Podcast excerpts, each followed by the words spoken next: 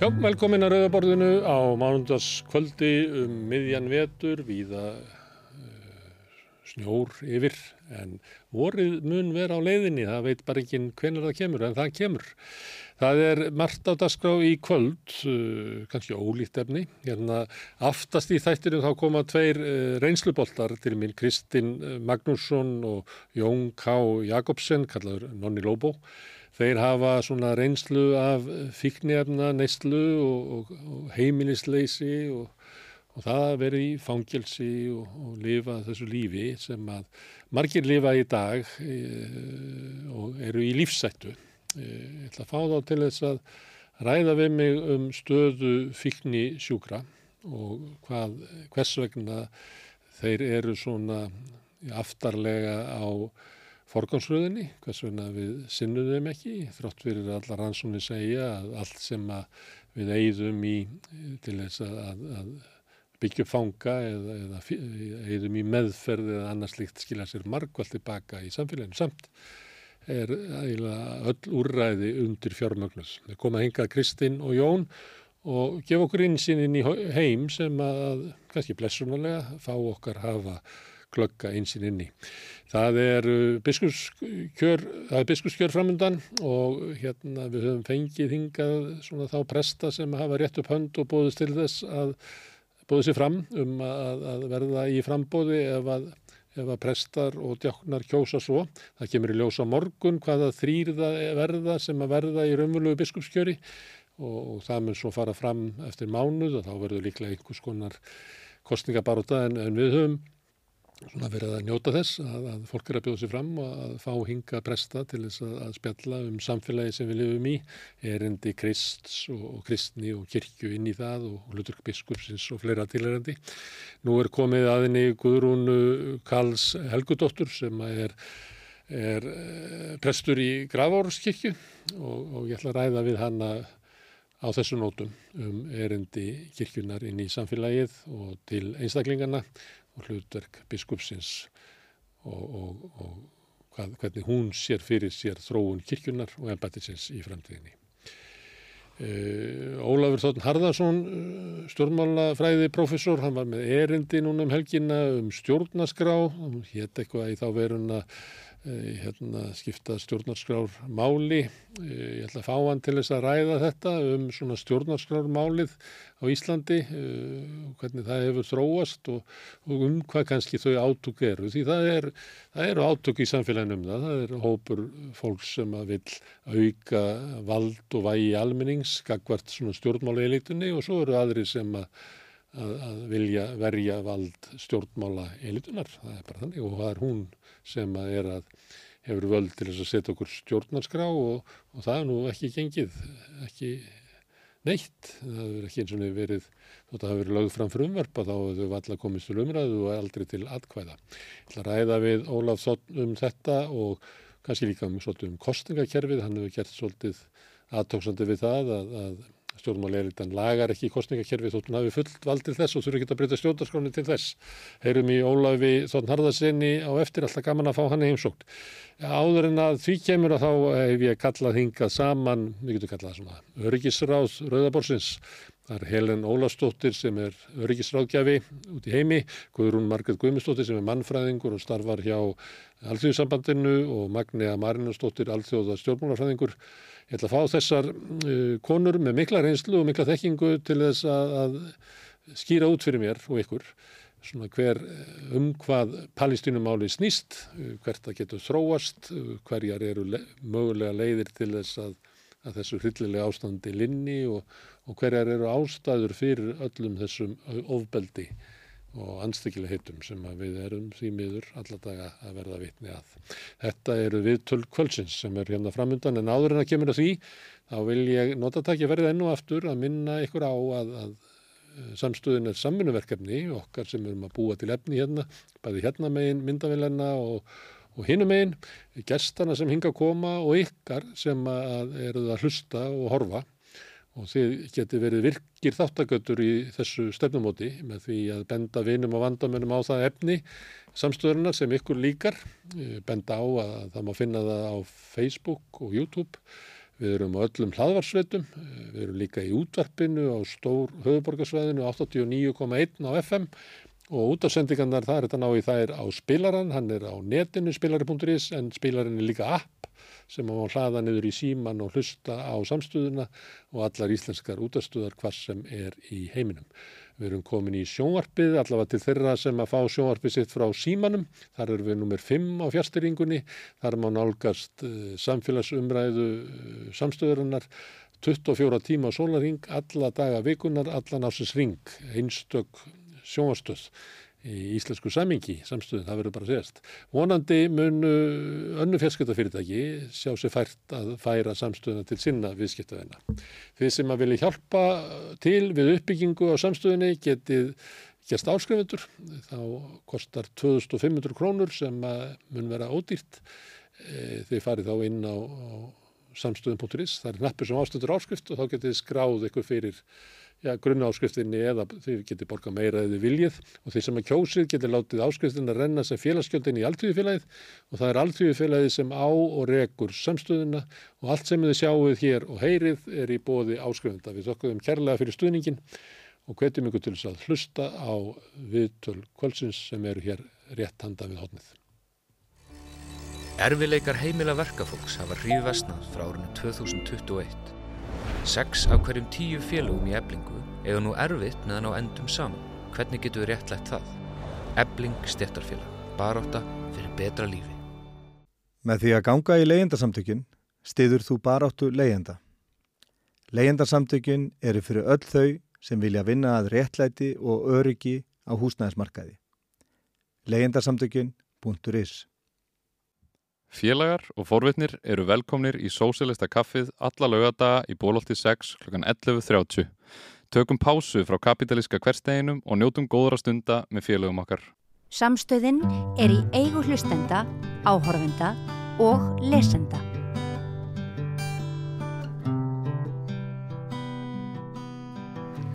Já, herðu, það við ætlum að ræða um Palestínu núna og svona vögljósu tilefni. Það er það er svona megin í, í, í gasa sem er að breyðast út og diffka og hefur áhrif, náttúrulega ríkalega áhrif á fólki sem þar býr og mikil áhrif á fólkið í þeim heimsluta en hefur líka áhrif á okkur á Vesturlandum, bæði okkur sem einstaklinga sem já, bara íbúa í þessum heimi að við þurfum að taka afstöðu þess. En þetta hefur líka áhrif á, á pólutíkina á Vesturlandum, þetta hefur áhrif á ja, heimspolítikina, valdastöðunni í heimspolítikinu og margt fleira.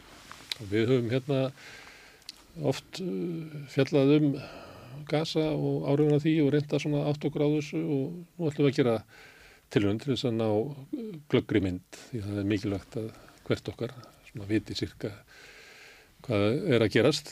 Nó er tilbúðið af alls konar rópum og köllum sem að er að halda því fram að þarna sé eitthvað í gangi og, sé með þín á þessa merkinguna sem að kannski stendst ekki.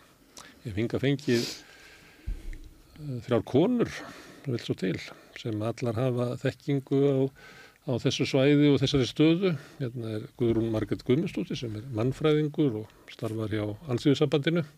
Magna Marinósdóttir, alltjóða stjórnmálafræðingur og í gegnum Zoom er Helen Ólastóttir sem er öryggisráðgjafi. Má ég kannski, nú heyrði nú yngangin hjá mér Helen, það sem að svona hugmyndin er hvort að við getum svona dreyið upp mynd, hver er þessi átök, um hvað eru þau og hvaða málið þau skipta. Þetta er stórt spurt en ég veit að þú getur greint úr þessu.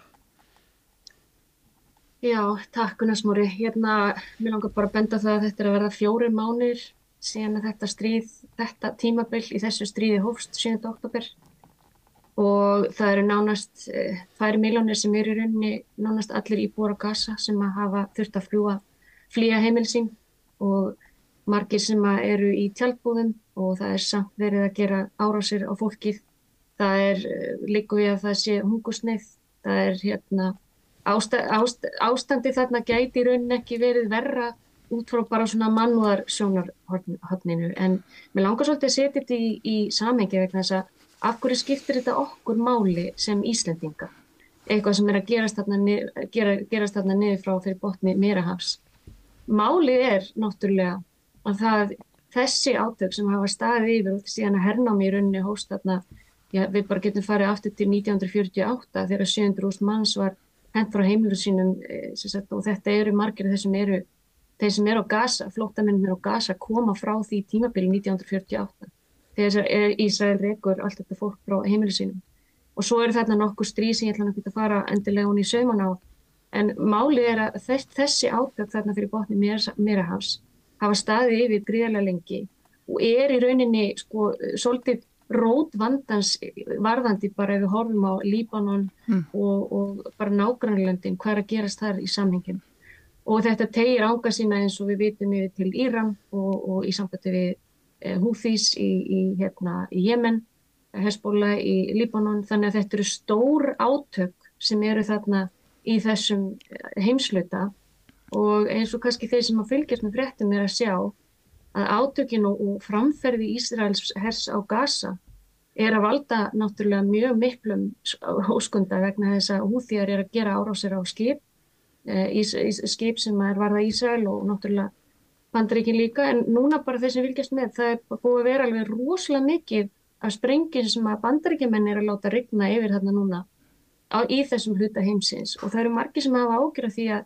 að þessi átök þarna sem eru í rauninni á milli Ísrael og Palestínu eigi eftir að, eigi eftir að fara hreinlega úr böndunum og ástæðan er að mínu mati svolítið mikið svo að við erum að horfa svolítið á stefnu þessra ísraelska stjórnmann að spila svolítið út.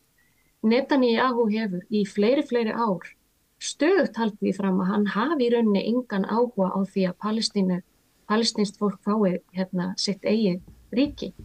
Að þessi, þessi, þessi löst fyrir botni sem er búið að við höfum tekið sem sjálfsvæðan hlut, að þarna sé eitthvað fríðaferðli, það sem eiga að vera tvö, tvö sjálfstæði ríki, frjáls Palestína, sem er sko í álíktunum öryggisrásins frá Osloar, hérna frá því að Osloarsamlingarnir náðust þetta er, þetta er, þetta er 20-30 ár sem við erum búin að, mm. að láta eins og þetta sé eitthvað friðarferðli mm. en á meðan hefa bara þessi stjórnandi í Ísrael smám saman verið að henda fleira fólki á landinu sinu og það er mörgum finnst að þó að 7. oktober árásir Hamasliða sem að hafa verið undir já bara herkví hérna í, í næstu í tvo áratví hérna á Gaza að þegar að þetta brýst svona út í þessu ábeldi það sem í rauninni er uppreist að þetta er ræðileg hluti sem gerast þarna sjálfsög og allir samála því. En það eru margir sem telja núna að Netanyahu og hans ríkistjórn, og þau eru ekkert að fara í félum með það, hafi verið að nýta sér þetta sem reynilega bara tilöfni til þess að ráðast inn á Gaza og taka reynilega Gaza undir sig. Og síðan spilast þetta náttúrulega út að það er Suður Afrika sem fer bara reynilega með Ísrael fyrir alþjóða dómstólinn og nú er allt í nú Ísrael komið með e, mál gegn sér hjá alþjóða dómstólinn þar sem þeir eru reynilega sagaður um þjóðamorð. Mm. Staðan í dag er ekkert sérstaklega góð vegna þess að þó að það sé svona tala um að það sé verið að reyna að koma á einhverju, einhverjum friði að þá hafa því miður okkar eigin Vesturland ekki verið hjálplegi þessu. Þau hafa verið allt og mikið strax í byrjun bara með Ísrael og horta á þetta svolítið einhliða og stóra sjokki kom náttúrulega þegar Ísland meðal annar ríkja, ekki margra en þó nokkura, ákveður að frista greiðslur til hjálpar sotnurinnar sem að er að reyna að hjálpa fólkinu á gasa.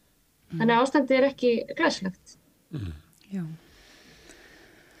Ég kannski langar að, að pæta við það sem hún var að segja, hún hérna Helen í sambandi við e, Netanyahu sem að réttilega náttúrulega virðist ekki hafa neitt einasta friðavilja eða er ekki stunismadur hérna tökja ríkja lausnar. Og það sem ég veist áhugaverst er náttúrulega þessi, ein, þessi stuðningur sem að hefur komið alltaf frá bandaríkjunum Og núna náttúrulega það er mikið talað um þetta svona daginn eftir og, og, og það, er um, það er, það er búið kynabandarisplan og það er búið að gera egifska tilhugu og fleira en vanlega ekki mikið talað um það hvað raunverulega kannski henn vilja. En það sem er kannski áhugaverst í þessu er að, að hérna að, í raun og veru humutir bandarísku hérna, bætinn stjórnarinnar og Netanyahu eru alveg svart og hvít og hérna og Netanyahu hann er, hann tala bara við republikana í bandarækjunum og það eru núna republikanar sem eru orðna málpípur alfarið sko. Netanyahu og þeir eru að í raun og veru ekki að samþykja það sem bætin er að leggja fram. Þannig að það er svo áhugavert líka eins og ég hef sagt í öðru vitali, ég, ég reynilega held nefnilega að Netanyahu hafi beina hagsmunna á því að reyna að lengja þetta og draga þetta eins lengi í þeirri von að republikanir, kannski Trump bara komist til valda og þá raunverulega ná hann fram þessu stóra plani sem er bara, hefur verið að tala um Greit Ísrael og, hérna, og, og þá verði það hafa komið fram að það er bara einlega með Vestubankan mm. og eins og þetta sé svona átilla til þess að, að, ná, að ná gasa og bara innleima hreinlega allt svæðið og svo eru núna komna aftur hugmyndi sem hafa verið gegnum gangandi eins og í Ísrael áður þú veist það eru hugmyndir um að, að sem er þeir sem eru á gasa palestinar bara farið til sína í Og það eru líka hugmyndir um að í staði fyrir að það sé svona einhver þjóðurinn svitum palestinumanna þar sem þeir upplifið sér sem eina þjóð og eitt ríki að það verður bara horfið aftur til svona ættbolka fjölskyldu hérna uh, fyrirkomslilagsinn sem var. Út af því að þú veist bara í raun og veru áður en að, að hérna til dæmis Íslam kemur til sögunar þá er þetta meirum meina arabískir ættbalkar og þeir eru ofti ymbirist deilum og þá náttúrulega ertu raunverulega að hérna að búa líka til tókstreitu ástand og það verður tala um að þetta verði eitt ríki en það verður bara svona enkleifs eða svona litla byggði palestinumanna þar sem þeir hafa eitthvað sálsforræði en þeir verða ekkert e, ríkisborgarar í þessu ríki. Þannig að það eru svona alls konar svona hugmyndir sem að þú veist og ég er alveg sammálað því sem að Helin er að segja að hérna eitt er eitthvað svona yfirbræð tökkir ekki að lausn og, og friður en allar þessar aðgerið það miða held ég raunverulega að einhverju öðru svona hugmyndum sem að hérna eru miklu, sem eru algjörlega anstæðar mm -hmm. tvekkiríkjalausninni og, og núna er þetta komið að republikanar er að tala gegn tvekkiríkjalaust nema hérna uh, Lindsey Graham sem er einn mesti stuðnismadur Uh, Ísæla í hérna Washington DC veriðblikani, hann hefur reyndar haldið því fram að það sé ekkit hann hefur búið en tvekir ekki laust en á saman tíma að þá er palestinska heimastjórn bara enga veginn uh, starfinu vaksin mm -hmm. þannig ég veit ekki hvað hugmyndi þeir hafa en ég held sko hreinlega að það sé komið að einhverju svona merkilum tímótum sérstaklega ef að republikanar vinna og svo þetta hvaða áhrif þetta hefur í hérna miðurslunundu bara yfir höfuð, þú veist, mm. hver útkvæm verður, það er auðvitað stóra spurningin. Tímamót er þó þannig að, að bandaríkjaman munu styðja stjórnvöld í Ísrael til þess að reka stefnu sem að fellur ekki að tvekja ríkjalustinni, styðja þú í því að, ef, að ná fullkomlu stjórn á gasa. Ef að republikanar komast til valda, það er bara það sem að, ég minna það var Trump sem kom því til leiða að Abrahams samkvæmlegin voru gerð og það sem var að hérna kemi viðkenningu frá fjórum ríkjum og, og sáti arbið og leiðina að samþykja normalisation samkvæmlega um að virða eh, viðkennu Ísrael og, og, og hérna og þetta var alltaf gerast náttúrulega á, á vaktinni hjá Trump og hérna og þá var bara auðvitað Palestínu deilan algjörlega jaðasett og hvernig þá sjá menn fyrir sér uh, að Palestina verði, þú veist, í raun og veru. Og hérna, já, við getum kannski rætt aðeins meira um auðvitað hlutverk Arabíu ríkina út af því að bæði Hamas og heimistórnunu auðvitað sögðu að það veri algjörlega, þetta gengi gegn málsta palestinumanna og þarna veri verið að grafa undan saminstöðu Arbaríkja sem hafa alltaf sett það sem skilir því að eins og kallar palstunum deila sér leist mm -hmm. að það sé einlega leiðin fyrir að fá sagt, svona fríðasamninga eins og Egiptar og, og Jórdaníum en eru við með við Ísæl mm -hmm. En, en Magna, minnst þú samt tala aðeins eins og demokrater hafa verið í raun og verið eitthvað að meina að tveggjaríkja lausn væri, væri málið en hafa þeir eitthvað gert í því ég hef ekki -hmm. séð neitt, sko mér hefur fundist heila ekki áherslu á þessu normalization deal sem Trump start byrjaði Jó, ég, sem sagt sko. það er virðist vera Já. svona einhvern veginn top priority hjá þeim nummið tvö er að tryggja öryggi í Ísrael og svo þryggja ríkja lausnin en þeir tala aldrei um hana svo lýsa, ég ætlaði bara já, veist, benda nokkulega. á þetta ég veit þú ert samanlega mér með, með það en, já, en kannski ef ég má -hmm. að hérna það sem ég finnst mér finnst frábært að mynda að byrja á helin þegar hún útskýrir svona stórum hugmyndina, hvað er þetta? Þú veist, herrnuminn þjóð. Ég held að við þurfum alltaf, mér er svo gott að þú byrjar á því vegna þess að við verðum alltaf að stilla okkur. Þetta snýst allt um innstillingu um hvað eru við að tala um að því að svo auðvelt að, að ruggla öllu saman, þið vitið.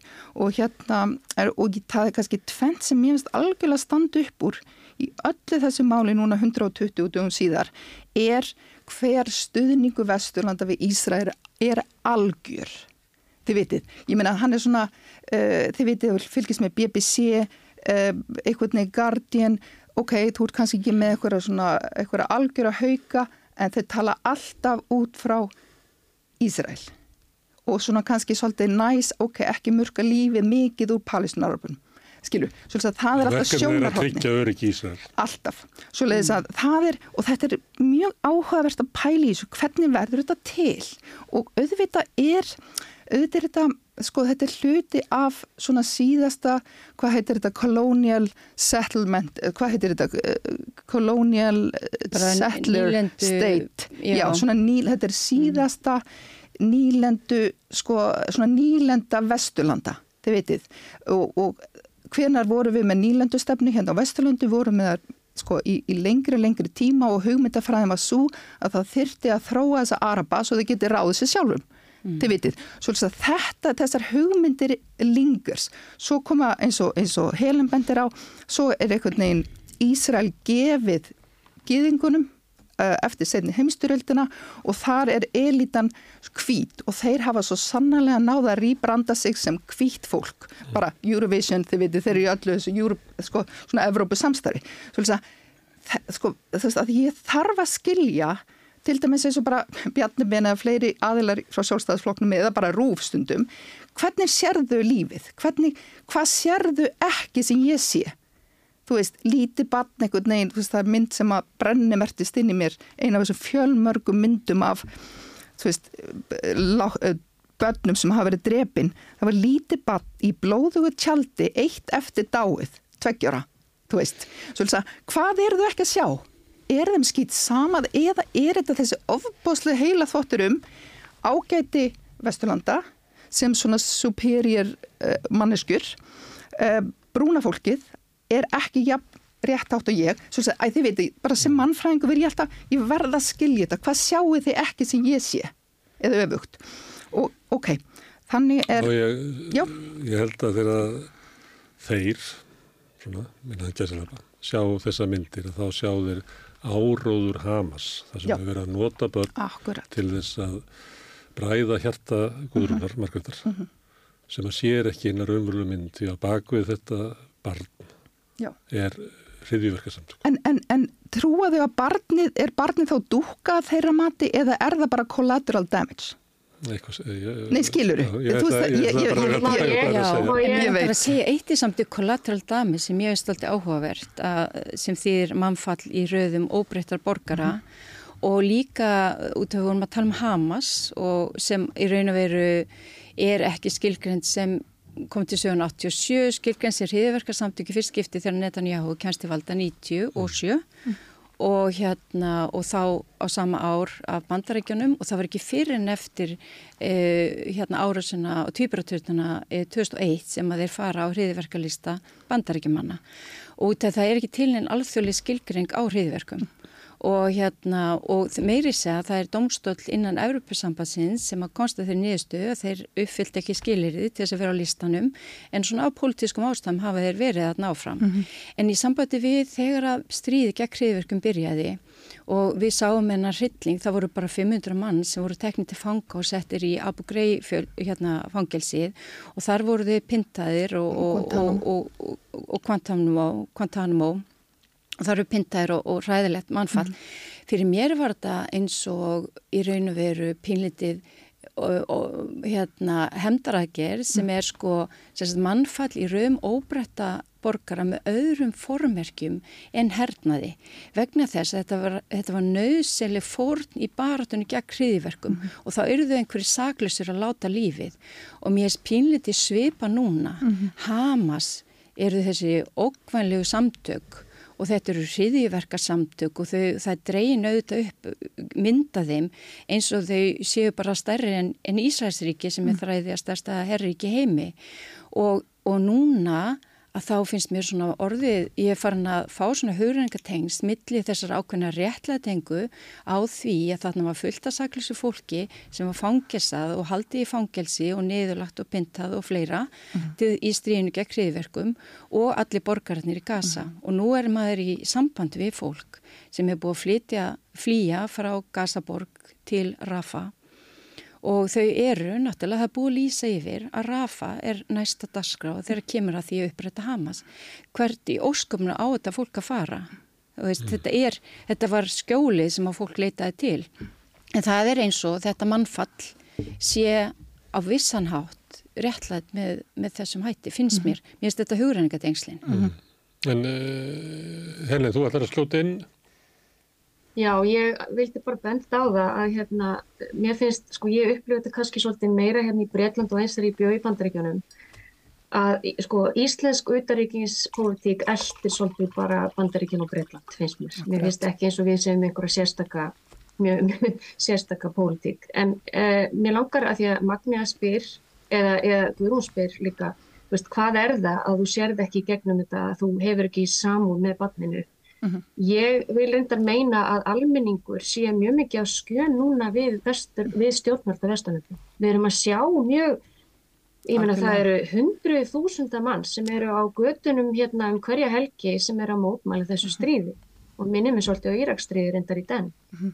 Það sem er að gerast og það er alveg skýrtmál að hagsmuna samtök síjónista hafa náð alveg svakalega miklum völdum í stjórnvöldum á vestunum og þetta er sérstaklega stert í bandaríkjum þannig það sem að nánast hver einasti pólitíkus er að einhverju leiti fjármagnaður af síðanastum í sínum kostningabortum og síðan er þetta líka staðrind að bara hérna í Breitlandi þar sem ég er núna að það er líka verið farið að fjalla meira og meira um óheilbrið tengst við sér hagsmunasamtök mm -hmm. síðanista og það er alveg sama hver það er sem, þetta er saman langt best með korfinni frægasta dæmi að það mátti ekki vera á móti Ísrael. Þú varst bara kallaði niður sem geðingahattar mm -hmm. ef þú reistir hönd gegn Ísrael eða þeirra stefnu. Og það sem að síjónistum hefur tekist á Vesturlöndum er að í rauninni að setja saman uh, síjónista mm -hmm. og bara geðing, geðingatrú. Mm -hmm. Og þess vegna er svo erfitt fyrir pólitíkusa að standa upp í talnugum þjóðverðan að standa upp og segja nei, ég er á móti stefnu Netanyahu vegna þess að þessi samtök þau eru svo öllug mm -hmm. að þau koma strax á eftir með Alkjörlega. öllum mætti og ég hef tekið eftir þessu sérstaklega hérna í breytandi mm -hmm. vegna þess að maðurum minn hefur verið mjög mikið að krítisera mm -hmm. Ísraelsherr mhm. og hann er sko, það er það sem hann fær í, í póstónu til sín Uh, og hann er ekkert að segja neitt sem er eitthvað sko, eitthvað, eitthvað, hérna, þetta er bara, hann stendur bara með alþjóðlum, mm. skilur við. En það eru tilraunir til þess að núna að íta, sérst að, að bara, þetta er bara þöggum og hún er rosaleg. Og þetta held ég sé svolítið stór hluti af því af hverju pólitíkusar á Vesturlöndum hafa verið svona að, að fylgja sér svolítið mikið á bakvið Ísraels stjórn mm -hmm. vegna þess að þetta, þetta er staðrind.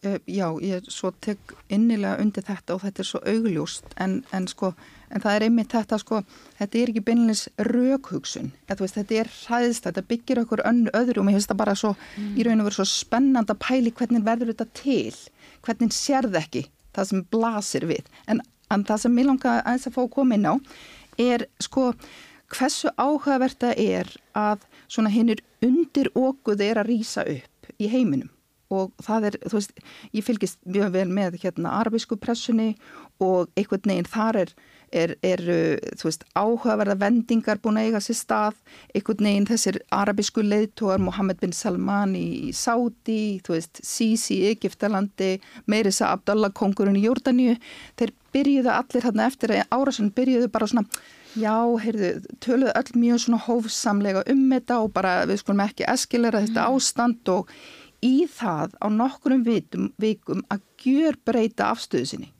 Í það að þurfa að, að tala um Ísrael, þú veist, er hryllingur á ekki að haga sig svona, þú veist, palestinu arabar eru bræður okkar, þið veitir, og, og hérna, og það er rosalega, sko, í raun og veru áhugavert að sjá þetta fyrir framann augun sín einhvern veginn, hvernig þessi leiðtóar sem er nú ekki vanir beinlegs að hlusta á sitt fólk, mm. hafa neðst til þess og, og líka ekki síður Erdogan í, í hérna, í Tyrklandi, mm. í það að vera bara gaggrína, er ekki annað en að gaggrína Ísrael. Af því að það sem er búið að vera að gerast í miðasturlundum síðustu sko 20-30 árin er svona nýðfrálsíkju væðing og þetta náttúrulega hefur verið áhugaverðast að fylgjast með þessu í gölflöndunum.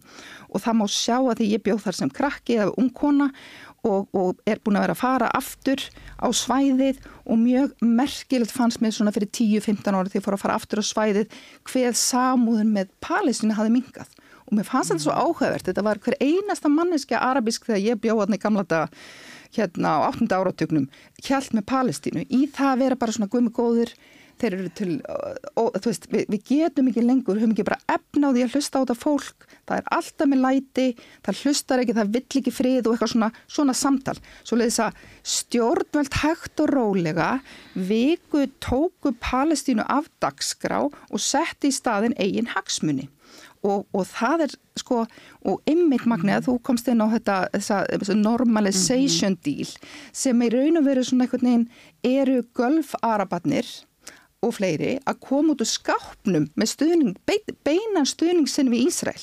Svo leiðis að og þetta átti bara að gerast, það er, ég sérstak á mikið áhuga kona um Mohammed bin Salman í Sáti Arabíu, hvernig hann er einhvern veginn að reyna að breyta Sáti Arabíu úr þessu svona fundamental uh, landi, einhvern veginn það sem að, það sem að Íslam, Íslamsk lög, ráðaríkjum og mikið svona harneska gagvart borgurinnum mm. í það að nú snýst allt bara um að uh, fara í bíkinni og drekka áfengi og, og hérna og, og fara á tónleika þú veist, fá okkur að allt kapp lagt á að fá okkur að fræga aðila til Sáti Arabíu svona, þið veitir svona við erum svo flott svo mm, að, en, en það sem við sjáum núna er að þetta virkar ekki.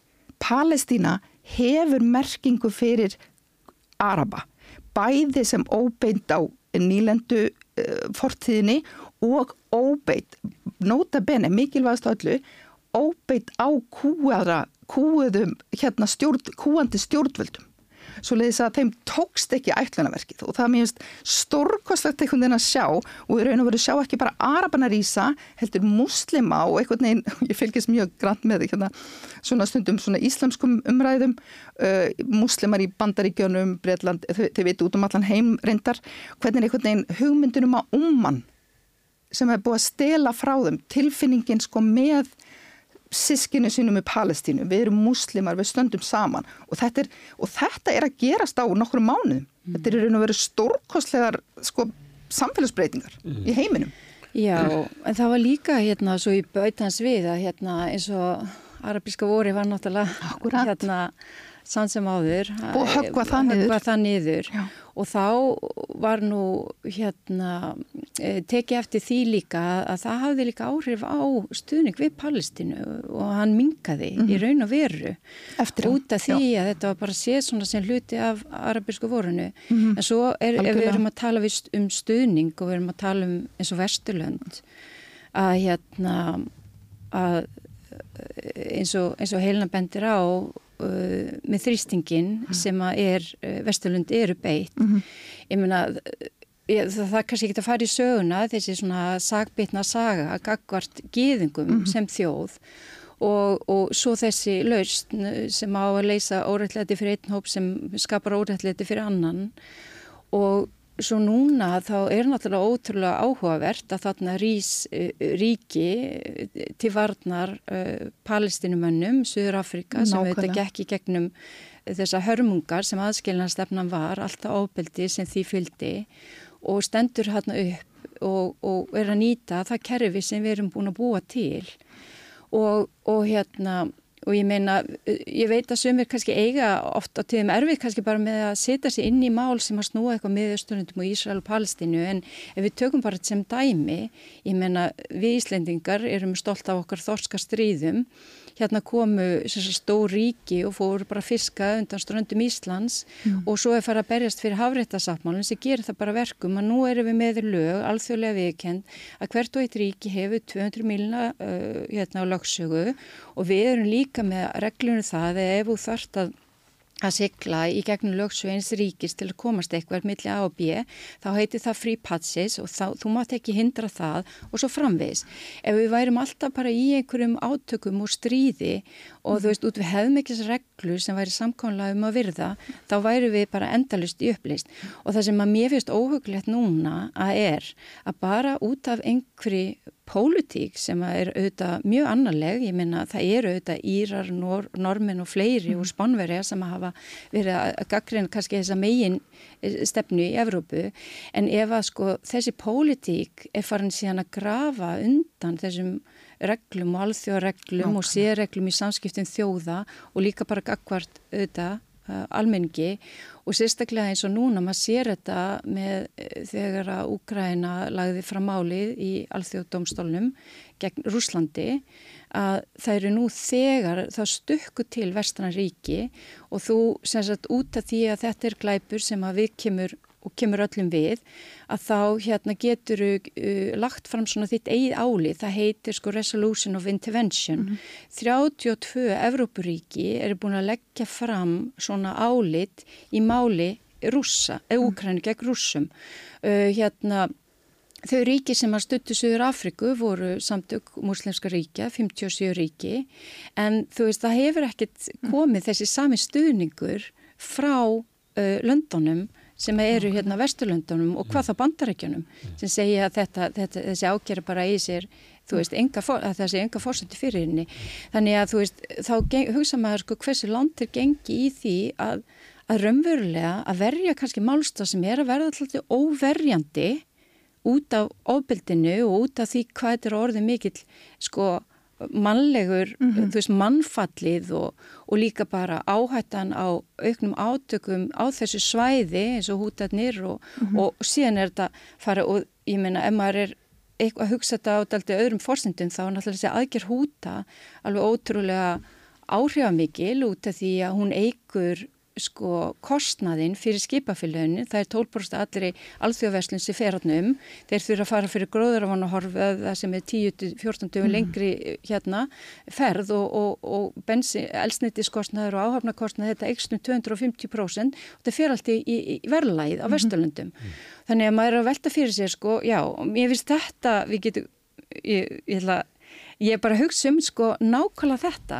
þetta Hvað gerist ef það er grafið undan Já. hérna alþjóðasamfélaginu og núna mm -hmm. að frista greiðslur til flótamanna aðstofunar sem er að aðstofa almenning sem er við hungumorg og er að deyja. Það er að talið að það munir fleiri deyja núna heldur en hafa dá í árásunum af hungri og sútomum og vesald og, vols, og, og, og sko út af, út af aðstofbúð. Og hérna og það segir í dómnum og eitt af því sem að eigi að koma til leiðar það er að, að það sé ekki hindur mannaðastöðun á svæðið. Samkvæmt öllu því sem ég lesi þá er þetta ennþá vandamál. Já það kemur domstólinn, alþjóð domstólinn kemur upp með þessi sexadri sem Ísrael þurfa að uppfylla og að skila hérna inn skýslu núna í lók mánar og eitt er því að hindra ekki mannaðar aðgang og svo eru þessar fristingar núna ríkja sem munum gera það verkum að stofnun getur ekki sinn hluturki sínu ef heldur áfram sig horfi sem sett frá með bara byrjun mars. Og, og þegar að ríki eru í raun og veru farin að með þessum hætti verstran líðræðsríki sem kenna sig við mannréttindi og alþjóðlög eru sjálf farin að ganga í berhug við það sem að domstöldin kemst að og þá eru það að fara að grafa undir alþjóðlegum og hvernig verður það? Bara, eins og segi, við skiljum þetta sem þorskastrið en þetta verður bara svona eins og vilda verstrið og hvað skilaboð eru uh, ríki að senda þá þeim ríkjum sem eru skemur komin að þeirra mati þegar kemur að mannrettindum og líðræði mm og þýrlíkt. Og þetta við og fleiri þjóðir virða ekki í niðurstöðu anstóðadómstólsins með því að það verði skililslust að koma með aðstóðana, þetta bregðast tverjugt við út Já. af einhverjum ábendingum ísælsmenna og, og hætta aðstóð. Já, og styðjum hann ekki, reynlega, Nei. þessa niðurstöð. Nei. Það er augljóst. Mm. Þó svo að það hefur verið sagt, þetta er, auðvitaðrikisráðandi sendið frá sér mm -hmm. yfirlýsingum að við við hérna uh, stundum hana. Já, og svo- sættum okkur við hana í Maríkjum Já, og svo eftir að koma í ljós hvaða ríki muni þá nýta þannig rétt þegar að sko málið sjálft fyrir í, í málsmeðferð, þetta voru bráðbera úrskurðurinn fyrst og svo kemur málið, hvaða mörg ríki muni þá gera eins og þið gerði í málumni Úkrænu gegn Rúslandi, 32 uh, hérna ríki eru búin að leggja þar, vest, vest, vestan ríki eru búin að leggja þar fram álið. En, en sko þe- þetta var, mér fannst þetta eiginlega svona vera orðir einhver svona algjör síra. Þessi úrskurði, bráðabyrði úrskurði kemur á föstu degi. Á laugadaskvöldi kemur yfirlýsing, er það ekki Bjarnar Benditssonar að það er á frista þessara sending, eh, semst, þessa fjés til, til hérna unra. Og það, maður er svona einhvern veginn, þú veist, ég þarf að vera, ég þarf að fara í Guðrúnu 12 ára gamla til þess að skilja þetta, að því að til þess að láta ekki ruggla mig í rýminu. Ok, það er, það er úrskurðu domstóls, alþjóðadómstóls um að það sé hugsanlegt þjóðarmorð og fyrsta aðgerð ríkistjórnar Katrina Jakobsdóttur í raun og veru eftir það er að, er að aftara, er að koma í veg fyrir uh, sagt, að stuðning við það fólk sem er þá augljóslega allavega mikla líkur á sig að verða að slátra. Svo lýsa, hva, hvað er þetta og ég, eh, sko, það er svo Já. gott að láta, sko, pla, láta ekki plata sig. Af því að þetta hlýtur að vera eftir fimm ár fyrir ekki að magni, mm eftir fimm ár þegar þessi úrskurðu kemur, hvað segja fólk sem var sammála þessu við sjálft sig? Þið veitir, minnst alltaf svo ógeðslega mikilvægt að vera að því að við, hefur nú oft talað um hvernig hefði ég haga mér í nasista Þískalandi, í Þý- Þískalandi nasismans, hvernig hefði ég verið með aðskilnaða stefnu í, í aðskilnaða stefnu Suður Afríku? hvernig hefði ég kosið Hvern-? Það Já, ekki svarað þessu. N- nákvæmlega, hvernig hefði ég séð þetta fyrir mér? Þannig að þetta er það sem fólk þarf svo að, sko, það kemur til með að þurfa að svara þessu fyrir sjálfa sig síða meir. Þú veist, fannst mér þetta í lægi og er þetta einhver lógík og nei, sko, tökum þá ennþá meira þátt í þjóðamorðunum. Hve- Hvernig, þú veist, hvað? Já. Ég, ég er svo undrandi, ég áheil ekki orð en maður á ekki að vera undrandi að því við höldum í Ísræl og öllu sem þau segja. Punktur. Og mér langar að bæta meina, við ég- og svo þetta, veit ég að helin er hérna svæðinu en nákvæmlega samt í þetta að það er náttúrulega, þetta er réttlætt að það fjár, fjármagnir sé frist út af því að þessir tól starfsmenn senst þeirri vissi það var búið að reyka nýju, eitt var látin og, og mál tvekja voru rannsókn. En það gripið til viðegandi ráðstafna til þess að gera eitthvað máli þessara tólf af 13.000 starfsmönnum flottamannaðastofnum sem starfa á gasa. En það nægir ekki. Það er líka verið að frista fjármagnið og það er náttúrulega ákvæði um um hóp refsingar, ólögmætar, þar sem að stórum hópi fólks er refsar fyrir miskjörður einhverja forra.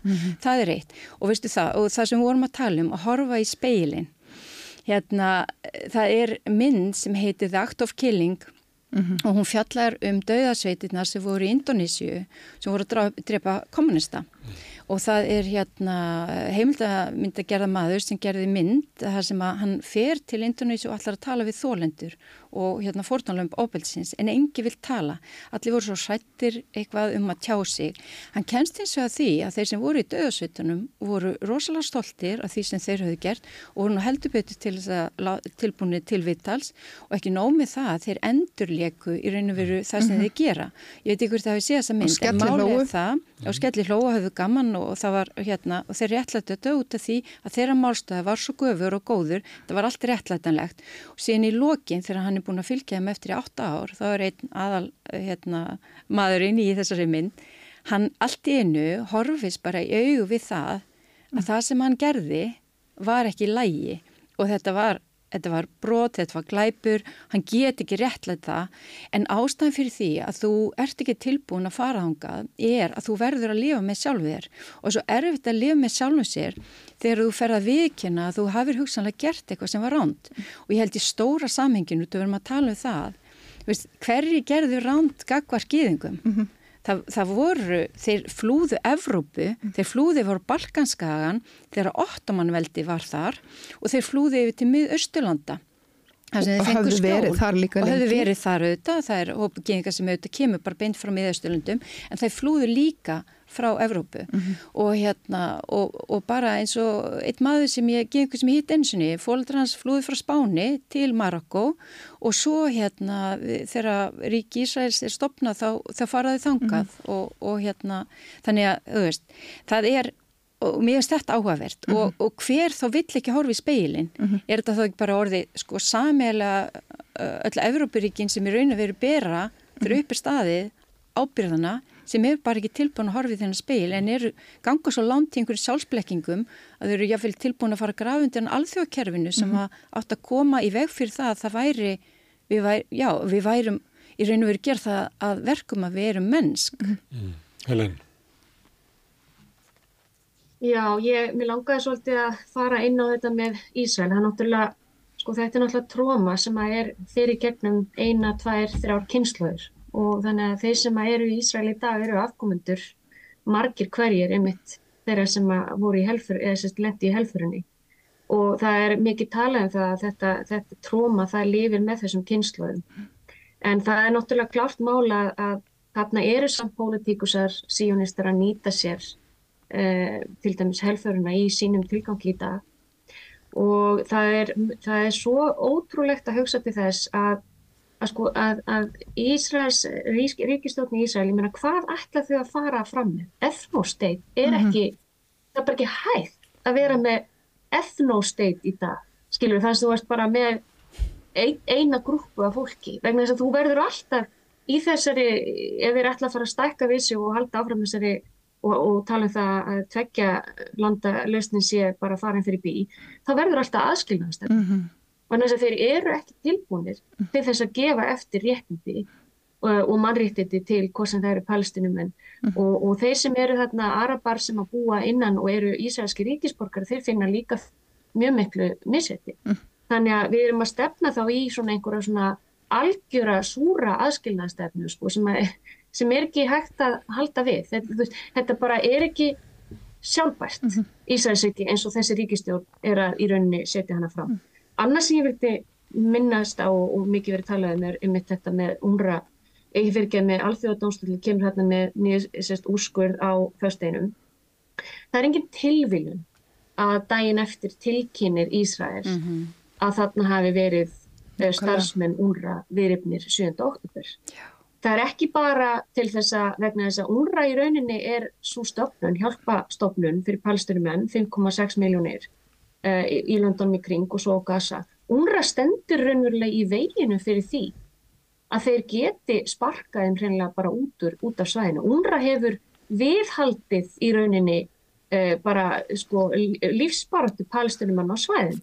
Þannig að það hefur mjög margir í Ísrael sem hafa stjórnmálumenn sem hafa talað fyrir því að leggja UNRWA niður. Mm. Þetta, en það sem er svo merkilegt með þetta nefnilega, með UNRWA starfsmenn og allt þetta sem er síðan reyndar stórt spurningamerk með, er þetta. Ástæða fyrir að þeir eru að grafa undan UNRWA fyrst og fremst núna er vegna þess að fullt af tölum sem alþjóða domstól vísar í mm. og sönnunum kemur frá UNRWA, fyrir hjálpastofnunum. Mm. Þannig ef að þeir grafa undan þessum hjálpastofnunum og, og, og, og saminnið þjóðum mm. þá er mjög mikið af þessum tölum og mjög, mikið af þessum sönnunagögnum sem er sett fram hann í alþjóðadómstólum kemur frá saminnið þjóðum en það sem ég sko bandlendingar ákveða að frista þetta. Það er bara vegna að við eldum mm. það er engin pólisí mm. það er ekki eins og þessi utarikisraður okkar hafi sest niður og virkilega pælt í því hvort það væri rétt að gera þetta. Menn virðast hreinlega allstaðar elda kann. -hmm og þú veist, sem að gegn eins og í algjörlega trássi við yfirlýst markmið kannski ytterriksstefnu Íslands sem er sem á að vera byggð á einhverjum friði og er allt annað hjá, hjá fórstisára en bara með þetta með Ísrael það sem er verið að spilast út núna er ekki sjálfbært þannig að hver er endastöð? Ég meina það verður það er klárt mál að það verður að vera ekki að löst, því hitt er bara ekki option en eins og einhver, ég man ekki hvort það var Magni eða Guðrun sem kom inn á það vandamálið er hvern talar við vegna þess að fatastjórnin á vestubakmanum, hún hefur ekki, uh, fólk kristir ekki fatastjórninni til þess, stuðningur Hamas hefur hreinlega aukist. Mm. Hjá, hjá palestinum. Þannig að spurningin er að, að sko að ég sá þannig að breytar tala um það, ok, við erum algjörlega að fara að íta hérna tveggja stöðu og með þess að breytar eru búin að íja því að þessu tilbúinir til þess að viðkynna palestinu sem er stórmerkilegt. En ég held líka að það er, það er að koma kostningum og þeir hafa allt í nú átt að segja á því að það eru hérna 2,3 miljónir múslima í, í Breitlandi þannig að nú eru menna að krafsa sig aftur tilbaka með þetta og eru að lofa því öðru þarna að tala um tveggja ríkja en svona bara til að klikka út með þetta hvað ætlar að tala við?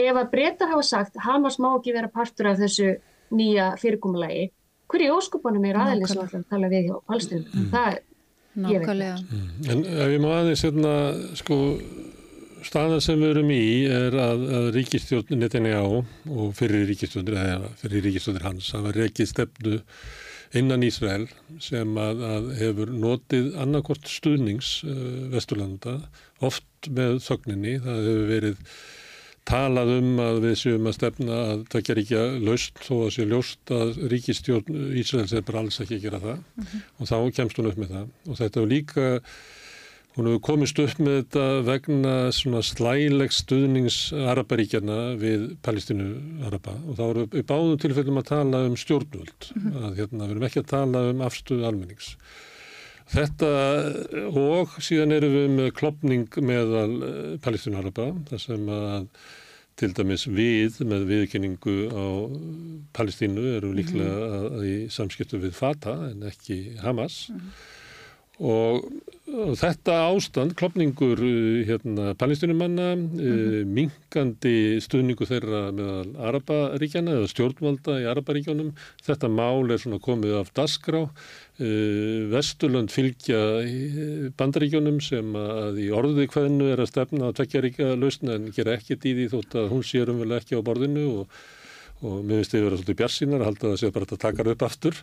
En tími líður, tími líður og það bara, og allt í enu er Ísraels stjórn mm. með Netanyahu komin út í sko þjóðöldisreinsanir mm -hmm, og byrjar að svelta heilu þjóðunar mm -hmm. líklega bara vegna þess að hann bara lesi stöðuna og hann hefur haft stuðning til þess að hinga til Algjörlega. fyrstu viðbröð Vesturlanda eru eiginlega bara bara go for it, go for it.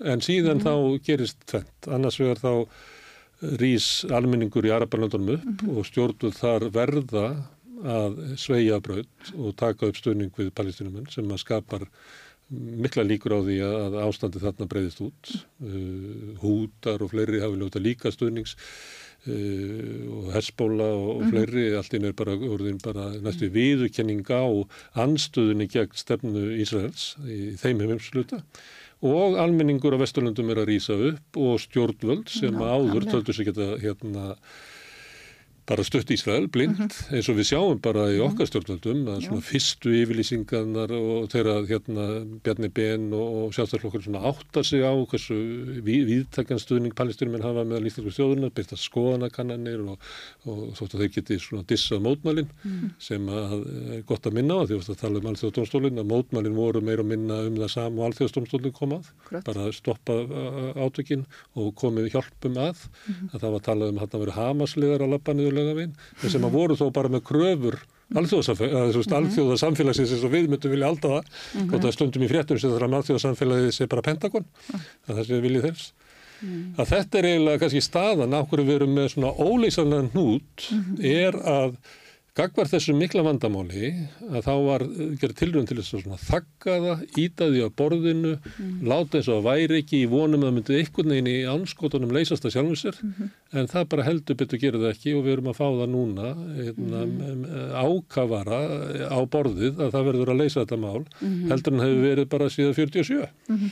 Já, nokkulega og ég, að mínum átti þá, við, höfum nú rætt að hérna að Ísrael er fullvalda ríki og Palestina er það ekki eða það er hernum í ríki. Mm. og það er daldi merkilegt einhvern veginn þessi tilheng að hafa alltaf uh, hérna lagt rosamikla áherslu á það að þetta sé bara nánast þeirra á milli með þá einhvers konar stuðningi. Og við sjáum allt annað dæmi eins og bara með Kosovo og Serbíu.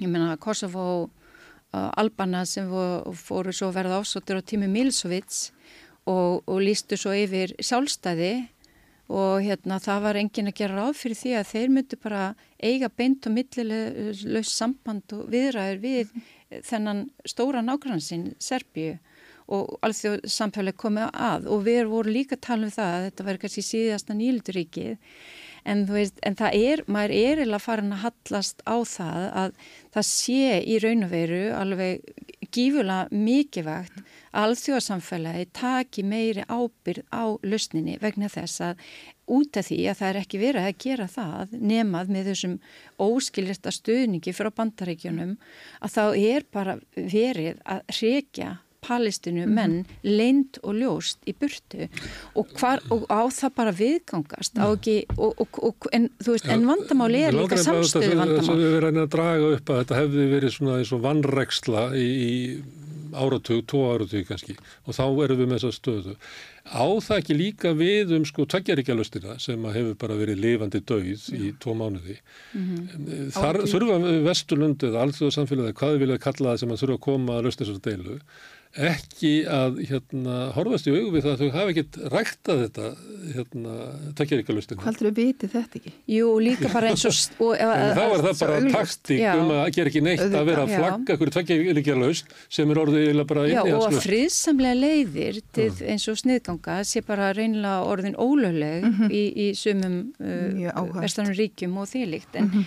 þannig að, já, við, við erum kannski, mér veist, við komum piliti bara uh, sveimir þá aftur á upphagspunkti 1948 Já. ég ekki svo svariða mm -hmm. en, en líka sko það, er, það sem að minnst alltaf mikilvægt er eins og Helen setti samhengi og staðsett okkur rækilega í upphafi mm -hmm. sama hátt verður við að sjá af hverju eru Fatta og Hamas og fleiri svona öflina Palestínu einhvern veginn svona sundruð það hefur verið gegnum gangandi unnið af því.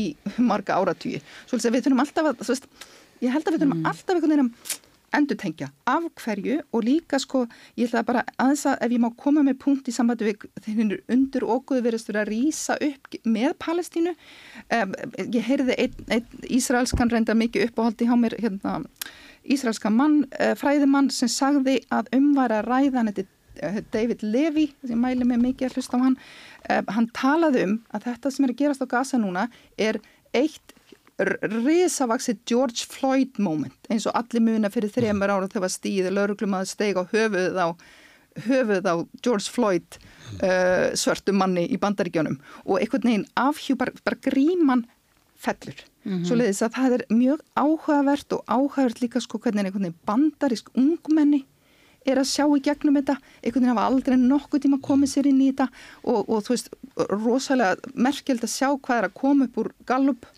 uh, út úr Gallup þar sem bara það er stuðningu við Palestínu hjá ungum bandaríkjumennum sem hefur aldrei verið áður, þannig að uh, sko, og kannski ef ég má koma með annan punkt að því ég var hérna að skrifa hjá mér að það er áhugaverðasta að finnst mér líka áhugaverðst, margt áhugaverðst er einhvern veginn þegar þú vorst með Nasrallah leiðtóa Hezbollah leiðtóa Íran hútana sem er einhvern veginn rattir viskunar. Einhvern veginn Nasralla í síðustu ræði sinni segir já ég læt ekki ata okkur út í stríð. Mm -hmm. það er það sem Netanyahu og ríkistjórnina svill og maður er bara mm -hmm. allt í æ þið viti svona óvinnir okkar, okkur sorgnu sko einhvern veginn það sem okkur er kent á Vesturlöndum eru bara trúar ofstækismenn og ruggludallar og einhvern veginn Mm. Já, en allt sem að, sem að Nasrallah er að segja og, og, hérna, og, og þessir aðilar og í raun og veru bara hvernig hútarnir standi í lappin er okkur ping, ping, er, halda bara sko í raun og veru mhm. svona alls því að fjármálakerfinu er smá helja greipum bara og einhverjum pinguleiklum bátum út á, veist, út á hafi. Veist, þetta er, það eru litlir einhvern veginn sigrar en segjandi það séu sigra þetta sé allt einhvern veginn á mm. einhverjum, eins og þú segir einhvern veginn algjörum eh, hérna söðupunkti mm. hvað verður ef við verðum ekki alþjóðalög ef einhvern veginn svona hetjunar okkar er fallin að vera einhverju rosalega iffi aðilar sem halda sínu fólki niðri mm. mér finnst einhvern veginn allt vera og hvað gerist ef við stiðjum sjóðamórð? Ég vil vona að við fáum á baukinn sannarlega og við erum að því. Og ég held að, ég veit ekki hvort að fólk þess að dreymdi mig um daginn einhvern veginn að það er að spurja alla fullur og íslenskra stjórnmálaflokka um stefnu þeirra og skoðanir á þessu máli. Vegna þess að mm. ég, vil, ég vil hafa þetta ég vil hafa þetta eftir fimm ár þegar þessi, hvena sem að þessi úrskuri kemur að þau þurfi þá að segja ups, ok, ég stutti þjóðamort, þú veist, ég vil bara einhvern veginn Æ, þið veit ekki, við verðum stundum bara að vera bara manneskur með heilindi og, og hérna og sæta ábyrða því sem við sögðum og gerðum. Já, mjög slíka mjög áhverð þar sem heilin sæði nákvæmlega þetta að, að, hérna, að hafa engin vitni í raun og veru vera að koma í veg fyrir því að það verði bara vitni að því sem er að gerast. Mm -hmm. Þó að náttúrulega Ísraelskir hermenn sjáu sjálfur til þess að, að hérna að láta vitnisspurð eða koma gögnu til domstórsins út að þeir eru sjálfur að taka upp myndir þar sem þeir eru með strísæsinga uh, og, og bara kall eftir því að allir palestinumenn uh, þú veist, fari af yfirbúru jarðar og þingjaliðt sko mm. eins og kom við var, við var rosalega vel gert af auðvitað Suður Afriska lagahópnum sem var fyrir domstólunum þetta voru nýju dómar að það var einn alveg sérstaklega bara að hlusta á þegar hann var að tala og vitna í alla það orraði sem að það sem við tala um að palestinum menn séu bara skeppnur, mm -hmm. skortir, eigi ekkit annað skilið en að vera drefnir og það áhugaverða líka náttúrulega eins og núna þegar að vera að tala um óheftan aðgang mannúðaraðstofa til Gaza að þeir sem að það hefur verið að nota þarna e, Kerim Salom sem er landamærastöð sem likur inn í Negaf fyrir e, mannúarastóð og það hefur verið komið veg fyrir að bílunni geti farið inn meðal annars einmitt af fólki í Ísraels búin sem mæta þar til þess að hindra að, að, hérna, að gögnin fari inn vegna þess að, að þetta fólk sem býr þarna á ekkert annað og betra skili held en að vera bara dreppið mm -hmm. og þau ekki skilið að fá neina aðstóð og hérna og svo eru þau núna að reyna að nota sjóleðina og þau og mótmælendur eru komnið þar mm -hmm. og hérna og nú er loksins stjórn Ísraels farin að fjallaða fólk og, og jáfnvel handtaka fyrir að, að, hérna, fyrir að koma í veg fyrir að bílarni meðgögning komi stað. Mm. En það er út af þrýstingi sem að kemur í kjálfar alþjóðdómsdóssis. Átökin eru að hérna það er að þau eru aukast og breyðast út og, og sjálf átökin þróast frá mm -hmm. degi til dags og mhm. líka ástandi hér hvernig við metum það hvaður umvölu að þarna er á segði. Þannig ég ætla að þakka ykkur fyrir að sinni og fá að kalla ykkur hingað aftur senna fyrir að eftir því sem að málinu fram vindur eins og sagt er. Alveg svolítið. Guðrún Magnea og Helen sem er á, á suminu. Kæra þakkir. Takk fyrir. Takk fyrir, kæla. Takk kælega. Og við setjum hérna áfram og reynum að skilja heiminn og samfélagið sem við lifum í og kannski okkur sjálf líka næsti kapli eftir augnablikk. Fjárhagserfiðleikar eru afgerandi meiri hjá eblingarfólki en öðrum á vinnumarkaðum. Hvernig getur við réttlegt það? Ebling stettarfélag. Baróta fyrir betra lífi. Allir þættir samstæðvarinnar eru fáanlegir á öllum helstu hlaðvarpsveitum.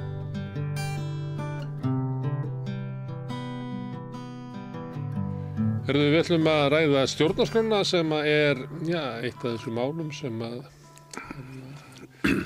er alltaf í umræðinni, næstu eins og Reykjavík-lúðlur.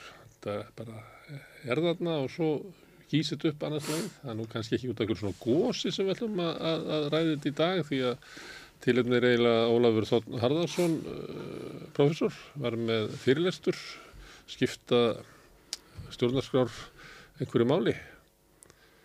Það ekki?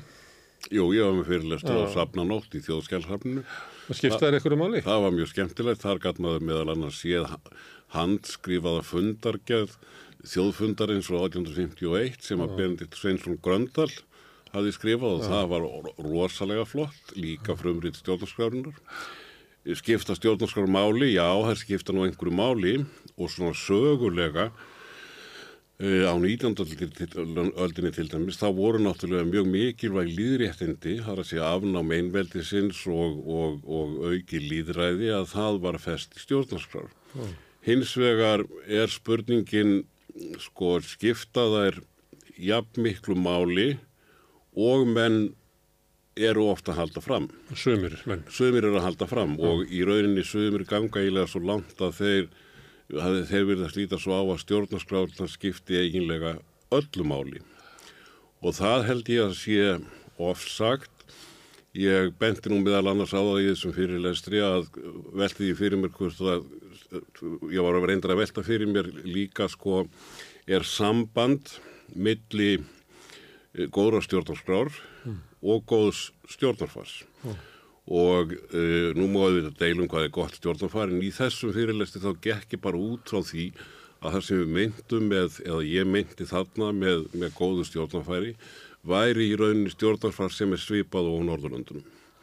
E, og e, eitt af því sem að þau velti fyrir sér er, er, er góð stjórnarskrár nöðsynleg forsenda fyrir því að, að það sé svona skaplegt stjórnkerfi í gangi í landinu og dæmið sem að hefðbundi hefur alltaf verið tekið er Breitland vegna þess að Breitar hafa ekki, hafa ekki neina formlega stjórnarskrá mm.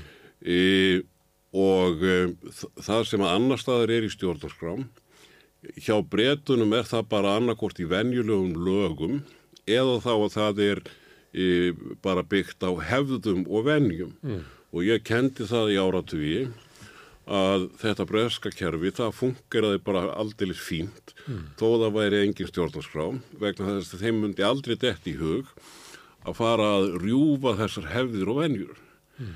svo fengum við bara Boris Johnson mm. eftir Brexit og allt fór í tóntrugg og eiginlega allar hefðir kerfisins voru brotnar. Þar hefði kannski formleg stjórnarskrá hjálpaði eitthvað til að, til að, til að hérna, koma í veg, veg, fyrir, veg fyrir það. Mm. Nú eins má velta fyrir sér hvort að stjórnarskrá sé svona e, fullnægjandi forsenda í góð stjórnarfars, það er að segja að, að þú verðir að vera með góða stjórnarskrá til þess að vera með skaplegt eh, stjórnmálakerfi mm. Og um, um, svarið við því er nú einlega það sem ég hef nú tekið svona í hálkæringi er að benda á stjórnarskrá Stalins mm. frá því á fjóruða áratug síðustu aldar. Svo stjórnarskrá var nefnilega gríðarlega ítaleg og í henni voru tíunduð mjög nákvæmlega alls konar félagsleg og réttindi og, mm. og alls konar mannréttindi sem að stjórnarskráfin átt að tryggja en þannig að sumir hafa sagt að þetta sé fyrir venjulegt fólk að á pappirnum sé þetta nú kannski svona fallegasta stjórnarskrá sem hafi verið skrifuð en það var náttúrulega ekkert farið eftir henni. Mm. Kerfi var, all, var allt, allt, allt öðruvísi. Þannig að spurningin er eiginlega sko e, er kannski góð stjórnarskrá er hún svona eigur hún líkunar á því að, að hérna stjórnarfarið sé sé skaplegt. Félaga þínir upp í áskóla, síðfræðingarnir, þeir segja ofta hérna, samfótið síðareglur. Já. Að þær hafi sjálfur sér ekki gildi, það er, bætir ekkit ef að þú finnur bara góða síðareglur og segir bara læknar takk upp síðareglur mm -hmm. eða þingmenn eða eitthvað. Mm -hmm. Það sem er gagnið af þessu er hérna, ferlið sem er áður en að síðareglunar eru settar ef það er gert anmjölega að hópurinn sé að ræða sko, síði sína og hvernig þið vilja hafa þá og, og það geti búið til eitthvað svona kultúr sem að geti bætt stöðuna en síðarreglunar í, í einar og sér, dauðar og bladi mm. hjálpa ekki neitt. Þannig að það er, ég segi þetta ekki, ekki sambarlegt, en það eru kannski líkiti með þessu að, að það getur verið umræða um stjórnlög mm -hmm. og hérna, völd í samfélaginu, réttindi, mm -hmm. bæta samfélag. Já, ég, en en pappirinn ekki kannski einn og sér, gerir það ekki? Ég held að það sé, sé hérna, alveg rétt sko að, að svona vönduð umræða um stjórnskipunina, uh. hún er vafalaust mjög gagleg og það má vel vera að í rauninni umræðan geti skipt jafnvel meira máli heldur en nákvæmlega hérna formlegu reglur sem á endanum lenda inn í stjórnarskáni og eitt dæmi sem ég tók í þessum fyrirlestri um það að, að stjórnarskráðnar þær sko ákvarða ekki allt, þær skýra ekki allt. Dæmi sem ég tók er að bera saman annars vegar Ísland og hins vegar Danmörku sem er ágetur samanburður vegna þess að stjórnarskrár þessara ríkja hafa verið á marganhátt mjög svipaðar uppbyggingi mjög svipuð.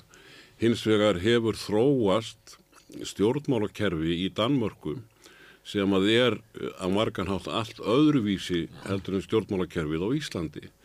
Í Danmörku þá hefur, hefur, hefur til dæmis megin enkennið á ríkistjórnum verið það að þar hafa verið minni hlutastjórnir þó að núna sé meiri hlutastjórn þá er það, þá er það undantekning. E, og þar hefur líka þróast miklu meiri samráðspólitík, það er miklu svona Af þeim sögum kannski? með gæti, getur verið af þeim sögum sko. E, þó að það sé getur nú líka verið samráðspólitík þar sem að, þar sem að hérna eru meiri hlutastjórnir en, en, en hins vegar sko minnhlutastjórnir íta eiginlega beinlínis undir e, gera samráðstjórnmál eiginlega óhjákvæmileg. Þetta vísa þá í það að, að, að í þinginu er verið að gætta því að sé svolítið rýfur meiri hluti hjá ykkur svona mikilvægum stefnubreitingum eða í utarikismálum og öðru slíkus það sem er talið verið að hafa gildi að vera ekki alltaf að fara úr einni stefnunni yfir í aðra. Já og síðan er það er í rauninni líka mjög aðtiklisvert með Danmörku að þar sem að vísu gilt ekki síðustu kostingum því að Metti Fredriksson ákveðað að stefna að eins og þeir kölluðu það stjórn yfir miðjuna. En venjulega hef, hafa í Danmörku verið blokkir, rauð blokk og blá blokk. Mm og það hefur verið fórsettisráður efni úr úr hverju blokkinni og það hefur verið ljóst alveg að, að svo blokk sem vinnur, mm. hún minnundar ríkistjóðuna og fær fórsettisráður. Mm. En hins vegar... En Mette sagði eitt fyrir kostningar og annað eftir kostningar. Hún talaði alltaf eins og hún væri að fara í rauða blokk nei, fyrir kostningar. Nei, nei, nei, það gerði hún ekki. Hún sagði fyrir kostningarnar að hún vildi fá stjórn ofur mitten ah. Sem að þýtti það að hún var, var ekki að, að, að blokka pólitíkin gildi ekki í síðustu kostingum eins og hún hafði alltaf gert sko. Ah. Rauðablokki fekk hérna hvað einn þingmann hefði getað hangið Rauðablokkin hefði getað hangið ef ég mann þetta rétt e, en þeir náðu meir, en meiri hlutin sem var myndaður var hins vegar sko kratarnir og síðan venstri og nýju flokkurinn slökkum móti ratarna mm. Og þetta náttúrulega voru tíðindi í danski pólitík en, en, en ég, ætlaði að segja með blokkitar að þegar það sístum er í gangi og þá gæti maður kannski látið sér dætt í hug vegna þess að náttúrulega kosturum við blokkirnar er sá að kjósendur hafa al, algjörlega skýrt val mm. um það hvort að þeir fór rauðaríkistjórn eða bláaríkistjórn. Sem að íslenski kjósendur vildu kjarna vilja. Sumir, að minnstu kosti og, eh, og hérna e, maður, maður gæti kannski hugsað að, að svona blokkamyndun hún gæti leitt til skautunar eins og við höfum séð í náttúrulega mjög, mjög mikið í bandaríkunum. Mm. En það hefur ekkert gerst í, í, í Danmarku og parturinn af því held ég að sé samráð í þinginu. Það er að sé að þegar maður fyrir að skoða allkvæða greiðslur í þinginu burt sér frá ríkistjónunum, þá er mjög algengt að, að, að hérna, einhverjir uh, úr, úr stjórnaranstöðunni, flokkar í stjórnaranstöðunni, þeir semji við ríkistjóðina sem að oft er til dæmis í Danmarku minni hlutastjórnkratana mm. og uh, stundum reyndar þá lendir sé, stjórnin í vandraðu með einhverja flokka úr sinni blokk, mm. eftir að ef að kratanir er í stjórn, þá getur sýsturflokkur, sósýristaflokkins, einheðslýstin mm. Verið með múður í einhverjum tilteknum málum Og hvað gera kratarnir þá? Þeir semja, þeir, þeir semja við venstri mm. eða, eða einhvern flokk í hæri blokkinu mm. og sama gerist þegar að bláa blokkin er við stjórn að ven, venstri fer með stjórnvölin og þeir lendi vandraðu með danska þjóðarflokkin eða einhverja úr bláu blokkinni e, þá semjaður við kratana. Mm. Þannig að það... Innan einhverja marka. Innan auðvitað innan einhverja marka. Innan auðvitað innan einhverja marka. Vinstri flokkurinn í Svíþjóð. Er steita á breytingum á lögum varðandi leyendur og já, hætti að styðja ríkisvöldin. Þeir gerðu það, en það er hins vegar mjög ofunnilegt. Mjög ofunnilegt. Þannig að, að sko þessi, þetta kerfi sem hefur þróast í, bandar, í hérna Danmörku, það hefur bara nákvæmlega ekkert að gera með dansku stjórnarskrána. Hér á Íslandi hefur hins vegar þróast kerfi þar sem við erum með meiri hlutastjórnir Við erum, höfum verið með mikil átakastjórnmál, það er að segja að það er svona mikil háfaði mm. og, og, og, og hrópa á milli flokkana eða þú vilt sem að minnir okkur miklu mér á Breitland og Bandaríkin heldur en á uh, Norðurlöndin þar sem að allir umræðan er svona miklu kurtislegri og hófstillari sem þýðir auðvitað ekki að menn hafa ekki hugmyndir. Háfaðin er ekki endilega ávísun á það að, að að, að hérna menn séu, séu hérna opbúrslegir hugssjónamenn þetta, mm. þetta er að hluta til leikur og, og á Íslandi hefur þetta verið svona það sem á ennsku er kallað winner takes all þar að síðan ef þú ert í stjórn mm. Þá bara ræður öllu. Já, og þá eru öll frumvörp unnin í, í ráðunitónum. Já, það, það er allstaðar. Og þrengt, þrengtar inn og verður stundum bara afgriðt með, með kvelli í, í kennu þingið. Og Já, það tilfinning held ég flestra landsmanna að, að menn greiða bara atkvæð eftir flokkslínum. Já, það gera menn. Frekar heldur ykkur ígrundun á, á efni lagana. Já, það gera menn, menn gerir reyndar, sko, það er, þetta er reyndar er engin mótsögn vegna þess að menn náttúrulega ge- geta kosið um, sem sé, þeir geta sé átt mikinn þátt í löggefinni sjálfri og stjórnmálaflokkandi náttúrulega, það er reyndar aðalegi gegnum ríkistjórnir frekar heldur en þingflokka. Að, að, að, að og frumvarpin eru náttúrulega samin af embættismönnum en eftir megin línum sem að stjórnmálamennir hafa, hafa sett en það er hvergi þannig í þróum líðræðisríkjum að þingmennir sjálfur síðan semja frumvarp en það hafa þeir enga burðir til þess. en Það er að segja þetta er bara það flókið, það tæknilegar útfæslur á segjum skattakerfinu eða velferðarkerfinu, það er bara það flókið að einhver venjulegur þingmaður getur ekkert samið frumvarp um það. Það sem að stjórnarfóristan getur gert er að, er að hérna, er að leggja megin línur og síðan eru það sérfræðingarnir sem útfara þetta og eh, flokksægin til dæmis í þinginu, þú segir eh, að menn greiði atkvæði eftir flokkslínum, það er bara algjör regla á öllum Norðurlöndunum. Minnst í Finnlandi þar sem er mikið persónukjör, en við erum bara mjög svipuð og róli eh, eins og Danir og Normin og Svíjar varðandi flokksagan eða einingu flokksmanna í atkvæðagreislum í, í þinginu, þannig að það er ekki í sjálfu sér negin sérstaða fyrir Ísland. Þannig að þingið uh, er jaft hérna, getur mikið á Íslandi eins og í Danmörku eða Nóri. Já, það hefur stundum verið að tala um að, að að íslenska þingi sé sterkara e, þó að sömur sé að segja að það sé rosalega veikt en, en hérna en uh, sko það hefur byrst í því að íslenska þingið hefur til dæmis verið að gera miklu meiri breytingar á fjárlagarfrumvarpinu mm. heldur en algengast er, í, er á Norðurlandunum og yfirleitt er það þannig á Norðurlandunum að þing sem kom, eða mál sem koma frá ríkistjórninni þau eru bara samþygt og breytt í, í þinginu þannig að samráðið í rauninni á sér kannski stað aðalega áður en frumvarpin eru lögð fram Mm. Og inn í þingflokkunum.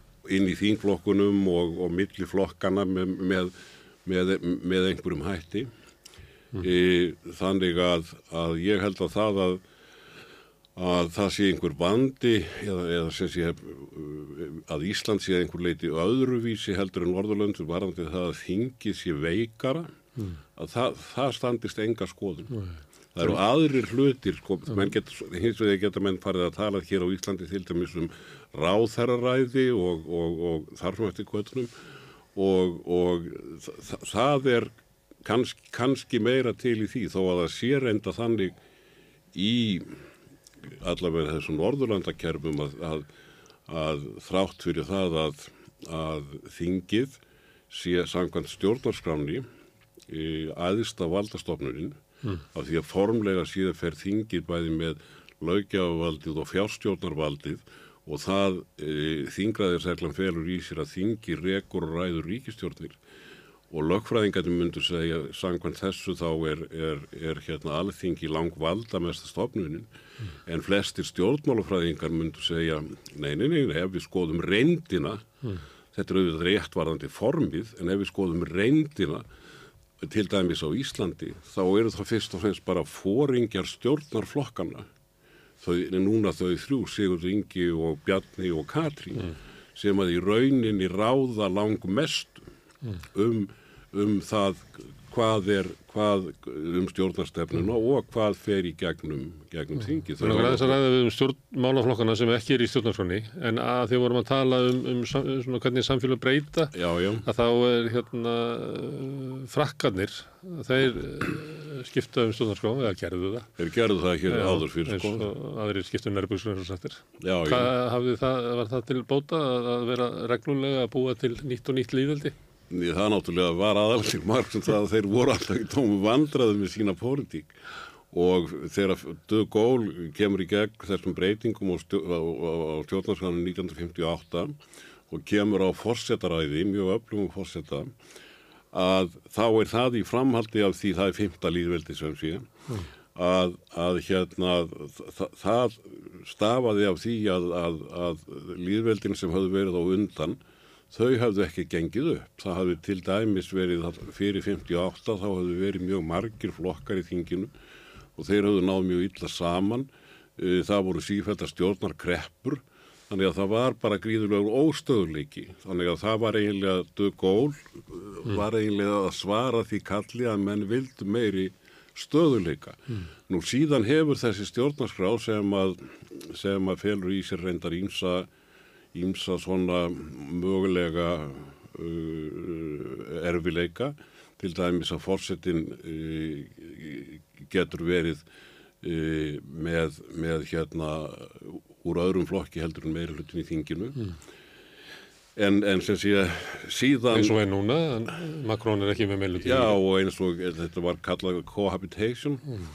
og hefur reyndar bæði kost og galla en, en hérna en síðan 58 sko þá hafa þeir nú ekki breytt í sjálfu sér þessari, þessari megin hugsun verið að breyta um kostningakerfi og, og eitthvað þess þar en, en, en þeir, en fransk stjórnmál hafa þrátt fyrir allt verið til dælu stöðug síðan síðan 58.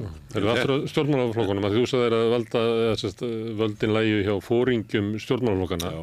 Og þá skiptir orðið máli sko hvernig farið með valdið. Þá þurfa stjórnmálaflokkanir að vera heilbriðir, það þurfa að vera inn í þeim eitthvað svona e, batteri til þess að skiptu fórustu þegar að áþára að halda. Og, og og ég held að setja deilu um það hversu öflugar sko, hérna, félagsheildir mm. þessi stjórnmálflokkar er í dag. Og, og má alveg vel halda því fram að þeir fari, verði alltaf hérna, lakar og lakari, að græsóti verði alltaf veikari á móti sko, styrk hérna, fóringjana og enn frekar kannski eftir því þegar það var tekin ákvörðunum að styrkja stjórnmálaflokkana þá kemur eiginlega sko peninganir inn til fórustunar en ekki upp úr græsótinni eins og áður var Eh, þú hefur oft bent á það að stjórnarflokkarnir séu ekki í stjórnarskrá?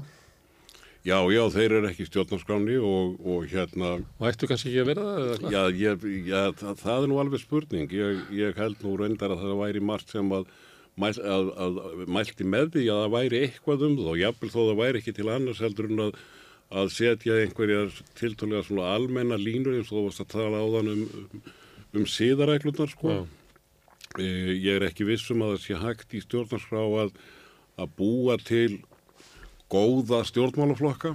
En, mættið eru vel ekki því að ég kannski vil að samfélagi fara ykkur alltaf að leið og ég vil búa til vondan stjórnmálaflokk út frá því sjónarhóndi. Þannig að það er mjög erfitt að takmarka e, sko félagafrelsi, tjáningafrelsi, e, hvaða hugmyndir fólk öfrum þróun samfélagsins og þrafndu göttunum Þannig að það séu bara þeir sem að falla að einhverju tilteknu, hérna, einhverjum hugmyndum sem að mega starfa. Það, það er auðvitað vand með farið því að auðvitað er tjáningafrelsið og margbreytileikin sko gríðarlega, gríðarlega mikilvægt.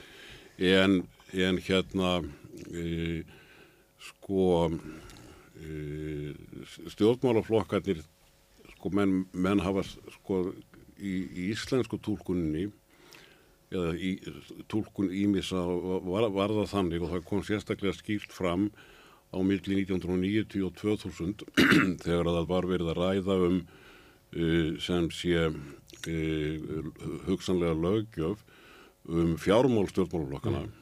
að þá komu þau sjónarmið fram í nefnd sem fjallaði um málið þar sem að fulltróðar allra flokka áttu sæti það sjónum við að, að það væri eiginlega ekki hægt að setja lögum fjármál stjórnmálaflokka vegna þess að stjórnmálaflokkandi væru bara frjálf fjarlæðarsamtök mm. og það væri alveg algjörlega óæðilegt að ríkisvaldi væri að hafa afskipti af þeim. Mm. Mér fannst þetta mjög einkennileg lögfræði mm.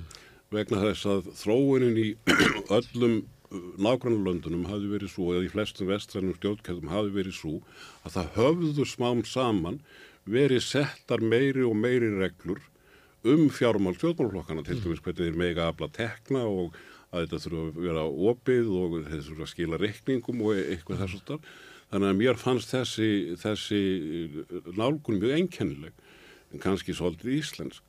En síðan þegar að árið 2007 eru loksins sett lögum stjórnmálflokka að þá verða þau reyndar harðari til dæmis varðandi hvað, hvernig, hver, hversu mikið megi gefa stjórnmálflokkunum að það voru harðari takmarkanir hér heldur en í flestum nákvæmlandunum. Mm. Þannig að það var eins og er nú stundum hjá okkur íslendingum sko það er annarkvort í ökli eða eira, mm. annarkvort enga reglur mm. eða ef við höfum reglur þá verðum við bara með hörðustur reglur í heimi og, og, og hérna en, en, en þetta er líka dæmi um það að það er mjög mikilvæg breyting að mínum að Eh, þessi, þessi lögjöfum fjármálstjórnmálflokkana að hún er sett ekki í gegnum stjórnarskrána heldur bara í gegnum venjuleg lög mm. og það er auðvitað hægt og það er, það, það er hægt að, að framkvæma mjög miklar breytingar án þess að breyta stjórnarskráni. Förum þá aðeins yfir í það vegna þess að það sem hefur rætt í sambandi við uh, frumvarp stjórnlaga ráðs mm -hmm. þá hefur verið talað um svona ávinningin af því það er til dæmis að þetta sé leiðin til þess að, að almenningu fái rentu af auðlundum sínum mm -hmm. uh, myndur uh, þínum að er þetta raung framsetning að við getum haft þetta sett þau lög á þess að breyta stjórnarskroni? Já, það, það er allt flóki mál vegna þess að mönurinn á stjórnarskrá og venjulegum lögum er að þetta sá að það er erfið að breyta stjórnarskránni og það er að auki í svona tólkunum á, á hérna, einstökum málum fyrir, fyrir, fyrir hérna, hæstarétti eða fyrir rétti að þá ganga stjórnarskrar ákvæðin framar svona venjulegum lögum ef að það er eða það er einhver, einhver, einhver áreikstur. En varðandi öðlindir... Þetta er þá tvískið sko, er hægt að breyta þessu. Mm -hmm. það, það er, í því fælst ekki að þú segir já, það er að breyta hérna, almenningu getur fengið rentun af öðlundu sínum mm -hmm. með lagabreitingu. En svo er það bara annað að það er klókar að setja það í stjórnarskraf vegna þess að það heldur betur öðru breytingum, mm -hmm. eitthvað slíkt sko. Þannig að ja, þannig ég, þetta, er spurningi hvort það sé hægt að breyta að ná ávinningnum af, af hérna, því sem er haldið fram að sé í gegnum eh, breytinguðan á stjórnarskrafni um að almenningu fái rettu af öðlutusinum, mm -hmm. hvort það setja ná því fram með lögum. Það er hægt að gera það með lögum og það er hægt að gera það líka með stjórnarskraf. Mm. Það er hins vegar upplugra ef það er í stjórnarskrá e, sko varðandi e, rentuna þá getum við sagt að ákvæði sem var sett inn þegar að kvótakerfið, það framsalið á kvótanum var lift 1991, það var reyndar vinstirstjótt Egil Hermanssonar sem gerði það að þá var sett inn ákvæði um að eitthvað í þá veruna að, að hérna fiskistofnandir væru eig þjóðarinnar. Og þá fóru lagamennir að ræða það hvort að þetta ákvæði hefði einhverja merkingu, mm. hvort að það væri eitthvað til sem héti eign þjóðarinnar mm. og voru eiginlega að segja að, að þegar þú ert með kvótana og þegar þú ert með þetta framsal þá sé í rauninni búið lagalega að, að, búa til enga eignarétt mm. á þessum kvótum. Þetta eru röggalli ú. Og já, það ímsir hafa haldið þessu fram og Ég held reyndar að þá kannski að en, en, en Þá með þeim að segja að fyrirbríðið þjóð er ekki til í, í, í lögfræðinni. Annarkvæmt er þetta ríkið eða einstaklingur. Já, það, það er náttúrulega fyrir mér skiptir engum máli hvort þú kallar þetta þjóðareign eða ríkisegn málið er bara ríkið er náttúrulega handhafi uh, hérna almennings. Mm. þannig að, að, að hérna fyrir mér er það svona fagurfræði hvort þú kallar það þjóð eða, eða þjóðaregni eða, eða, eða ríkisegn. En mér hefur nú heyrst að þessar rattir um að, að í reyndinni þá megi ekki breyta kvotakjörfinu vegna þess að það hafi myndast enga eignaréttur á kvotunum. Ég hef heyrt þær rauksendir miklu minna í setni tíð heldur en kannski áður. En þarna í rauninni, þetta er reyndar ágætt dæmi til þess að, að, að velta fyrir sín muninum og venjulegum lögum og stjórnarskráni vegna þess að ef að, ef að hérna menn sagðu þetta ákvæði í lögunum frá 91, þá geta menn sagt, heyrðu það er hugsanlega í andstöðu við ákvæði stjórnarskrárinnar um egnarétt og atvinnufrelsi eða einhver slík ákvæði. Ef hins vegar það væri komið inn með einhverjum hætti í stjórnarskána að öðlindir væru í almanna eigu, mm. væru eig þjóðarinnar í einhverjum, einhverjum skilningi, að þá er það orðið alveg ótvírætt að það ákvæði það, það gildir burt séð frá ákvæðurum um til dæmis um, um enga eignaréttin. Þannig að, að þýleitinu er þetta, er þetta mikilvægt held ég. Og ég held að það reynda líka að ég, sko menn hafa nú, þetta er búið að ræða þetta mikið og menn hafa verið mikið að deila um, um, að því, um, um, um nákvæmlega hvernig orða eigi auðlinda ákvæði til að mynda þá voru ímsýr stjórnarnanstöðuflokkar sem voru að voru hérna með miklar áhyggjur af því að orðalagið í frumvarpinu sem að Katrín Jakobsdóttir lagði fram sem þingmanna frumvarp Sögðu það að það væri útþynt mm. og, og, og menn geta náttúrulega endalust rætt um orðalagið en ég held hins vegar að það skipti mestu máli að eitthvað ákvæði af þessu tægi burt séð frá því hvernig það nákvæmlega er orðað mm. að það skipti máli að hafa það inn í stjórnarskrafni vegna þess að hvort sem þú segir að að, að, að, að almenningur eða ríkið eða ég fá sangjant gjald eða fullt gjald eða, eða hæfilegt eða hæfilegt eða hvað það er á aðalatriði að eignin sé skilgrein skilgreiningin á þessu, þessari útfæslu hún verður held ég á endanum alltaf hjá þinginu þannig að það sem að er mikilvægast er að það sé ótvírætt mm. að þjóðin eigi þessar öðlindir og hún eigi rétt á einhvers konar afgjaldi, hitt er svo útfæsluatriði þannig að mér hefur stundum fundist að menn væri svolítið að deilum keisarans gegn, Kanski, þó ég skilja alveg skiluru hérna kannski er hugmyndi svo að ef það er rétt gjald og svo kemur ykkur meirluta stjórn sem vil gefa fara til hins fyrra lags og gefa útgerðinni kvotan fyrir uh, skít og engeting og lækkar það hann að neyður að þá geti dó, dómur sagt að Þetta já, var ekki réttgjald, þetta það... væri verið að gefa þarna örfáu mönnum hérna, miljardatýji af almanna eigum á hverju ári mm. eins og er staðan í dag. Mm, það er alveg hugsanlegt, það er alveg hugsanlegt sko en, en hérna e, ég held nú samt sko að það því að, að, að ríkistjórn er að ganga talveit langt í þá áttina til þess að hæstiréttur myndi úrskurða þannig sko en auðvitað, það er alveg ofin spurning, ég meni ég skil alveg þessi rög. Og þetta er hérna, eitt af þeim málum sem hefur verið, verið svona deilt um. Annað sem er kannski svona, þegar við erum að tala um stjórnaskrá eh, stjórnlagaráðs, mm -hmm.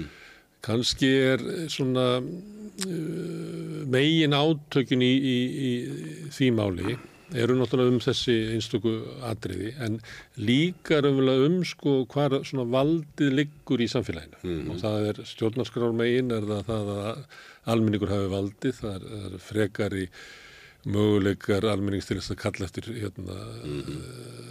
þjóðratkvæðagreislum mm -hmm. og öðru slíku svona uh, passað betur upp á vald almenningsskakvart stjórnkerfinu mm. og hínum einu eru við svo með þetta stjórnkerfi sem við erum með núna þar sem eins og þú bendir á eru kannski bara form en þessar stjórnmálaflokka sem að einhvern veginn eru vald, vald, valda mestir sko mm -hmm. því að svona vinnir takes it all og það að, mm -hmm. að flokkarnir eru svona hýrakíja og, og þá setur við allt inn uppi með svona hérna að, að, að mikilvægistu fundurinn í Lýðræðisríkinu Íslandi er, er, er kaffi samsætt ykkur að þryggja manna mm -hmm. hérna, sem að síðan bara reka málinn í gegnum sína flokka -hmm.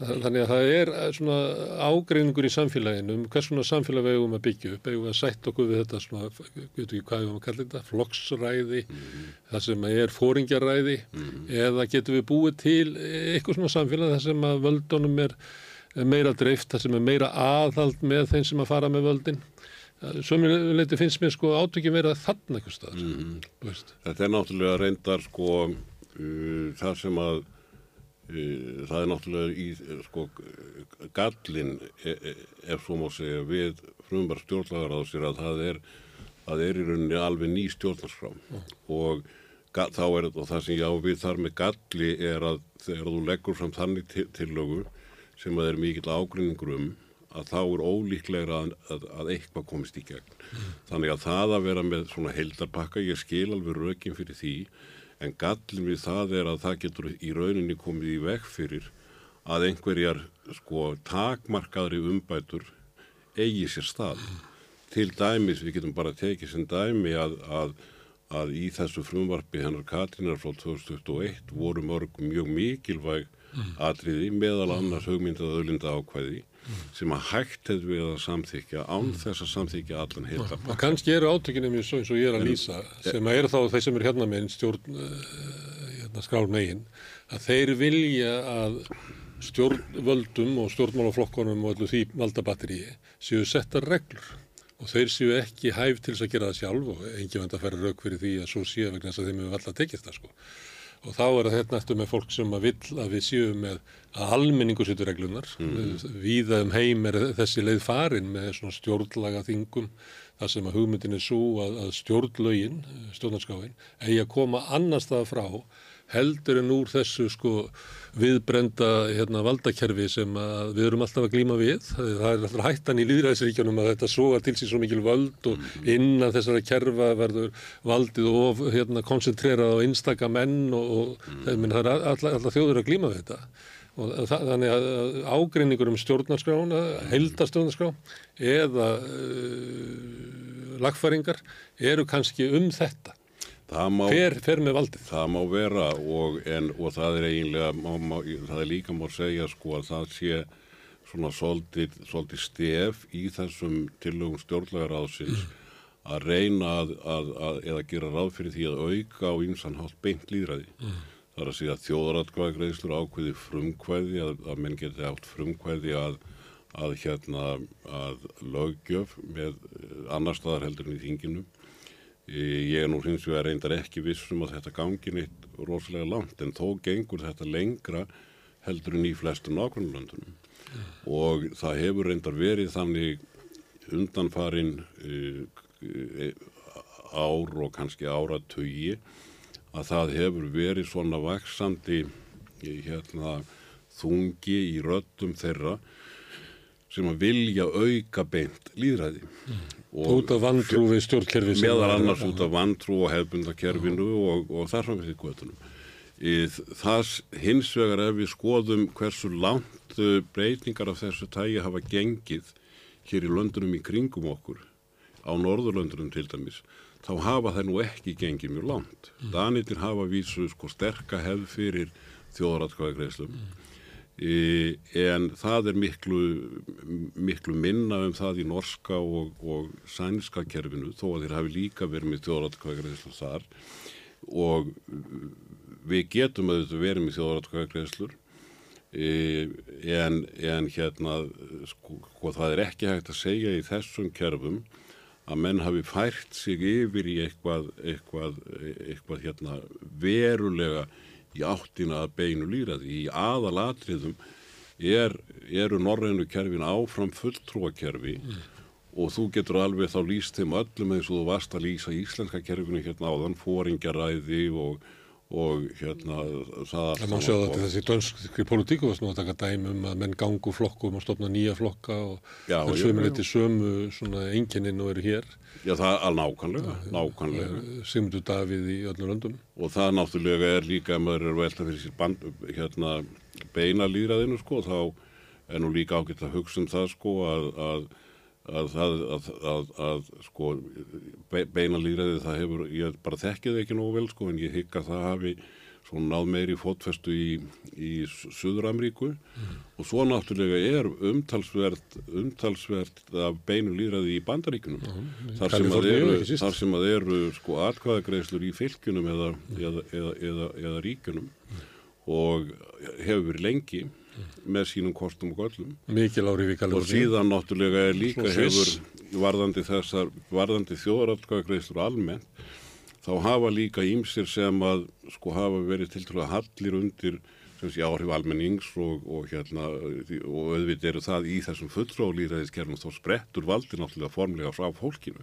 Mm. og, og þó, þó það sé gert í gegnum fulltróðana en ímsir sem hafa við hallir undir þjóðaratkvæðagreislur hafa nú fengið kannski meiri efasemdir mm. eftir brexit atkvæðagreislun í Breitlandi þar sem að það verðist hafa gerst að bara með mjög ósýpnum áróðri og ósannindum þá uh, tókst mannum að hafa áhrif á uh, niðurstöður atkvæðagreyslunar með bara reynum, þar, þar sem brexit menn heldur reynlega fram margvíslegum hreinum ósanindum um hvaða afleiðingar það myndi hafa að breytatir gengu, gengu úr Európa-sambandinu og nýðurstaða þjóðarinnar verður náttúrulega svo að það eigi að fara út og þetta á að virða hana breytar svo sem virt, hafa virt hana. Það er, það er ekki þeir hafa virt það er ekki sterkur ströymur um að kjósa aftur Nei, það er að það er að vísu vaksandi ströymur því að, því að það er náttúrulega, maður sér það bara þegar maður skoðar bresku fjölmiðlana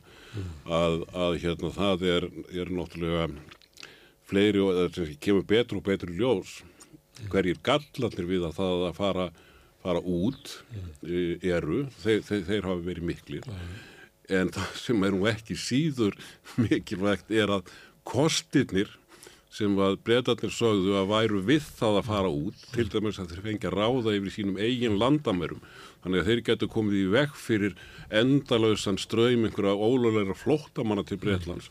Að það hefur ekkit gengið. Þannig að, að, að núverandi stjórn það hafa aldrei verið fleiri flóttamenn. Já, en munurinn er samt í breskum stjórnmálakultúr að, að, að stjórnmálinn beigja sig undir þjóðaratkvæðagrisluna sem að gerist ekki hér í, í atkvæðagrislunu um, um stjórnarskrá. Íslenski stjórnmálaheiminum var bara ófærum að, að vinna með það áfram. Já, hann, hann, hann, hann, það er alveg rétt, sko. En sen er rökin líka þau að sko, ef þjóðaratkvæðagrisla þá getur þjóðin aftan rámt fyrir sér og það minkar ekki kröfuna um, um þjóðaratkvæði því að við getum alveg tekið bara völdin af sko, stjórnmálabatterínu því að þau hafa oft ekki ákvæmlega sem hafa reynst fyrir rángar. Sjálfsögðu hafa þau mjög oft tekið ákvarðanir sem eru rángar. Það er sem eiginlega betra þjóðin hérna að taka ákvörðu sem er raung heldur en að stjórnmáli elitan gera það. Má alveg halda því fram en hins vegar náttúrulega rökin sem að þeir sem að bæru eru hlindir fulltróðlíkleðinu myndur setja fram væru þau að kosturum við fulltróðakerfið væri það að það að taka til dæmis ákvörðun sem að byggði ekki á, á neittni vandleri yfirlegu á efnisatriðu málsins að, að líkunar á því að það gerist í fulltrúasamkomi þar sem þú ert með fólk sem hefur atvinna að þessu og eru upplýst að líkunar séu minni á að þeir taki galnar ákvarðanir heldur en þjóðin. Eh, þó að auðvita spretti allt vald frá þjóðinu þetta væru sem sé rökin að þetta sé svona buffer á, á hérna á, á, og það sé til dæmis erfiðar að ljúa að þingmönnum heldur en ljúa að, að þjóðinu. Ég er ekki að segja að þetta sé endilega rétt en þetta væru Að Brexit er líka þetta væru- sérstakt að einu rökin sko. Að það var enn til kostningarnar af fólki sem að taldi sig hafa e, eitthvað góða samfæringu fyrir því að, að þessu er hafnað. Þannig að þetta var enn til kostningarna sem eiginlega svona sviðsetningar til Algjörlega. þess að búa til þannig að svo sprakka bara í andlitinu á, á greið fólkinu. Þetta var náttúrulega alveg sérstaklega eitthvað mest ábyrðileg sem ég séð í stjórnmálum þegar Cameron setur þetta í atkvæðagreislu vegna þess að hann var vissum að þetta er því felt og að hann myndi leysa innanflokksvandamál íhaldflokksins með því og síðan hefur náttúrulega íhaldflokkur að reynda að loga stafnan á milli Já. og e, e, það hefur alveg sér. ótrú, já, það gæti vel verið að það næði sér aldrei en Það er alltaf ekki að sjá að hann síðan á sér, hann er þetta vestnar bara. það, já, þetta er ennþá náttúrulega bara allt í, allt í tómri steik hjá honum og, og ég myndi nú ekki afskrifa hann sko, flokkar eru nú oft lífsegir. En, en hann hefur verið í, í rauninni sko bara í algjöru upplaust Herðu, umræðan um, um stjórnarskrona á Íslandi hefur verið um hérna, nýju stjórnarskrona mm. verið drifið áfram þar. Þar er annars verið þessi svona átökum hvar valdi liggur sem að mm. þjóðin verður bara að, að, að taka. Þetta er bara eðlileg umræða fólk sem er í ykkur félagi saman að hérna, hvernig á að, að hafa það. Síðan erum við með hérna, eins og til dæmis með öðlindirnar. Þetta er pólitísk deila. Uh, hópur vill hérna náðu þessu inn í stjórnarskrá til þess að- styðja sín, sín markmið. Annar hópur sem vill halda áfram að, að, að, að, að öðlindirnar séu arðurinn að þeim fari fyrst og fremst til enga aðila. Hann reynir að verja það og, og minna, við verðum að, að það er bara umræða sem við verðum að fara í gegnum og fá okkur niðursturum. Hins vegar eru nokkur atriði í stjórnarskráni sem er eiginlega afleitt sem að eiginlega flestir eru sammála um að þetta gengur ekki og þær ná ekki gegn. Og það er, hérna, þú hefur verið að benda til dæmis á, á meðmælendur til hérna frambóðsforseta Ég, sem allir eru að taka undir, það vilja hækka. kannski aðeins, aðeins meira um þetta sko um um tilögur stjórnlega ráðs og sem sé þá hugmynd annarkvort að þú bara komi nýja stjórnarskrá þar sem að hérna ákveðin atrið eins og til dæmis aukið beint líðræði séu inni og hins vegar að gera breytingar sem sé á einstökum greinum að hvorutvekja eru færar leiðir og kannski mest st sterkustu rökin fyrir því fyrir, fyrir gagvar þeim sem vilja breytingar á mikilvægum ákvæðum stjórnarskrárunar er að ef að pólitíski veruleikin er þannig að það séu litlar eða engar líkur á þú komir sem sé algjörlega nýrði stjórnarskrá í gegn.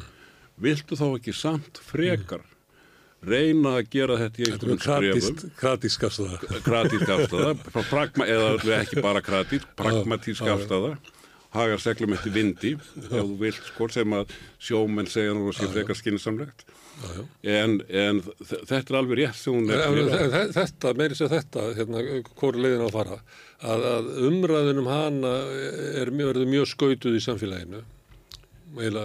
Já, ég reyndar hefur nú þessi skautunum um stjórnarskrána er nú minni sko meðal kjósenda heldur en heldur en hérna heldur en svona í umræðunni og það er aðtiklisvert einmitt sko að að þó að, að sko það var tveir, voru tveir þriðju í þessari ráðgefandi þjóðartkvæðinslu sem að hvernig var það 2013 eða 12 mm, hérna sem að vildu byggja nýja stjórnarskrá á, á, á þeim megin hugmyndum sem væru í, í frumvarfi eða í tilhugum stjórnlagaráðs að hins vegar sko tilraunir til þess að... Sem er afstæð til þess að þú það segja, hvort þú komum bara með nýjum stjórn. Já, já, já. Það er, það er, það er gerð þjóðarægt að greiðst úr það.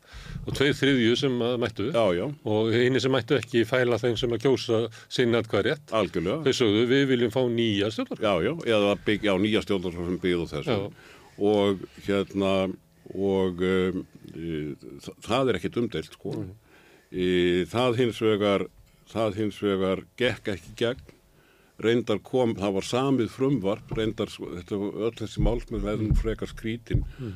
sé, eftir að tillögur stjórnlegar komið fram, að þá gerði ríki, þá var endur ríkistjórn sem var Jóhannestjórn, hún gerði eiginlega ekkert í málnu svo er farið í það að reyna að endurbæta þetta frumvarp, snýða agnúa af, af þessu frumvarpi sem kom frá stjórnlegaráðinu það frumvarp er lagt fram og Jóhanna lagði mikla áherslu á að það frumvarp færi í gegn og uh, það var að vísu ekki vita hvort að, og, og sem því að hvort, held ég tölverða líkur á því að það hafi aldrei verið þingmæri hluti fyrir því frumvarpi en eins og með eiginlega öll önnur frumvarpum stjórnarskarmálu eftir hrunið þá bara kom þetta frumvarp aldrei til aðkvæða sem að mér finnst reyndar vera mjög mikill vansi mm.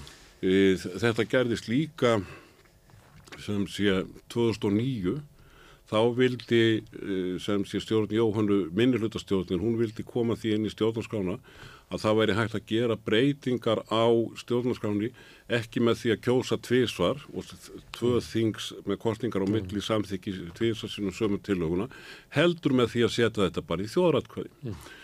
og e, með, þá bara fór sjálfstæði flokkurinn í málþóf mm. og þetta kom aldrei til atkvæða síðan 2013 eh, þetta frumvarp eh, hérna stjórnlegar á það kemur alltaf til atkvæða. Á því þingi var reynda samþýtt tillaga frá átnapáli bráðabyrða ákvæði um að, að, að á, á, á kjörtímanbílinu 2013 til 2017 þá væri heimilt að breyt, gera breytingar á stjórnarskráni án þess að vera með tvö þing með þjóðratkvæði og hugsunin var auðvitað svo að ef þingi vildi þá gæti það tekið mér og minna einhverja tillögur frá stjórnlagaráðinu mm.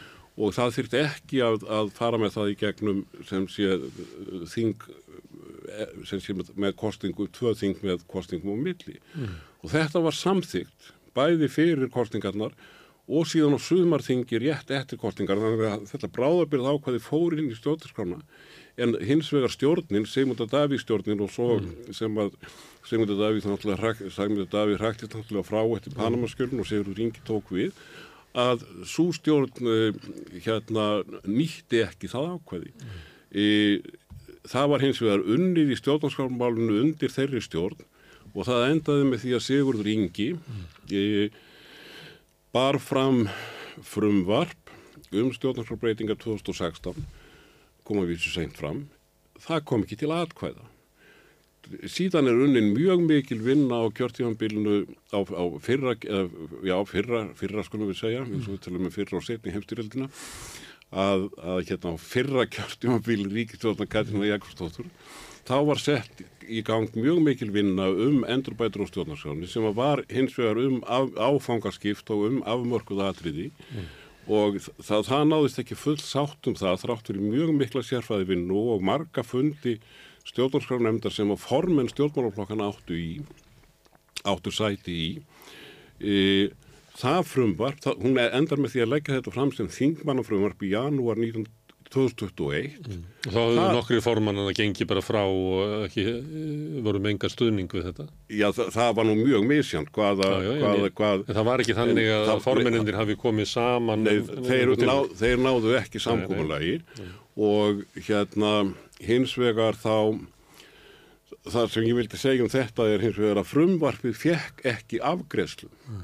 það fekk ekki þinglega meðferð og það sem ég gaggríni þingið fyrir fyrst og næst í þessum stjórnarskrumálum mm. er það að alla þessar tillögur sem ég hafa verið að nefna sem hafa komið fyrir þingið þær hafa ekki fengið afgreðslu mm. þannig að það kemur ekki ljóskurt að þingið vil samþykja þeir eða hafna þeim mm. Og kannski erum við líka í þeirri stöðu að, að eftir hrun að þá er opnað fyrir aðra leið til þess að setja stjórnarskrá sem er líkara stjórnlaga þingi mm -hmm. og sumstaðar hefur stjórnlaga þingi bara völd til þess að setja stjórnarskrá og svo er það sko einn hefðbundu stjórnvöld sem þurfa að setja sig við það. Að, að við leggjum að stað í þessa leið meðal annars út af reynslu að það hefði gengið hægt og illa að laga stjórnarskona. Mm -hmm. Sagan eftir hrun er svo eiginlega að, að, stjórnmálunum gengur ennver að, að laga stjórnarskona. Þannig að kannski eru við komin einhvern veginn bara út af þessu vísi sem að varð til af því að sko þjóðin setti sér stjórnarská en mhm. ekki hérna, valda fólkið.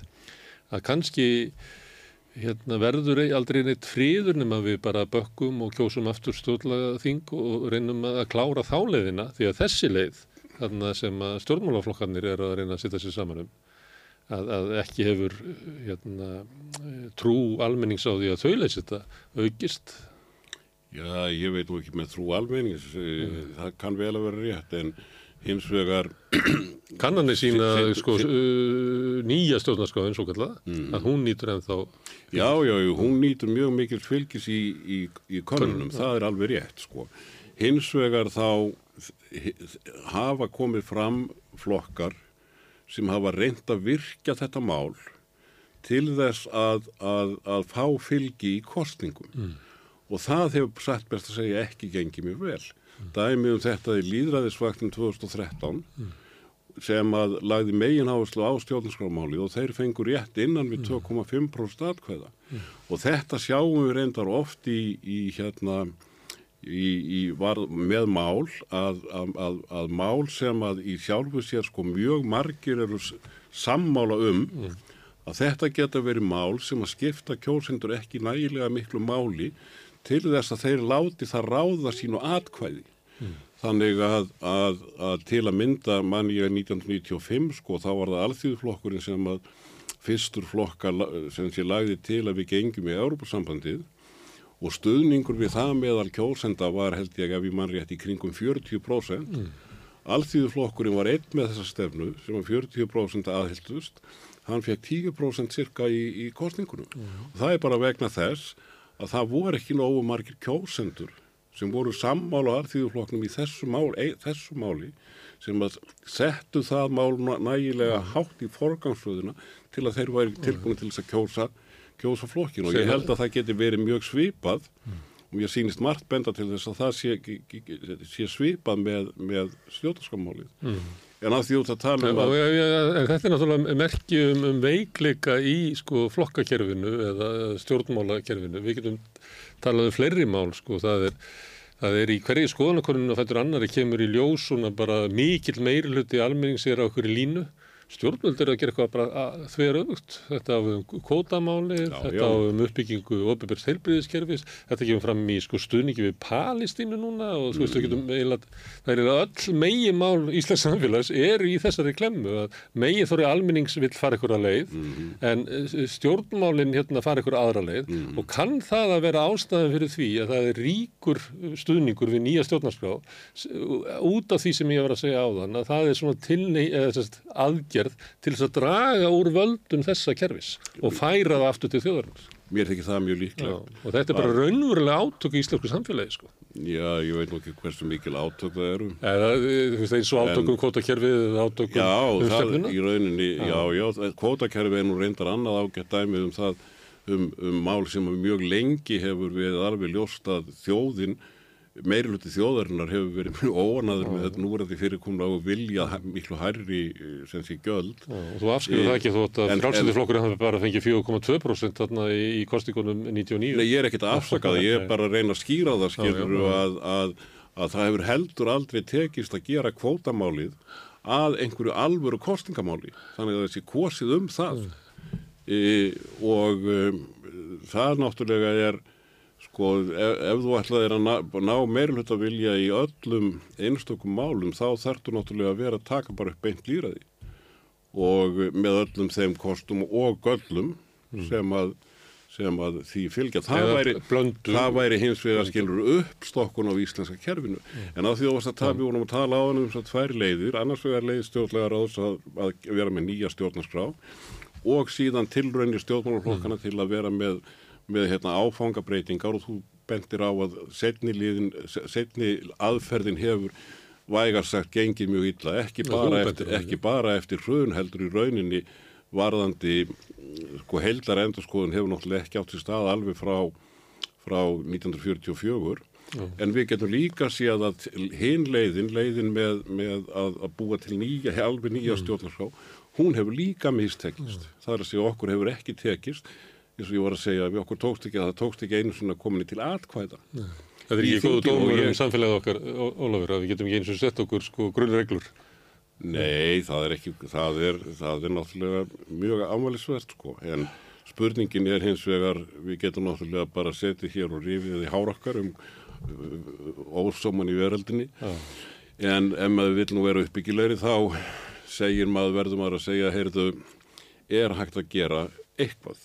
Og það sem að ég lagði nú áherslu á líka í þessum fyrirlesti sem svona einhvers konar niðurstöðu um þetta allt saman er það að að, að sko það virðist hafa mótast hér einhvers konar hugmyndum það að það sé ekki hægt að gera neinar breytingar á stjórnarskráni nema allir séu sammála um það, það sé einhver, einhvers konar algjör sátt og nú eru sjálfsagt flestir sammála um það að það er betra að gera breytingar um grundvallar reglurnar í, í, í, í stjórnmálakerfinu í sátt milli allra eða flestra flokka.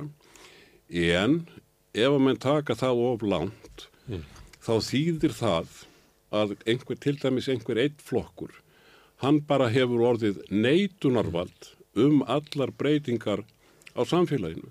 Og það náttúrulega er í grundvallar atriðum mjög ólíðaðislegt og ef við skoðum vegna þess að það hafa nú þrátt fyrir allt verið heilmiklar breytingar á stjórnarskránni e, e, ekki síst í sambandi við, við breytingar á kostningakerfinu en líka til dæmis um það að setja alþingi í eina deild líka um, um alveg nýjan mannreitndablar bálk 1995 að, að, sem er kannski stæðsta breytingi sem að hefur verið gerð frá 44. mjög merkileg breyting. Já, já, ég myndi nú ekki síður sko, telja, taka kjördæmumálinn sko vegna þess að gamla kerfið okkar það var gríðarlega ólýðaðislegt og, og breytingarna sem hefur orðið á því skipta, ski- skipta líðræðið í landinu mjög miklu mjög miklu máli En þessi atriði, vegna þess að það hefur ekki tekist að breyta stjórnarskráni, þá setja upp í svona nokkur atriði sem að mm, mætti ætla að flesti verið sammálum sem eru bara agnúar að kerfin okkar Já, já. sem er ekki sniðnir af. Uh, þú hefur nefnt núna í til- tilefni af uh, fórstakjörinu þetta Já, með að það séu 1500 manns Já, meðmæli Já, sem að eru ígildi svona 5200 í dag ef við tökum miða við sko fólksfjölda eða, eða fjölda fólks á kostninga skrá, uh, kjörskrá uh, sambandi við það hverju fá að bjóða sér fram til fórseta og maður heyri það að fólk er að taka undir þetta út um allt.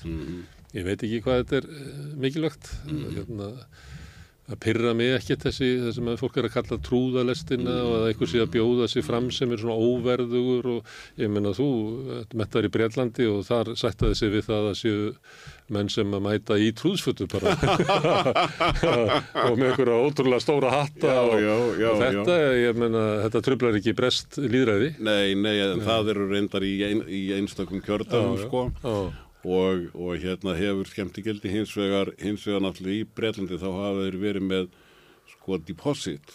Eða að, að, að ef þú nærið ekki ákveðnum atkvæðafjölda þú verður að borga, borga ákveðna upphæð Já. uh, til þess að geta verið í frambúði og, og hérna ef þú nærið ekki ákveðnu prósentu þá you lose your deposit. Þú, mm. sensi, þá færðu þetta ekki tilbaka þannig að trúðarnir sem að fá engin aðkvæði er, þeir verða sem sé að borga fyrir það að fá að vera með sín vera með sín trúðsleiti en, en hérna er en þetta er hins vegar auðvitað geta menn haft mismunandi skoðanir á því hvort að meðmælendur séu, séu hérna uh, heppilegir eða ekki En það er náttúrulega algjörlega galið hins vegar að augljóslega að ef að menn á annar borð telja að reglan sem var sett 44 um 1500 meðmæl, með, með, með, meðmælendur að hún sé skapleg að þá náttúrulega er það bara sko auðlagangur að hafa ekki breytt þessu. til, Nei. til samræmis fyrir breytta tíma og einmitt í frumvarpi Katrína Jakobsdóttur hérna 2021 að þá var, var sett inn á, var, var, var ákveði um að meðmælendafjöldin ætti að vera 2,5% af kjósundum og kjörskrá sem að gerði eitthvað í kringum 6.000 þannig að það er nú svona í grófun dráttum sko svipuð tala eins og, eins og var 1944 e, ég er að vísu ekki sammálaður um að það sé sé bara því besta mál að vera með rosalega marga frambjóðundur við, í, í fórsetakostningum að því leitinu kannski einna helst sko að að það setur svona ákveðin brag á kostningabaráttuna það gerir fjölmiðlum erfiðara fyrir er að vísu reynd að leysa þetta með því að hafa saman í og eiga alveg geta það að þeir þurfu ekki að láta eins og þeir þurfu að gefa öllum jæft mikið pláss að Nei, það- láta eins og þeir séu hluti af kostningakerfinu ríkis, ríkis, ríkis, hérna, ríkis útvarpið hefur nú meiri skildur heldur en aðrir fjölmiðlar. Þannig að stöða 2 hefur til dæmis getað tekið sér meira frelsi með það. En hins vegar er það náttúrulega grundvallar þáttur líraðisverða kostninga að allir sem að eru á annar borð í frambóði að þeir fái að mista kosti mjög skaplegan vettvang til þess að kynna sig og sín stefnum. og við sem ekki með ofmiklar hindranir þannig að, að Nei, verðum það- að hafa möguleika á því að ykkur getur unnið sig eh, hérna, til. Og svo er það líka þannig með meðmælinn hvort sem eru 6.000 eða 1.500 að ég get hérna, ég vil endilega að þú bjóðu þig fram, Ólafur en ég kannski kýs eitthvað allt annað en ég Já. vil, ég, ég vil að þú hafir möguleika á að, að viðra þínar hugmyndur um, um fórstæðabatið Já, já. það er ekkit lofurð í því að ég muni kjósa því það Nei. margir frambjóður sem ekki hafa náðu þessu 1500 í atkvæðum Já, sko 2016 þá voru nýju frambjöðandur, fjórir af þeim voru fyrir neðan þess að fengi Já, ekki já. 1500, sá sem fekk minnst, hann fekk eh, innan við 300 atkvæði og Ástór Magnússon sem var nú þarna, ég veit ekki hvaða skiptið, hann fekk 615 atkvæði. Fjórir náðu ekki meðmælendutölunni og auðvitað geta menn sagt hérna þú mátt alveg mæla með einhverjum að því þú vilt endilega hans rödd fá að heyrast en það er nú ekki hugsunin með, með, meðmælendunum. Og það var reyndar þannig hér í til dæmi sveitarstjórnarkostningum fyrir ekkert rosalega löngum tíma að það voru engin ákvæðið um það að þú mættir bara mæla með einum frambúslista. Það er hugsunin sem þú ert að tala um.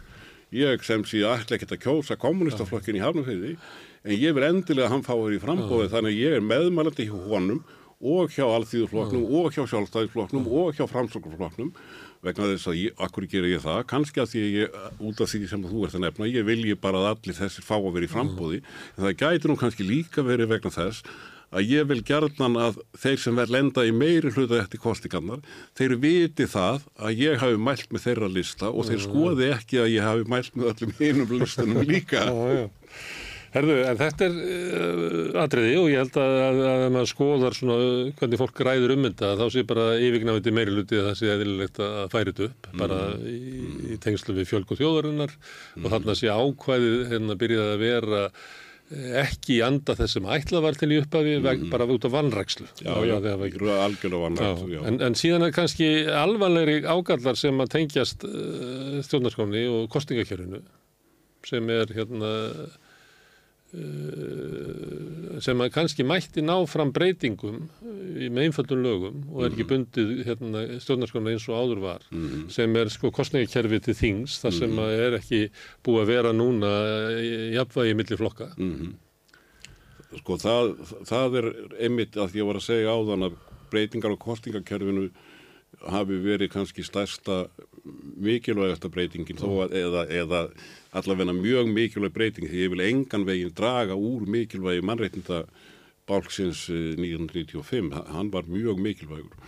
En sko þetta var náttúrulega hér á, á fyrirluta síðustu aldar að að uh, það, það komi fyrir kostningar þar sem framsóknarflokkurinn fekk um þriðjunga atkvæða og reynan meiruluta þingmann og þetta gerist að vísi í kerfum eins og Breitlandi en þetta náttúrulega var hlutur sem að flestum Íslanding er, mynd, gengur gjörsanlega fram af líðræðis hugmyndum flestra, flestra Íslandinga. Þetta var síðan, síðan smám saman verið að leiðrétta, það er að segja jafnvægi milli flokkana uh, alla 20. öldina og það tókst að koma á full, fullkomlu jafnvægi milli flokka í 1987 en ég, að því að við vorum að tala áðan um stjórnarskrárbreytingarnar að þá og, og hérna og, og þetta að það þurfa að vera algjör sátt að þá er rétt að nefna það mikilvægustu breytingarnar 1940, 1934, 1942 og 1959 sem allar jöfnuðu millir flokka og jöku alltaf sko mikilvægi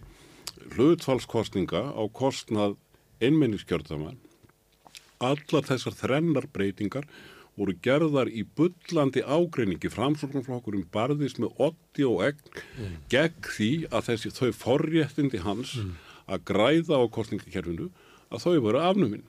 Síðan næst þetta til fulls að 1980, á, á, á tímabilinu 1983 til 7 þannig að það var, voru gerðar breytingar á stjórnarskráni og, og kostningalögunum sem voru þannig að emmaðu miða við dómtkerfið að þá náðist fullur jöfnudur milli þingblokkana í öllum kostningum frá 1987 til 2013 og, hafði, og 1999 þá var uh, meiri síðan þá var, þá var fækkað jöfnunarsætunum vegna þess að menn töldu og þú næðir fullum jöfnuði á, og gætir verið með færri jöfnunarsæti. Hins vegar kemur í ljós 2013 að eitt flokkur fær einu manni of mikið. 2016 fær eitt flokkur einu manni of mikið aftur. Það var, í það skipti var það sjálfstæðisflokkurinn, í hins skiptin hefur verið framsóknarflokkurinn sem fekk aukamann. 2016 skipti þetta sérstaklega miklu máli vegna þess að eftir þær kostningar þá var myndur ríkistjórn Bjarnar Benediktssonar með viðreysn og Bjartur framtíð sem var með 32 þingmenn. Mm. Ef það hefði ekki verið þessi skekkja í kostningakerfinu mm. þá hefði þessi stjórn haft 31 þingmann. Mm. Þannig að það var myndu meirlutastjórn út á aukamannin. 2017 fær framsók svo einn aukamann og 2021 fær framsók líka einn aukamann. Og einn af kostunum við stjórnarskrárbreytingarna 1999 var að ákvæðin um þetta eða sem ráði þessu að þau voru tekin út úr stjórnarskráni og sett inn í kostningalögin þannig að frá 99 er það þannig að einfaldur meiri hluti í þinginu getur gert þær breytingar sem eru nöðsynlegar til þess að þetta sé jafnað algjörlega. En stjórnmálakerfið sem bara, ekki næri að breyta stjórnarskonni, næri ekki eins að breyta þessu? Það næri ekki eins að breyta þessu sem að er í rauninni, sko, það liggur við að þetta sé stjórnarskrábrot. Mm. E, því að það er alveg ljóst í stjórnarskráni að hlutverk jöfnunarsætana á að vera það að jafna sem sé vægi atkvæða milli þingflokka, þannig að, að allir flokkar fái sem sé þingmenn í samræmi við, við fylgið. E, og, en útfæslan er þarna færið í hendur þingsins og þingi bara vannrækir þetta. Og það er nú ekki eins og þeim hafi ekki verið bent á það. Og það er enginn sem segist vera, vera, vera á móti því að, að vera með fullan jöfnuð þannig að þetta er bara vannrækslega, þetta er trassa Róðgrónustu valdaflokkanir hafa grætt á þessu hinga til, sjálfstæðisflokkur einu sinni og framsókn þrísvar. Núna með að við niðurstuður Gallup ef að það er reiknað og delt á milli hérna, þingflokka, Mhm. þá eru líkur á því að það verði samfélkingi sem græði næst. Ég skoðaði nú bara þessu Já. frá Gallup Já. sem var að koma sem að gefur samfélkingunni eitthvað millir 30 og 31% fylgi en gefur henni 23 þingmenn. Það er yfir 36% af þingmennum. Og þegar ég fór að skoða þetta, hvernig þetta, eh, hvernig þetta kemur út, eh, þá, þá fær samfélkingin í, miðað við niðurstöðu þessara konunar, ef við tökum tækjum þær bókstaflega, e, að þá er, eru allir þessi 23 þingmenn sem að, sem að hérna, samfélkingin fær, sangvært konuninni, að þeir eru kjördamakostnir Mm. og uh, hún fær náttúrulega engin jöfnunarsæti. En uh, þegar við skoðum hvernig þetta ætti að vera, ef að það væri, að það væri nógu mörg jöfnunarsæti og færri kjördamasæti þá, að þá ætti samfélkingin ekki að vera með 23 þingmenn, hún ætti að vera með 21 þingmann.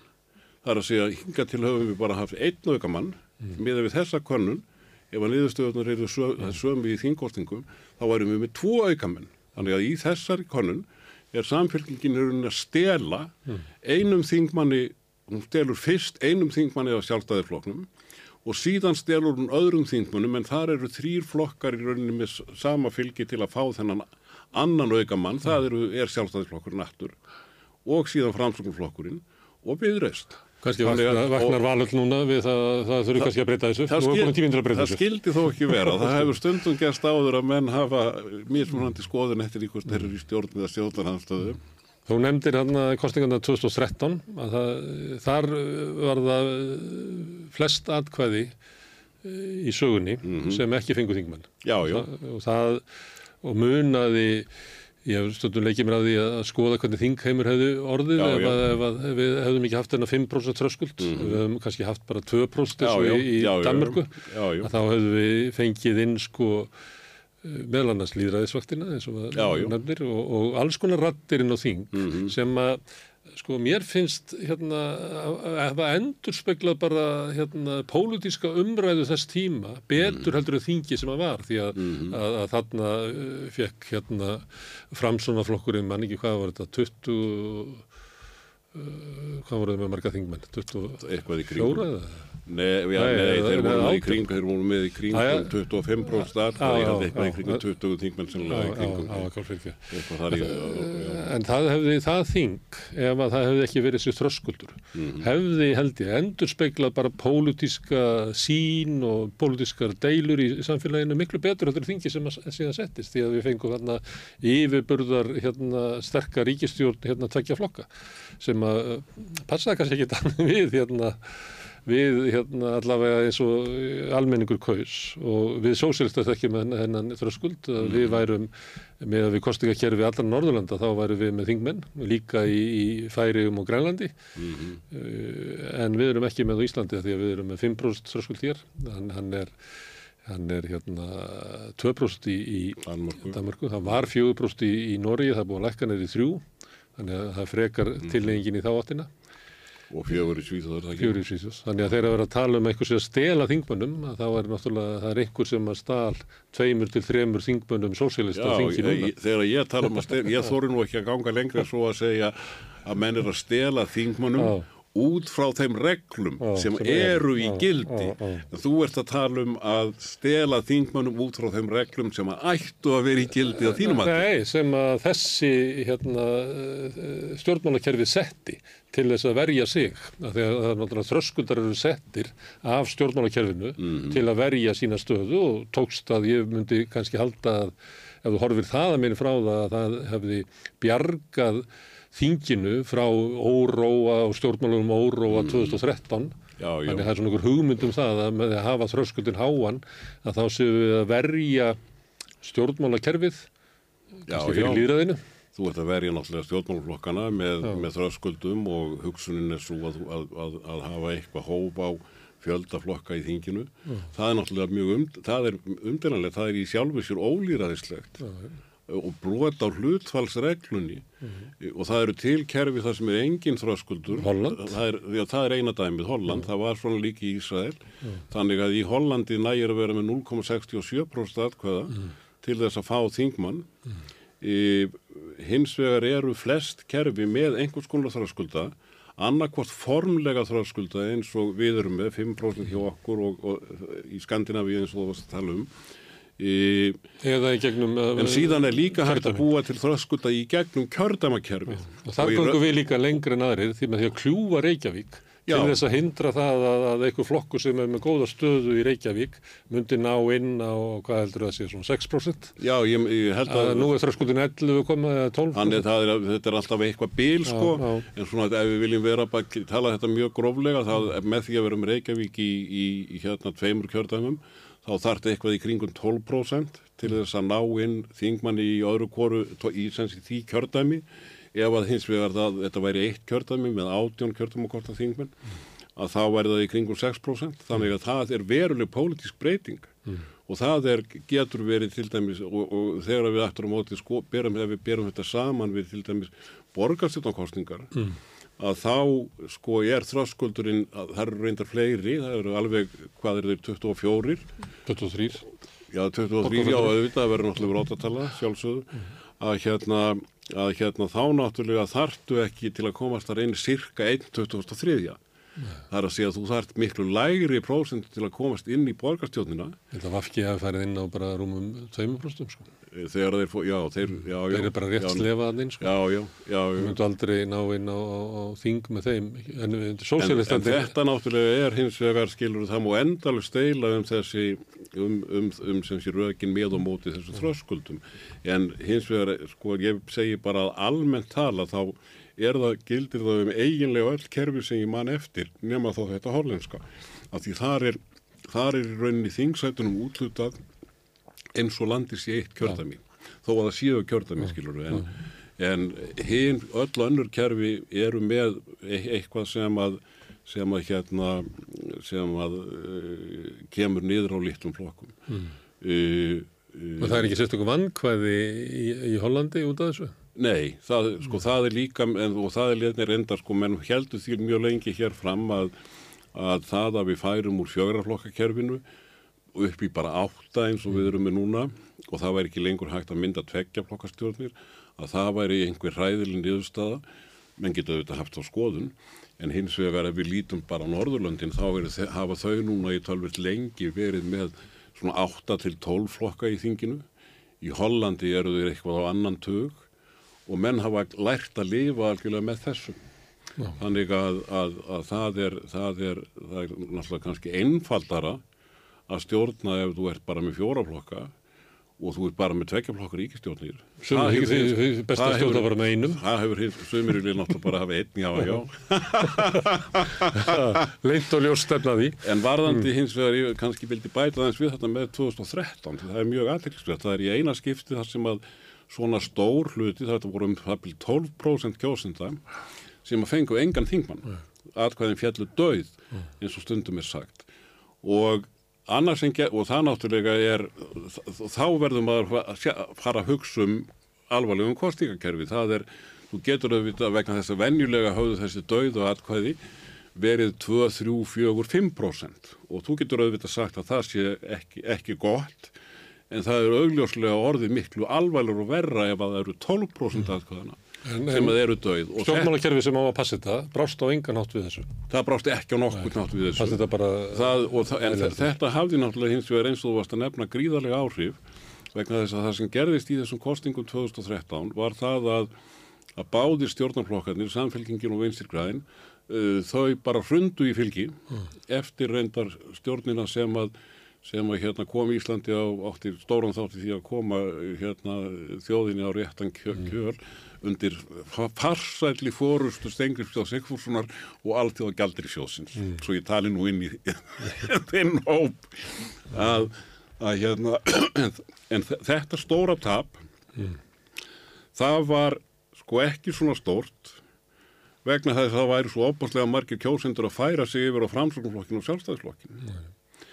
Mestur hlutin að tapinu var að, að, að þessi 12, að eiginlega, langum eiginlega allt þetta 12, þessi 12% sem fjallu döið, þau uh, fjallu á vinstirflokka mm.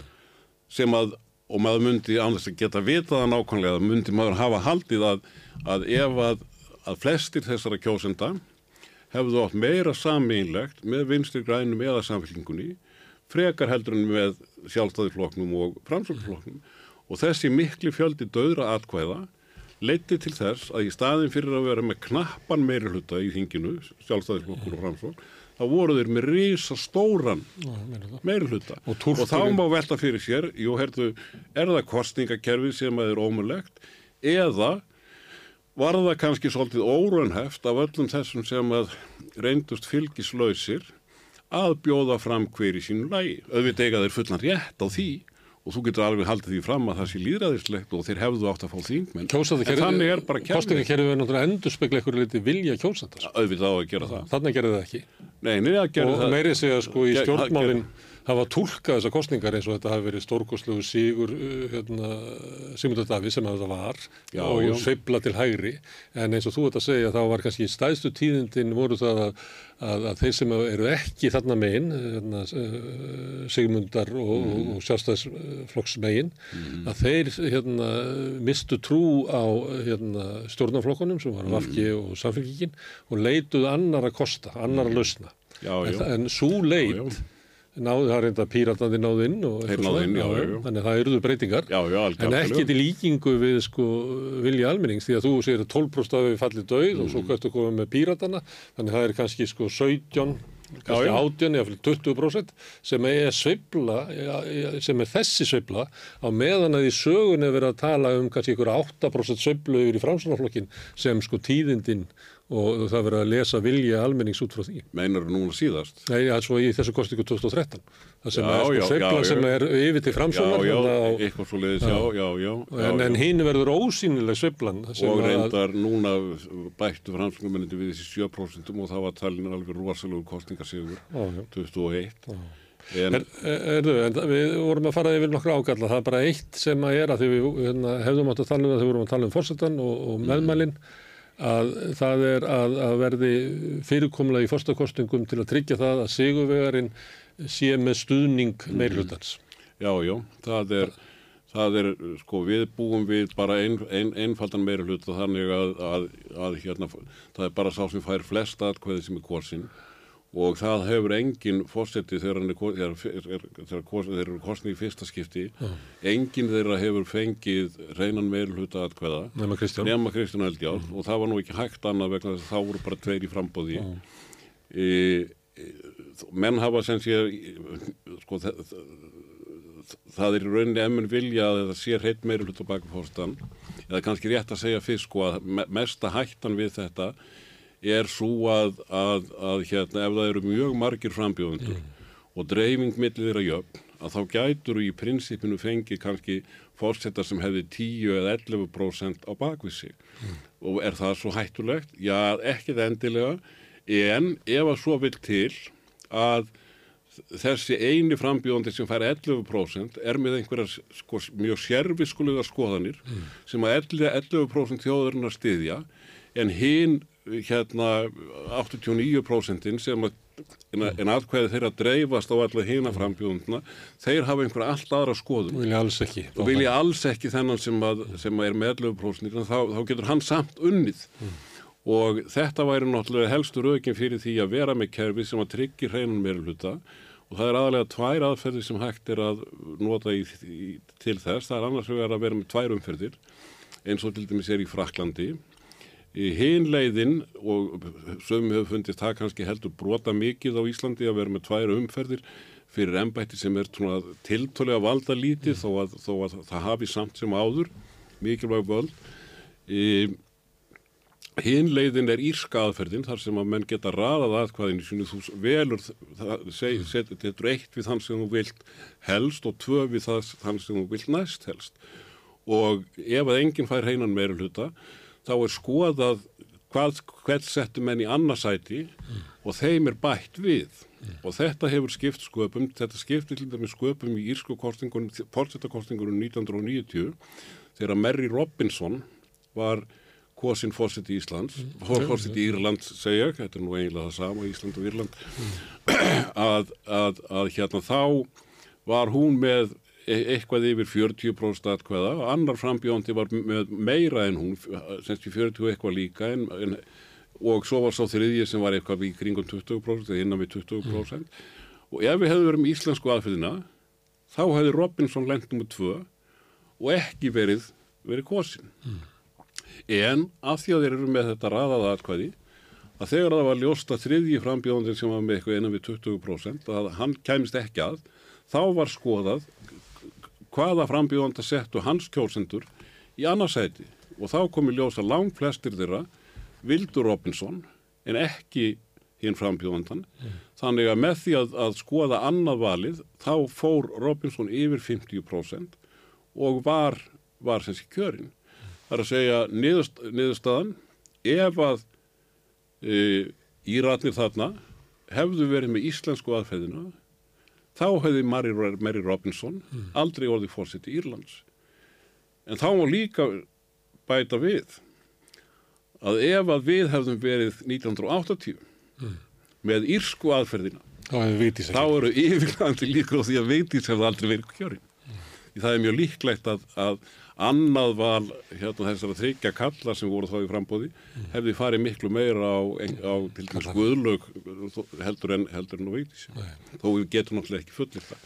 Það er eins og held ég sé bara uh, ólíklegt að, að 1980 hafi íslenska þjóðin verið þannig að meirluti hennar hafi viljað kjósa fórst, Já, hvern, já. alveg saman hvað við viljum mæra okkur, hvað við erum framalega í mörgu, að, það voru við ekki komið þangað. Það er nefnilega, maður gleymaði stundum með alls konar kerfi og það tengist nú líka stjórnarskráni og hvað gerist að kerfi hafa stundum ófyrir síðar afleiðingar unintended consequences.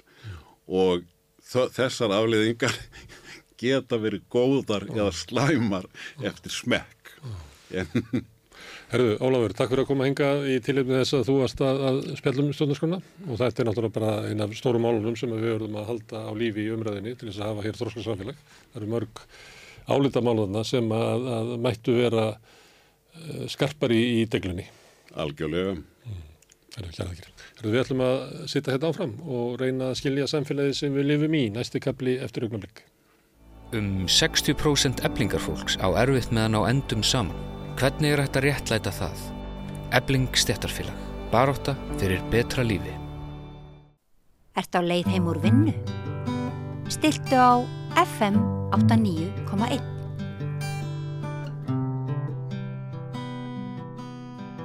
Já, við höfum svona undarfærið hérna við rauðaborðið verið að ræða við fólk og presta sem að hafa rétt upp hönd og sagt að þeim væri ósátt uh, þótt að, að félaga þeirra, prestar og djáknar myndu tilnefna sig uh, til biskuskjör og það mun komið ljós á morgun hver niðurstaðan úr þessu svona forvali, getur við sagt, verður. Þá mun líklega verða ljóst fljótlega upp á hátíðinu hvaða þrýr það eru sem að fara í raunvörlegt biskupskjör. Og þá hafa atkvæði rétt ekki bara prestar og djáknar heldur leikmenn líka, fólk úr öllum sóknum landsins og mér minnir að einhver hafi sagt mér að það væri svona um þrjúðusmanns sem að myndu velja næsta biskup. En það er langt inn í framtíðinni en, en við ætlum að halda hér áfram sem við höfum gert, við höfum fengið hingað nokkur þeirra sem að hafa uh, gefið sig fram um að hérna, uh, vera tilbúin í, í að taka þátt í þessu biskupskjöri og nú er komið að einum prestunum enn, Guðrún Karls Helgudóttir. Þú ert sóknarprestur í Grafáskirkju. Já, Herðu, verður velkomin. takk fyrir það. Kannski að því að við erum svona, uh, þetta er svona eins og aðdraðandi að, að biskupskjöri. Mm. Mm. Og kannski er leitt að spurja á hverju ert þú að rétt upp hönd? Já, þetta gerist náttúrulega ekki svo sem í tómarúmi og það er búið að vera, ég myndi segja að búið að vera nokkuð langur aðdragandi að þessu. Mm. Ég held að séu alveg tvö, þrjú ár, jafnvel pluss, síðan farið var svona minnast á þetta við mig. Já. Þannig ég er búin að hugsa þetta svolítið lengi, en það held ég að það sé nöðsynlegt því að þetta er ekkert, já þetta er ekki ákförðun sem ég tek léttvægt. Mér finnst þetta, ég ber mjög mikla virðingu fyrir þessu og mér finnst þetta mjög stórt og alls ekki sjálfsagt og það tekur svolítið tíma að máta sig við þetta og, og svona hlusta á bæði mína köllun sem að snýst um það svona hvort að mér langi þetta virkilega og hvað aðrir hafa að segja. En ég er búin rétt bönd og ég er til. Ég segi stundu við fólk svona að ég kunni ekki að taka ákvörðun, ég bara ímynda mig í sér búin að því og sé svo til hvernig það venst og það tekur svona þrjá, fjóra daga. En þú búin að vera tvö ár að aðtöða hvernig það venst tilhugsunin og hún venst vel. Hún venst mjög vel, já, hún gerir það. Og, og hérna, en ég, ég reyndar er nú yfirleitt frekar fljóta að taka ákvarðanis, svona venjulega. Þannig þetta er kannski ekkert svona, já, ef ég hefði ekki haft þennan tíma, þá hefði ég bara gert það með skemmri fyrirvara. Siglt á það. Já, já, já. En þetta er svona aðferðin þar sem að því að maður er margskonar og maður er með haus og maður er með hjarta og maður er með maga og þetta er svona aðferð til þess að láta ákvörðun að settlast með sér. Já, og, og það verður nú alveg að segjast að til dæmis undanfærin ár þá hafa kannski biskuparnir ekki verið vinsalasta fólki á Íslandi. Þannig að ef mér langar til að vera mjög vinsæl þá er þetta kannski ekki það fyrsta sem ég myndi velja.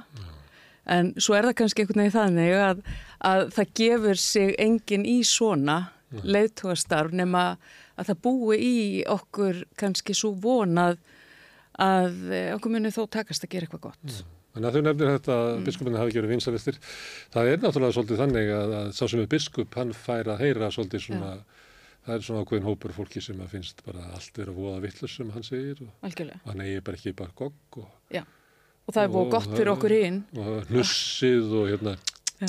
allt þetta sem er notað til þess að, svona, að draga úr valdi, eða svona afli fólks í, í umræðinu er notað Mm. á biskupin. Það er gert. Og, og, en ég, ég þóli það alveg að vera ekki vinsalust. Og ég er, já, ég er með breytt bakk, ég þóli ymmislegt. Ég er líka með ymsar aðferðir til þess að, að svona hjálpa mér í gegnum það sem er erfitt og, og þar skiptir máli eiga góða vini og eiga góða ráðgjafa. E, fólk sem að hægt er að spekla sig, spekla sig við. En svo hefur náttúrulega líka, það náttúrulega eru þetta ástæður fleiri fyrir þessu sem er til dæmis eina, eina af þeim er svo að kirkjan hefur náttúrulega verið að sko ganga í gegnum við ymsa erfileika og við höfum verið að takast á við með þunga hluti og ekki alltaf kannski tekist sem skildi. Og þá eðlilega er það leiðtóinn sem, sem að tekur skellin og það er, er bara þannig. En uh, erfiðleikar kirkjunar hafa verið eitthvað leiti hérna, aðlugunar henni hennar að breyttu samfélagi. Já. Það er náttúrulega, þú ert kona og prestur og það er náttúrulega mikil bylting sem var hér ekkert fyrir svo löngu síðan. Jú, Ég er bara eh, mjög stutt síðan að auður eiru var eina, eini kvennpresturinn. akkurat, Ég Bara, ég, ég held að ég hef verið komin bara orðið núlingur. Það var það er svo, það er svo stutt síðan. Síðan er það náttúrulega eh, andof eða, eða uh, getuleysi kirkjunar til þess að taka þátt í baróttu samkynneðra framanaf. Já. Það eru sárið út af því. Algjörlega. Svo er það kynfyrir ofbeldi, kynfyrirslegt ofbeldi Já. innan kirkjunar Já. og svona skýrilislu staða kirkjunar með þólundum. Já. Þetta er svona eins og kirkjan í þessar lýsingu, þá er kirkjan gamall forpókaður kall. Já, og það má alveg segja að kirkjan svona hafi stilt sér upp með feðraveldinu í gegnum tíðina og, og þar held ég líka að við séum komin ákveðnum krosskutum vegna þess að það gengur bara ekki upp til lengdar og það gengur ekki upp í breyttu samfélagi. Við þurfum að, og, og, og kirkjan er svo sem, hún er búin að vera að breytast mjög mikið undan farin svona 10-15 ár, já 10-20 ár, þá er hún búin að vera að breytast svolítið hratt. Og fólki sem er í kirkjunni e, Já, til dæmis það er, hafa orðið mjög mikið kynnslóðaskipti í leiðtógum og prestum og það er alveg svolítið breytt landslag. Starfið í kirkjunni er mjög breytt, e, já, ímislegt sem hefur breyst mjög Það mikið. segðum við frá því, hvaða hérna, uh, þeir konur sem eru prestar, Mm. hvernig breytu þið kirkjunni? Hver er breytingi sem að fylgir ykkur? E, fyrst þá held ég að sko til dæmis kona á mínum aldri e, við, þegar ég kom inn í kirkjuna nei kom inn í guðfræðina þá var ekki til dæmis kend hvenna guðfræði það var ekki til kennsla í svoleis við þurftum bara að sækja okkur þetta sjálfar ef við höfum áhuga á því. E, síðan ferið til Svíþjóður í Víist þar sem prestur og það í Gautaborgastifti og það var eina stiftið í Svíþjóð það sem var mjög uh, uh, það var mjög erfitt fyrir konur að fá embætti þar og mikið svona mikil mótmæli hjá stórum hlutapresta gegn því að konur eruð prestar. Og þeir voru svona búin að stopna með sér ákveðin samtök sem voru staðsett í Gautaborg og þar hafði verið biskup lengi sem viði ekki konur mm. til press þannig þær eru alltaf að fara í stiftin í kring til að fá vikslu og þegar ég víist þá eru við tvær konur sem víjumst og það er, það er sko stór frétt á þeim tíma. En þarna voru til dæmis sko Karl Prestar sem að tóku ekki hendin á mér mm. hefðu aldrei komið og tekið við alltaf í sakramentinu frá mér vegna þess að e, þeir litu svo á að mín viksla væri líi ég væri ekki alveg prestur. Og það er ekki fullkild manniska. Og það er náttúrulega, akkurat, og það er svolítið hörðu leksja mm. að, að það gerðist ímislegt aðna, til dæmis þegar konur komu að, voru með hérna embætta í kirkjum þar sem þessir kallmenn voru fyrir, þá var til dæmis búið að taka út öll sko embættisklæði sem að konu gáttu mögulega klæðist og aðeins svona einhver mjög síð og löng sem voru í bóði þannig konu var farnar að ganga með nálu að tvinna á sér og, og stitta þetta en þær fóru inn í inn í aðtapnar. En jú, auðvitað höfum við breytt til miklu í kirkjunu, við hefum breytt ásýnd kirkjunar í fyrsta lagi. E, það er náttúrulega alltaf nýr ásýnd að vera með þjóna kirkjuna sem er að báðum kynjum. E, það er eitt sko, en svo lítur að fylgja ykkur, ykkur svona annaðrar áherslur. Alltaf aðrar áherslu, við erum náttúrulega... Uh, sko, það hefur náttúrulega þróast fram svo sem á laungum tíma Það sem eitt sem við höfum ekki, uh, mín kynnslóð, við höfum, eða við höfum mjög fáar til dæmis sko fyrirmyndir. Mm. Það voru svo fáar konur undan mm. okkur að við gátum ekki verið búin að horfa á sko konur í þessari stöðu í margar kynnslóðir og staðsett okkur eitthvað staðar og gengið eitthvað neginn örugar inn. Mm. Til dæmis að það verið miklar umræðinu um það með að konur vera með naglalakk. Mm. Þú veist, máttu líta út hvernig sem er, máttu vera með varalit. Mm. Eh, mikið af þessu eins og heyrir snýst um útlitt og ásýnd en við höfum líka komið inn, myndi ég segja, með aðra guðfræði og svona fjölbreytari guðfræði mm. og nú er ekki að segja að kallar sé ekki þar líka en, en við höfum kannski haft meiri laungun til þess að kynna okkur, geti ímynda mér, til dæmi sko hvenna guðfræði og svona fjölbreyttari guðfræði til þess að sko staðsetja okkur eitthvað staðar mm. uh, því það er ekkert auðvelt fyrir konu að ganga inn í guðfræði sem hefur verið skrifuð og samin af kallum í 2000 ár. Til eru kallar, ég veit ekki hvort það sé enn en það var allavega bara fyrir sko, skömmu síðan talja að konur eiga bara ekki derindi. Já, já, og, og kristin trú, sko eins og hún hefur verið framsett lengi, mm. er mjög svona karlæg mm. og karlkent. Og fyrsta kynslu hvernig er kannski eðlitt að, að valkostur hennar að því að, að það er að verða bara eins og kall. Já. Og taka það að sína það að ég get alveg gert þetta eins og þið Algjörlega. og verða svolítið eins og kall, en síðan kemur kannski önnur kynslu og önnur kynslu og smátt og smátt fara sko áherslur hvenna, því að konur og kallar eru öðruvísi, það eru öðruvísi menning og mm -hmm. þetta er bara, veist, ég segi þetta er ekki aðskiltur heimur en þetta er bara, og mann heyrir það þegar ég er að tala við hvernpresta og kallpresta að, að ég skinni alveg svona ákveðna mun á svona eiginlega, hvað er það að segja, svona staðsetningu orðsins, kallum hættir til mm þess að tala í orðarstað Guðs. Á meðan að konunar, hvern breyttarnir finnst mér tala meira eins og inn í söfnunum eða inn í samskiptum einstaklega. Og ég held að konur hafi kannski svona átt mjög stóran þátt í því að, að sko, hvað sé að taka líka inn á hverja minni hluta hópa og svona mm. E, koma að kirkjan kæmi sér svona framalega í, í baráttu með minni hluta hópum. Mm. auðvitað ekki bara konur en ég held að konur hafi átt stóran þátt í að, að við fórum að færa snæri í, í þáttina sko. Því kirkjan alltaf lengi vel hér á Íslandi var svona við hliðin á valdinu. Þetta var, þetta var valdarstjættin. Embættismanna kirkja. Já, og það Og er... meira hér heldur en í nágrannlandunum. Í nágrannlandunum hafði leikmanna kirkjan áhrif, var svona hálfgerð svona líðræðisbyltingin í kirkjunni. Hún barst ekki alveg hingað. Nei, og kannski helst að danska kirkjan sé, sko, sé þarna. Mm. En þetta hefur breyst gríðarlega mikið undarfarið og mér þykir það mjög mikilvægt að þetta hafi breyst. Skiptir miklu máli. Hvernabaróttan og kirkjan og svo eru það baróttað samkynniðra. Það eru samkynniðir prestar í dag. Já. Það er svo ofinberlega. Já, samkynneigðir og og valdir, og, já. og hver veit nema það sé fólk af ímsum fleiri kynjum, Já. hver veit. Já. Þannig að nú þurfum við í það minnst að gera ráð fyrir því í dag að, að eh, já, fólk sé að fleiri kynjum Mm. og uh, kynneigð og allt það. En, en þar kemur líka inn í hvernig kirkjan sko talar til fólks og talar við fólk. Að við getum ekki tala við fólk í kallkynni til dæmis. Það er ekki bóðilegur. Og það hefur tekið kirkjunum svolítið tíma að koma staðan en, en við erum nú komin þó nokkuð langt þar, myndi ég segja.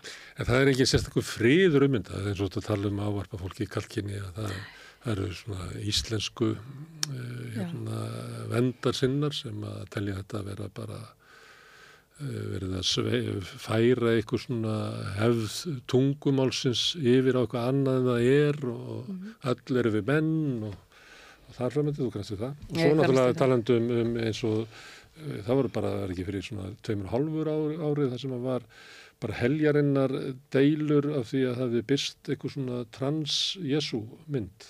Jú, alveg rétt. Ég það sé bara Já. mjög stuð síðan. Það er mjög stutt síðan, sko. Og, og, og í gegnum tíðina hafa byrst alls konar myndir af Jésu.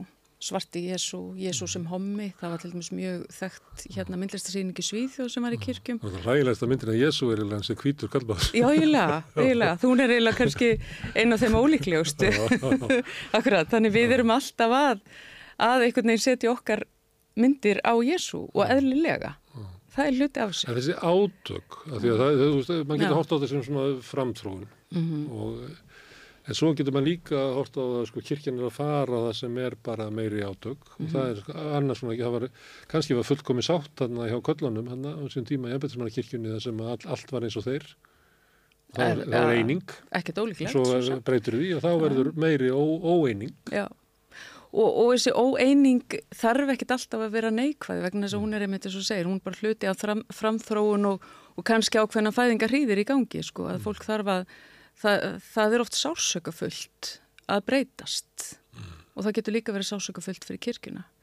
En kirkjan hefur samt, sko, hún hefur náttúrulega ekki staðið sér vel í sumu málum þegar kemur að, sko, bara fólki eins og með málefni samkynneir og annað. Og hvenna? Hún hefði átt að standa Og sig betur. hvenna, sko. Hún hefði átt að standa sig betur. Hún hefði átt að standa sér miklu betur. Það er og- ómúlegt að vera að segja það árum áratugum saman hún hefði átt að standa sig betur. Já, ég veit. Ekkert tíma verður hún bara að fara að standa Já, betur. núna bara stendur hún sig. Já, það já. er bara svo les. Já. Já, já. Og hún þarf að gera það núna. Og hún hefur verið að því. Ég menna það er búið að breytast sko bara í tíð Agnesar. Þá er kirkjan orðin mun örugari vinnustöður. Mm. Það er tekið mark á því ef þú verður fyrir ekkur í vinnunni þinni. Sem að var kannski ekki fyrir, ég veit ekki hvað, 20 og eitthvað árum sko, ekki með sama hætti. En kirkjan hér á Íslandi... Þau mál eru líka átöku kringu það. Það er bara skekur prestafélagið og Heldur betur, já, já, gríðar átökun í kirkjunni þegar við erum að tala um þetta. Það fattar maður að það bara, akkurat. það bara hryktir í öllu. Já, en kirkjan er hluti af sko samfélaginu og ákveðnu samtíma og þessi mál eru svo sem alveg erfið allstaðar. Þau hafa bara vakið mjög mikla aðtikli í kirkjunni líka vegna þess að kirkjan er náttúrulega staður þar sem við eigum að vera almennileg. Við eigum að vera friðsamleg, við eigum að vera góðu hvort annað og kærleiksrík eh, en svo getur líka sko kærleikurinn orðið svo mikill að við verðum meðvirk. Það er náttúrulega heldur ekki, ekki bóði. En allir þessi hlutir, sko, þetta er eitthvað sem að aðrar, eh, hvað sé að reyfingar eða stopnanir, sko, hafa líka verið að takast á við eða eiga eftir að gera það. En sko, kirkjan er búin að vera núna undarfarið í ákveðinu uppgjöri við uh, samkynniða samfélagið uh, og svona tekið sér, ég farið að hlusta á sögurnar.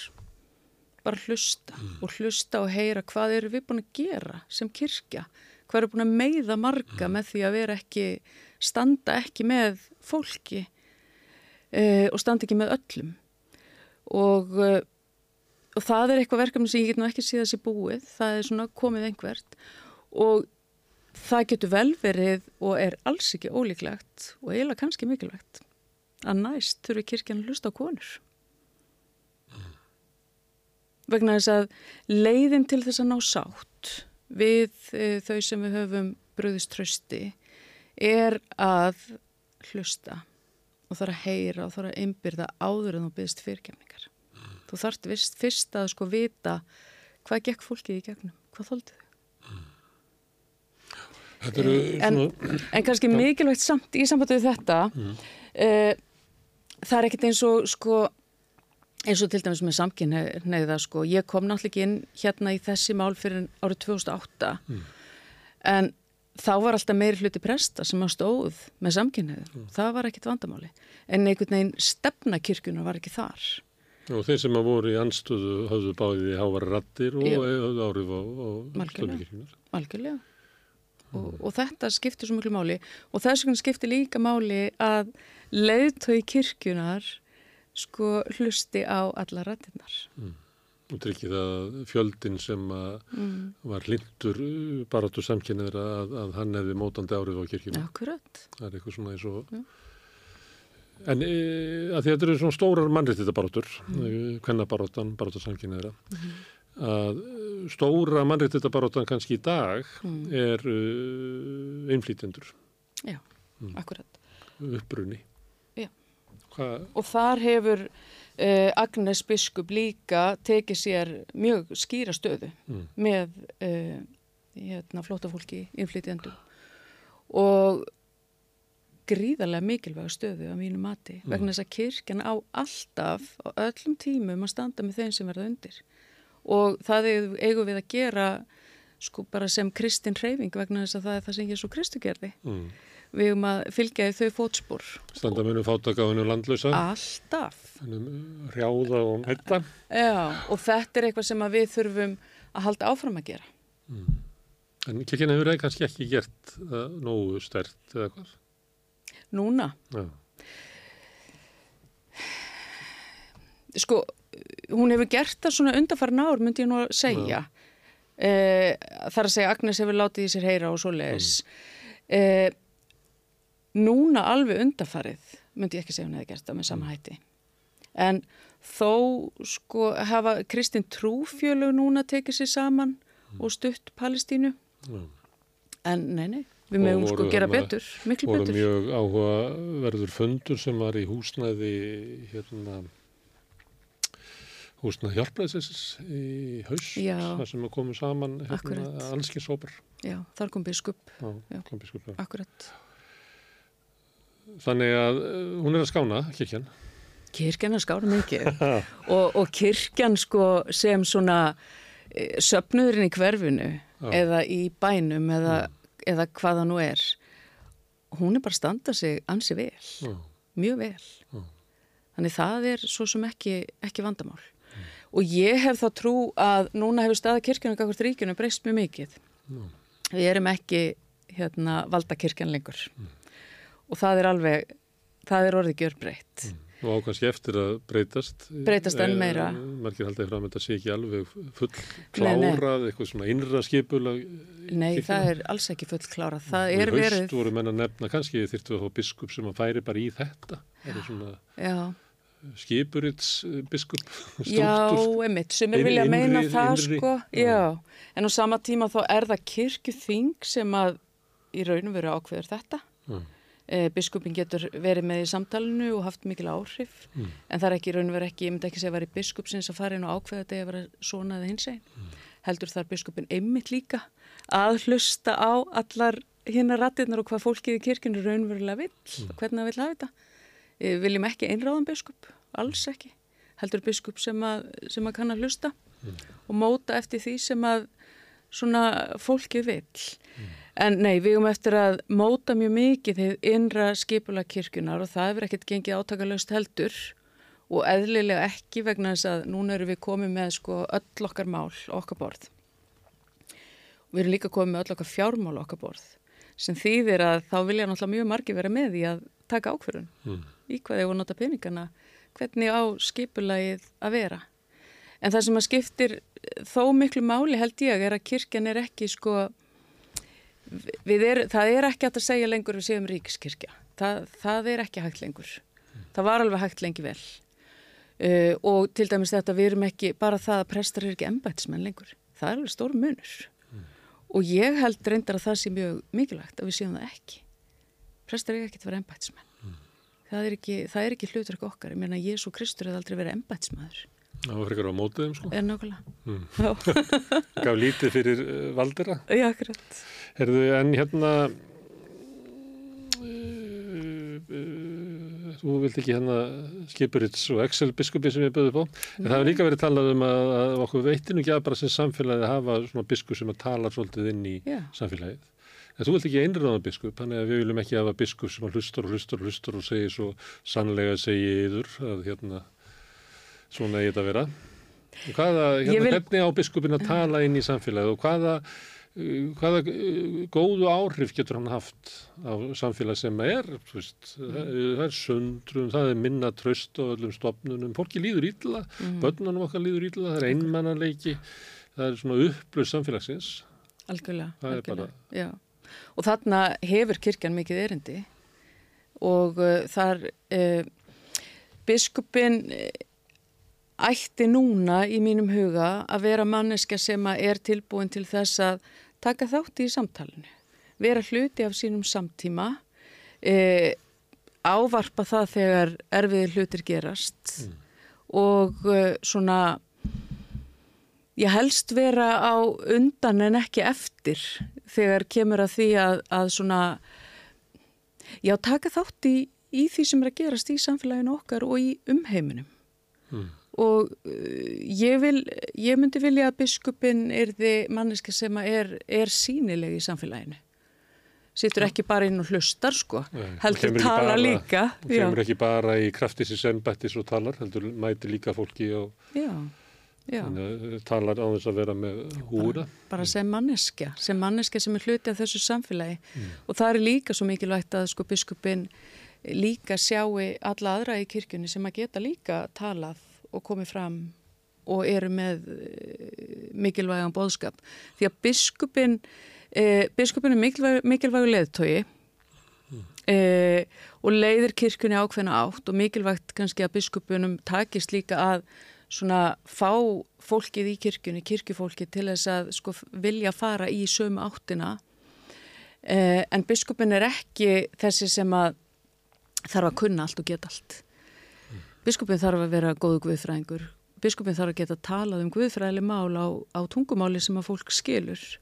En biskupin þarf líka bara að vera vennileg manneska sem er ekki að þykja sneitt mm.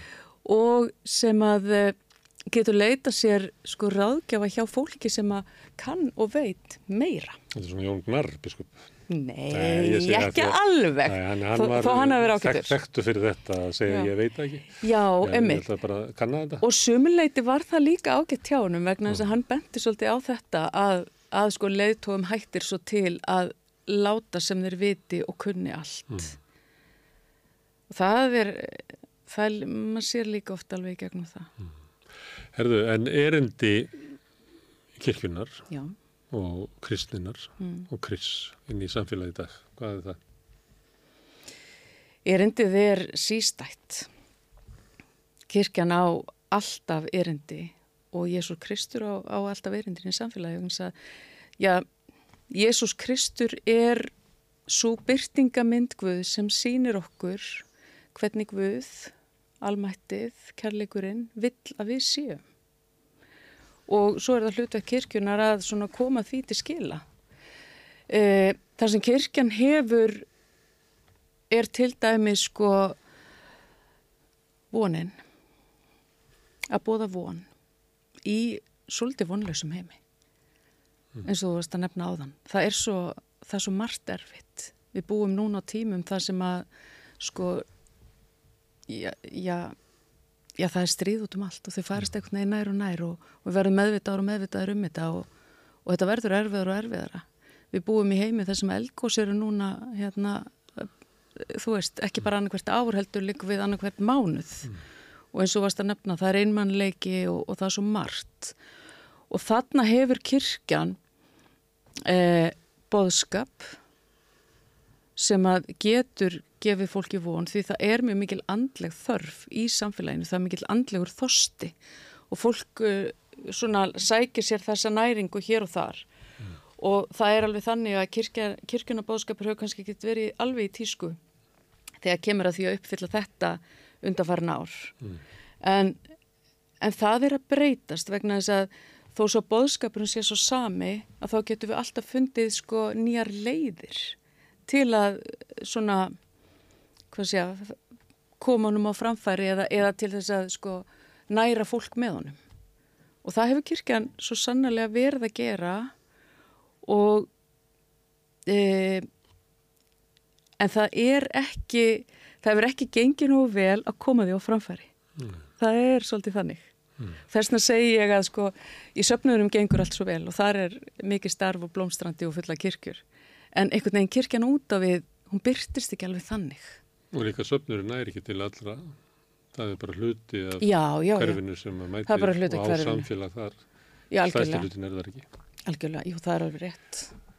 En ég hérna að þú talar svolítið um sko svolítið svona enganlega að, að hérna að kristnin færi okkur von þá sem einstaklinga tala, að, mm -hmm. og talar eins og að, að við, mannskjarnan mm. séum uh, höfum trúarþörf séum andleg að einhver leiti Já. og ef að, ef að þú og kirkjana er ekki hérna, til mín að, að þá fenn ég andlegri þörfminni mm. fæ útráðs annastar -hmm.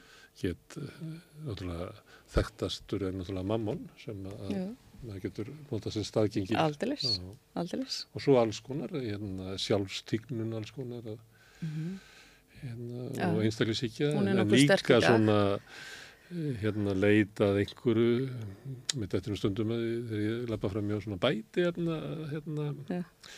hérna rekkanum í stórmörkonum að þetta sé eiginlega eins og alltari sko, þar sem að fólk kemur og sækir sér oplótur til þess að bæta. Algjörlega, já, já. og einhvern veginn þessi dýrkun á sko líkamannum, reyfing, bætiafni, þú veist líkamsrækt og allt þetta. Það er svo sett kannski að tala mútið í að heldum okkur helbuðum líkamann. Já, já, algjörlega, algjörlega, en þetta má einmitt ekki verða þessi, þessi dýrkun og það má heldur ekki vera þannig að það sé sko að, að það sé himnaríki og svo sé helviti að vera einhvern veginn, þú veist, ekki standi mm. líkamlega. Mm vera í ofþyngdi eitthvað þess að þar og það er mjög hægt á, mikil hægt á að verða þannig í okkar samfélagi þar sem að útlitstýrkun og einstakli styrkun er mjög mikil. Mm. og við getum bara setta okkur hvaða fílter sem er og, og byrst eins og okkur langar. Mm. því við erum öll bara okkar okkar bladamennsku eða, eða fjölmjöla fræðingar þannig að það er svolítið hægt á við verðum ekki sönn einhvern veginn. Ekkert um að orða hann eða ef fólk er ekki að velta fyrir sig hvað vegum við að þá verða hérna, það sem þú tristir á, það er þinn Guð mm -hmm og það getur sumið trist á efnarslega öryggi eða veist, sótt í alls konar öryggi mm -hmm. og, og það er þar með þinn Guðs, það er þessi hugmyndum að við síum raunverulega andlega verur mm -hmm. og andlugu þorsti geti byrst ófullnaður andlugu þorsti geti átt sér svona skringilega byrtingamindir Einmitt. Mm. En svo er líka mikilvægt held ég sko til þess að kirkjan einhvern veginn nái, röttin nái út fyrir eh, lengra það er að, að sko að við byrstumst ekki ég upplifi stundum að fólk sem að sækir kirkuna mm. út af eh, sálgæslu eða, eða hinn og þessu mm. eða aðtöfnum jafnvel, hafi þær hugmyndir að, að við í kirkjunni séum með svona einhverja barnalegar og mjög einfaldar hugmyndir og jafnvel bókstafslegar mm. um Guð og, um trú. Þú ættir að dæma, dæma mig, ef ég kem til þín, þá myndur dæma mig. Já, já, og hérna og það er til dæmis mjög algengt að fólk vilji sko aðtapnir kirkjulegar þó svo að það sé ekkert sérstaklega trúað. En síðan er það oft þannig þegar við förum að ræða málinn mm. að þá komum við, komumst við að því að við trúum bara óskup svipað. Mm. Eh, en fólk hefur ofta einhverja hugmyndir um það að við kirkjunni trúum á Guði sem, sem er kallið på skí mm. og svo með skegg og svo Jésús svona kvítur er mitt hérna og myndalög með blá augu Mm. og svo er heilagur andi þriðikallin Mm. e, sem er svona svolítið óskýr og, og tilbaka og, Mm. og þetta er eitthvað sem að kannski kirkjuna mörguleiti hefur ekki tekist að sko Þetta er náttúrulega eitthvað sem kirkja bjóð til, sko. Já, algjörlega, en það er, já, en, en ég það er myndi ekki segja... svo að við sem að þröngu Nei. sem okkur, þetta. Nei, nei, nei, Já. en við sem að, ja, akkurat, en við sem að erum sko, hvað segja, kirkjufólk í dag, Mm.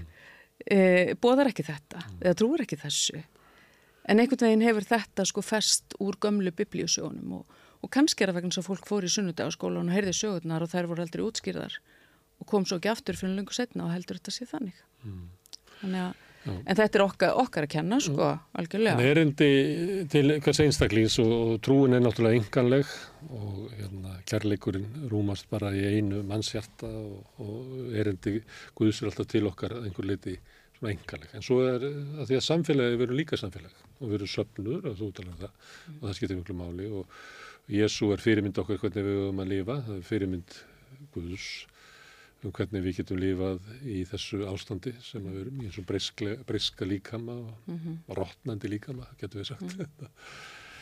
uh, en maðurinn er nú ekki endilega saman á því, hann tók til dæmis Jésu og krossfestan, vildi ekki hafa hann í sínu samfélag. Já, manneskjan. Já, manneskjan. Þannig hún er ekkit svo hrifin að þessari hugmynd Nei. Guðs um hvernig við höfum að vera. Nei, ég menna, Jésu var bara mjög erfiður. Já. Hann var algjörlega fyrir. Hann var náttúrulega politist mjög, mjög erfið manneska. Já. Og þannig ferðan og stundu fyrir þeim sem eru með einhvern veginn Mm. ákveðin bóðskap Mm. að þau eru ekkert endilega vinsæl. Og, og eh, já, það er alveg rétt. Við, við þólum þetta oft ekki vegna þess að við förum bara í valdabaráttuna og, og já, Já. það er alveg rétt. En Það- á það- sama tíma er Jésús svona einhvern veginn og það, það er kannski það sem að náttúrulega kristna, kristna vonin gengur út á sko að við munum læra af þessu, að við munum breytast þó svo að, að trúin gangi líka út á það að Jésús hafi sigra döiðan og, og allt það. En það er náttúrulega ekki nóg vegna þess að heimurinn hér og nú þarf að breytast sko. Himnaríki þarf að, þarf að verða hér.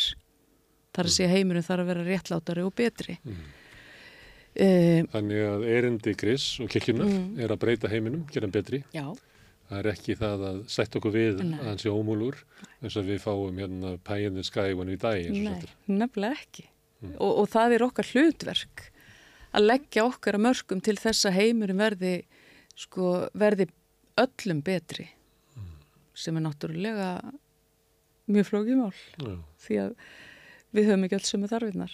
En þar kemur þá það að kirkjan eða kristið fólk á að standa með þeim sem verða undir alltaf, alveg sem að hverða eru. Án fordóma. Já. Og þá er það, þá er þetta eiginlega bara svona eins og næstu svo lógist að þú veist heimurinn er, hérna, hann er erfiður, hann er mörgum hérna íllur og leiðin til þess að lagan er að fara það sem að, erfiðleikarnir eru ve- mestir, þeir sem að lifa sárast eh, vegna óréttlætti seimsins Mm. og laga heiminn þaðan megin frá. Þannig að þetta er bæði það að við erum að vera þarna vegna þess að þarna er skaðinn. Mhm. Við þurfum ekkert að fara í þeirra sem hafa það bara eins og blómi ekki. Mhm. Þetta eru að fara það sem að sko óréttlæti veldi mestu skada. Vinna með því að laga þann skada og horfa á heiminn þaðan. Mhm. Þegar við erum hugsun sko að heiminn er góður. Algjörlega, algjörlega. Og, og, og, sko, og það er ekki nóg að byggja. Það er ekki nóg að bóða. Það er ekki nóg að vera bara inn í fallegu kirkjónum okkar. að gera eitthvað. Já, við þurfum að gera það og við eigum að gera það. Og ég myndi segja til dæmis að sko hjálpraðisherinn er líklega eitt af trúfélag sem hefur staðið sér best í því. Það er svona trúfélag sem hefur alltaf verið bara trútt því sem það ætlaði að gera. Já. Það er til dæmis syndi hérna, drikkjufólki, Algjörlega. útigangsfólki, Mhm. löngu áður en nokkur annar. Mhm. Það sem að það var eiginlega bara skilið eftir utan múra samfélagsins. Mhm. Mm. Samfélag leit svo á að það ætti ekkert að sinna þessu fólki og það hjálpaði sér en tók það upp og, og byggði upp uh, mjög merkilega vinnu Einmitt. og skipulaða vinnu sem Mhm. Að þinni druknu kom inn á fyrstu hæðina og náði að verða edru og eiginlega, þetta var eiginlega vísirinn að meðferða eins og við þekkjum í dag. sem Já, já, já, akkurat. En, en þegar þú segir þetta að svona kirkina eigi að vera bara skilislust hérna standa þarna, það sé erindi kirkjunar og erindi og verk, það er verkin sem að skipta máli. Þannig að kirkja þarf að gera eitthvað, ekki bara að segja það. Ekki bara að segja það, en hún þarf að Ekki bara segja segja líka. mér hvað ég á að gera það, er að gera það sjálf. Já. Hún á að vera breytingin sem hún vil standa fyrir. Já. Mér finnst þetta ekki, þú veist, ég veit alveg um s- söfnuði og ég veit að, hérna, og það eru margir blindi fyrir því, Mm. að því starfi sem á sér stað inn í kirkjunni og verið segja í guðstjónustum og fleira. Ég, hérna, fyrir mörgum árum þá mér segja flakkaði um milli og skrifaði messugagrinni Jaha, Já, og skrifaði um uh, hérna, var með svona bókmyndagaggrinni á ræðu pressins og, og tónlistina og myndlistina í kirkjunni og, og svona hvað er endi þetta ekki. Skemmtilegt. Já, Sældist þarna um. ok. Og svo þetta framleitt, þetta átti bara að vera á lönguföstu og þetta þótti svo skemmtilegt, þetta var í Víðsjá á, ráseitt, það var framleitt fram á Kvítasunu. Mm. Þegar að ég hérna og svo í svona starri uh, kirkjum að þá átti ég ekki erfiðleikum með þetta. Að þegar ég var komin inn í minni kirkjur, þegar sem að er svona nálað söfnuris var nær, að þá hérna gafst ég upp að því að mér fannst ég vera komin inn á svæði sem að væri enganlegt og, og söfnuður nætti. Það var ekkit vandamál fyrir mig að leggja út frá sko ræðu þinni eða músikin eða kursungnum eða myndlistinni.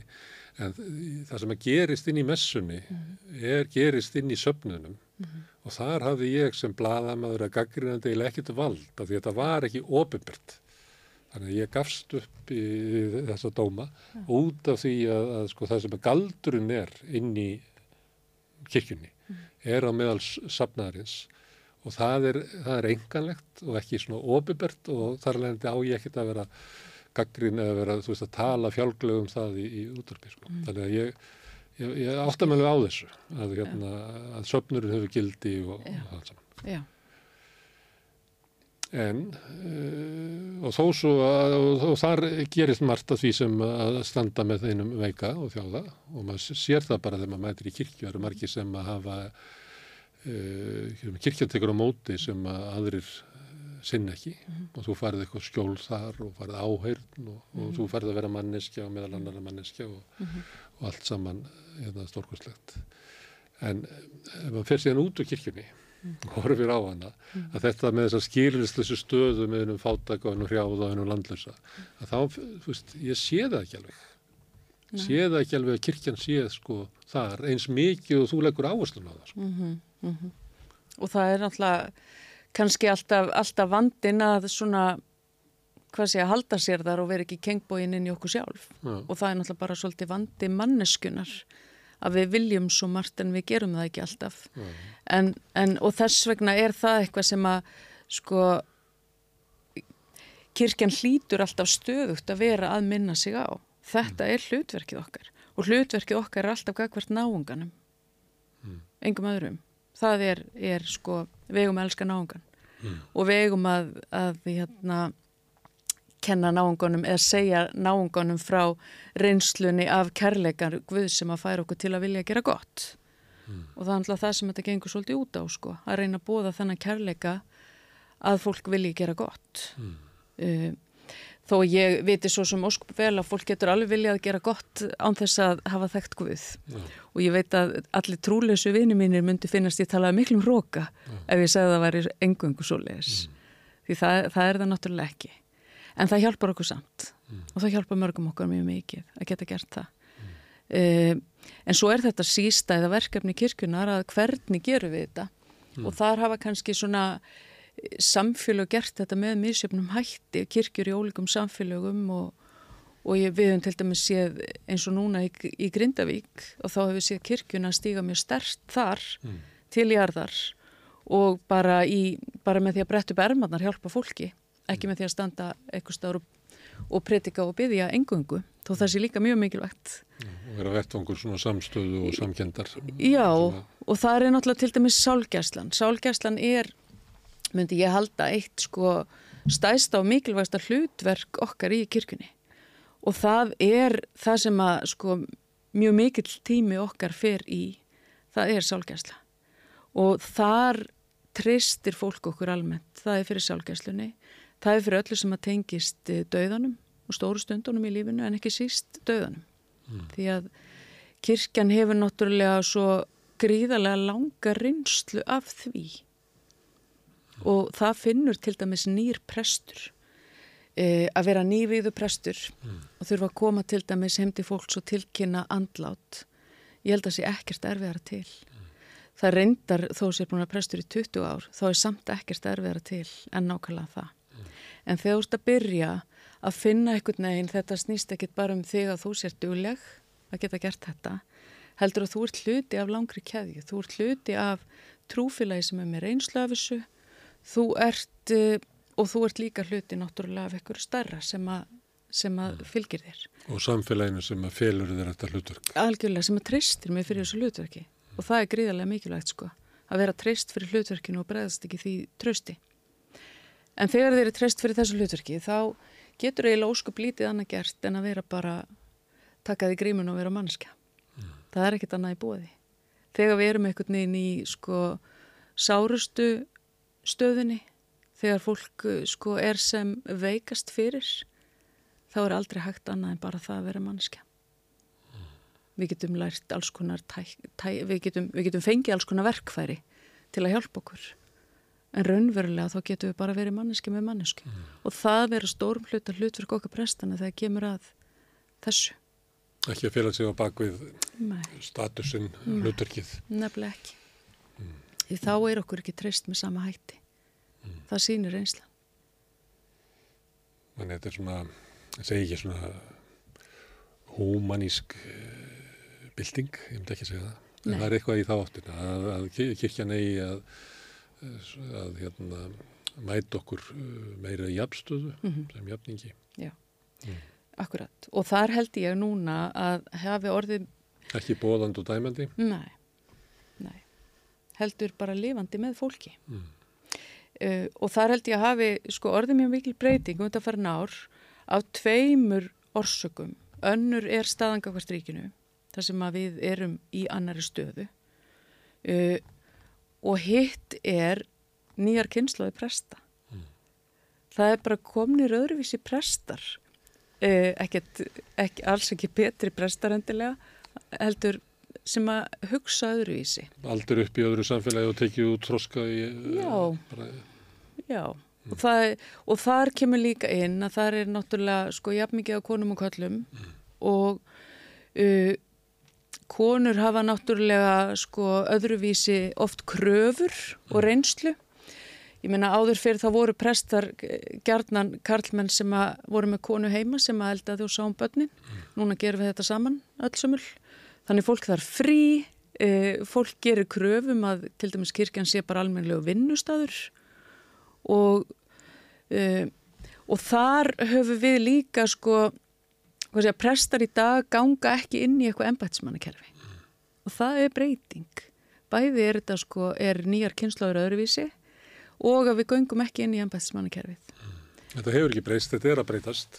Já, þetta er að breytast, Ég breyst við já, íslenska prest í Nóri sem hafði farið og fengið störfi eftir hrun.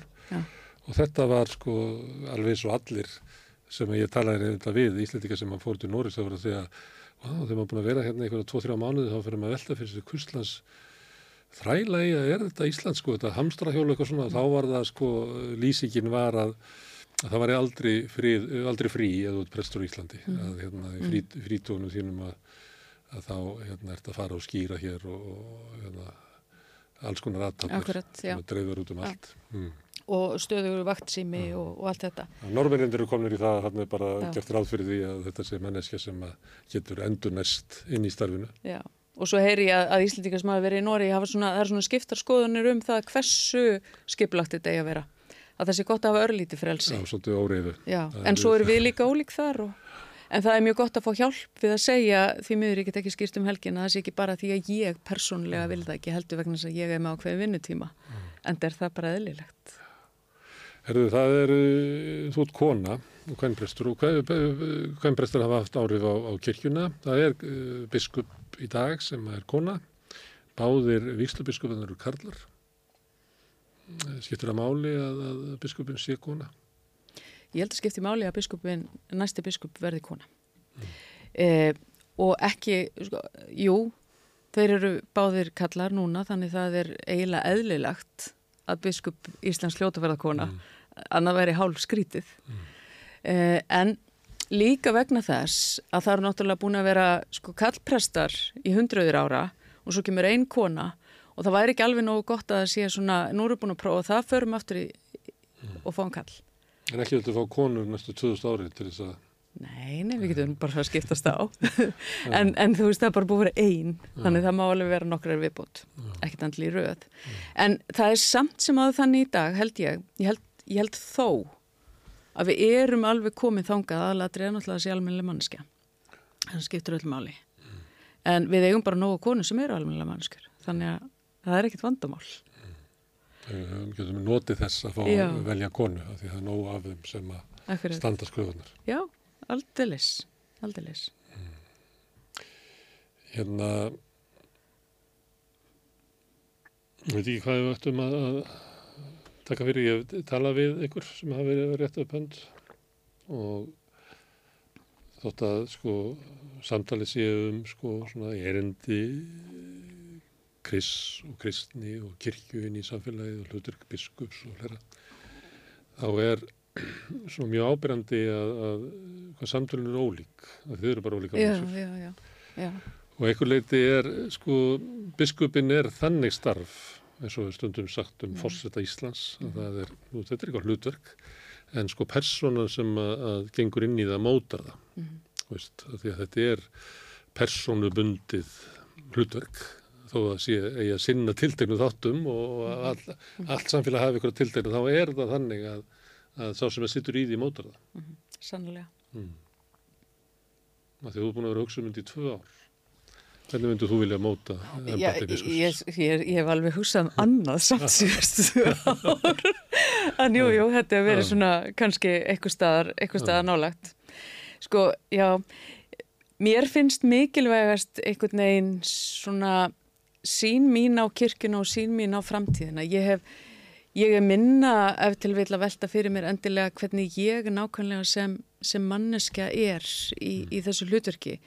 Uh, ég held þó, ég er frekar, ég er svona frekar hjálpundin, getur verið nokkuð hispuslaus og, og svona sagt hlutina eins og ég sé þá. Mm.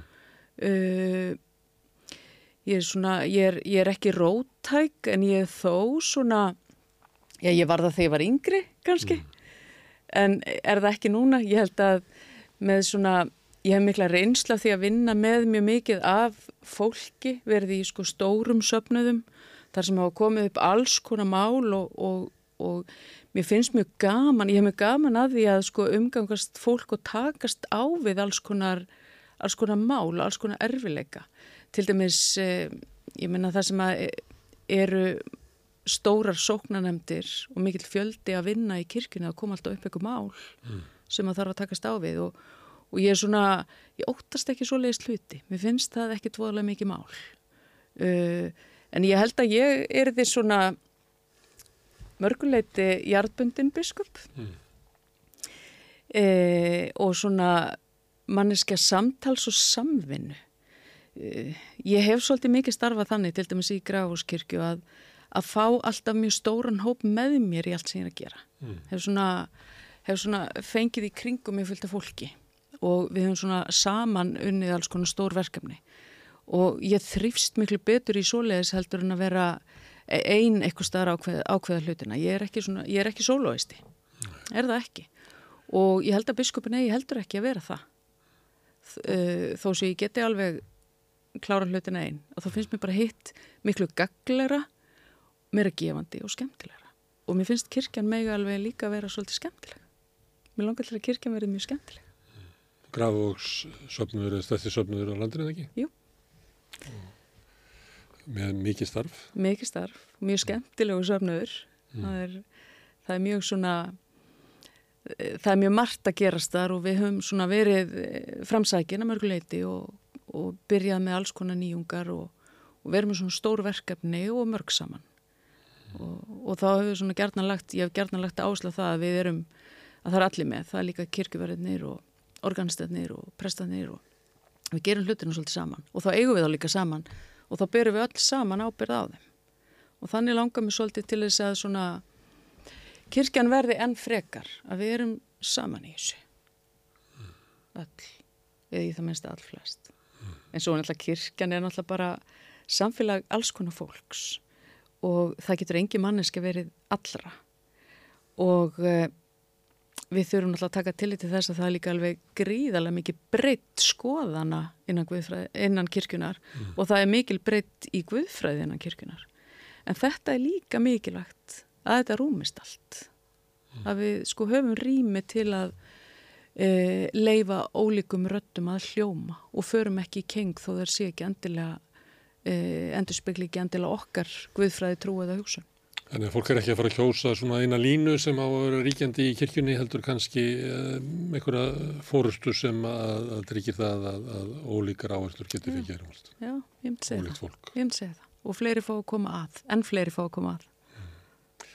Erðu, Guðrún, takk fyrir að koma enga að rauðaborðinu og ræða um uh, kristni og samfélagið í svona tilefni af komandi biskúsfjöri.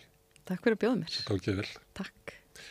Þetta verður svona síðasta viðtalið í þessari sirpu okkar. Á morgun mun komi í ljós hverju það verða sem fari í biskupskjör. Það mun taka, þá hefst svona, já, ég veit ekki um kallað það kostingabartu í svona cirka mánuð eða svo.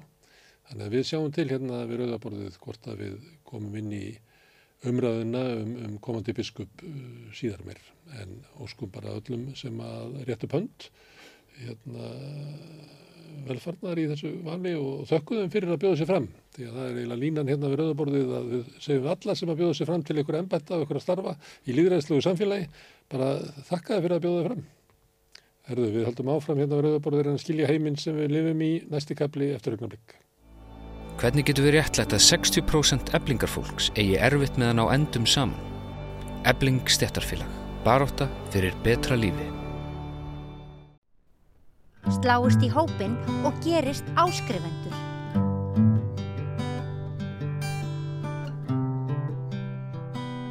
Já, heyrðu, við höfum rætt svolítið undarfarið að undarfarnum vikum annars lagið um, stöðu fíknísjúkra í samfélaginu. Það kom hingað fólk frá samtökum aðstandenda og fíknísjúkra sem eru svona í burðarliðnum, fólk sem hefur kallað sér Dauðasveitina á Facebook og hefur staðið fyrir mótmannum niðri á Östuvelli við lagt rósir á tröppur alþýkshúsið ef að þið munið það.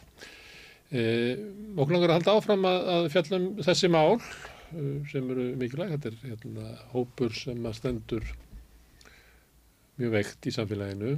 E, það er ekki heilbriðs þjónustu við hæfi er ofta gödunni er eiginlega utan borgamúrana eins og hefur verið sagt á miðöldum að, að þau fá ekki að í erflikum með að komast inn í svona formlega samfélag sem við höfum á millum okkar. Til þess að ræða þessum um stöðu fólks í þessari stöðu er hinga komnir Kristinn Magnússon og Jón K. Jakobsen e, sem hafa reynslu af fíknefnaneyslu og, og samskiptum við fíknisjúkra og, mm -hmm. og það að vera heimilislaus á þessu svæði þetta er svona heimur sem að uh, kannski ekki margir hafa svona insýn inn í uh, og kannski erfileikum með að, að, að finna til samkjöndar og samstöðu með fólkinu sem hann er inn í og ég spyrja ykkur af því að þið hafið farið til helvitis og ratað út aftur? Hvað hvernig þetta er? Hvað svona veröld þetta er Ég skal bara byrja að sko um, þetta er svartur heimur og hann fer harnandi mm. og þegar maður eh, hefur starfað í meðferðargeirunum og verið í fangilsum um,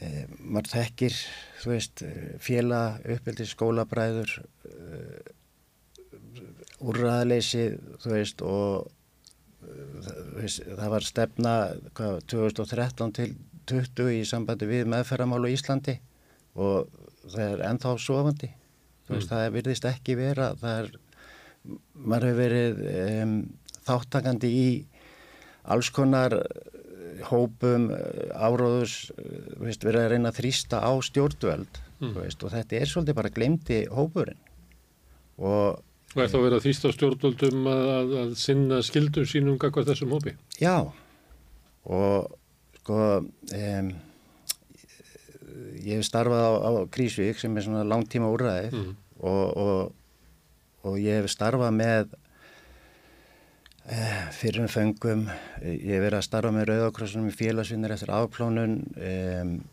ég hef verið að fara með aðfundi inn á Hólmsegin á Littlarhaun og, og eh, flest allir veist, sem að lendi í fangelsi og, og þetta er tengt výmugjöfum hvort sem það eru afbróti sem eru gerð undir áhrifin výmöfna eða fjármagna výmöfni eða innflutning, þú veist það er alveg sama hvar maður stýgur hann inn að e, úrraðalessi þar þú veist og það er sko, þú, þú kemur út úr fangilsi og það er ekkert sem tekur við þér þú kemur út úr meðferð og það er eiginlega sama mm. þú veist, það er einhver áfangaheimili sem er að gera sitt besta en þetta er allt undir fjármagna og ég var aðeins byrjar að horfa bara á uh, þáttinn inn að gefa þetta mín Já.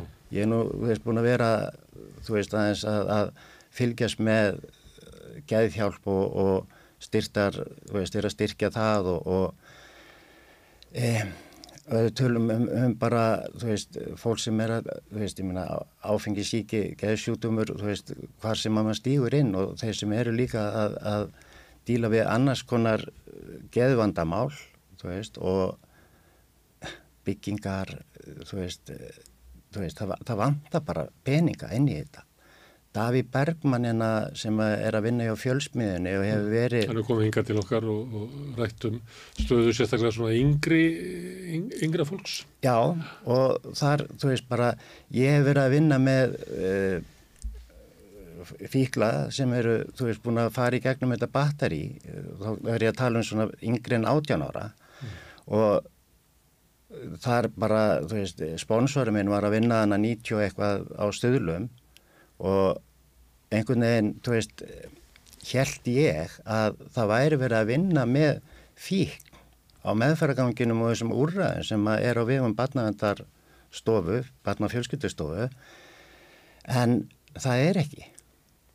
Þú veist, það er, þú veist, þetta er verið að beita svona art sem er svona reyði stjórnunar og eitthvað og ég kemst að því núna þegar ég fer aðeins inn í þetta dýpura að það er ekki verið að vinna með fíknisjútum en sko það eru unlingar að deyja í dag þú veist og þegar ég svona þú veist hinliðin á þessu þegar fólk er komið í búið að fara í gennum marga meðferðir orði 20-30 ára og þetta eru stöðlaböðn og allt þetta og ég vott veld fyrir mér ok, hvað er það sem að er? Þú veist sem ég veit í dag er að þetta er ekki að vinna með krökkunum það er engin, þú veist, leið að, að setja fólk inn á neyðavistun eða í einhvern meðferðúræði þegar ekki verið að, að, að díla við rótina þú veist, þetta eru krakka sem eru við kallum þetta olbúaböðn eða hvað, þú veist mm.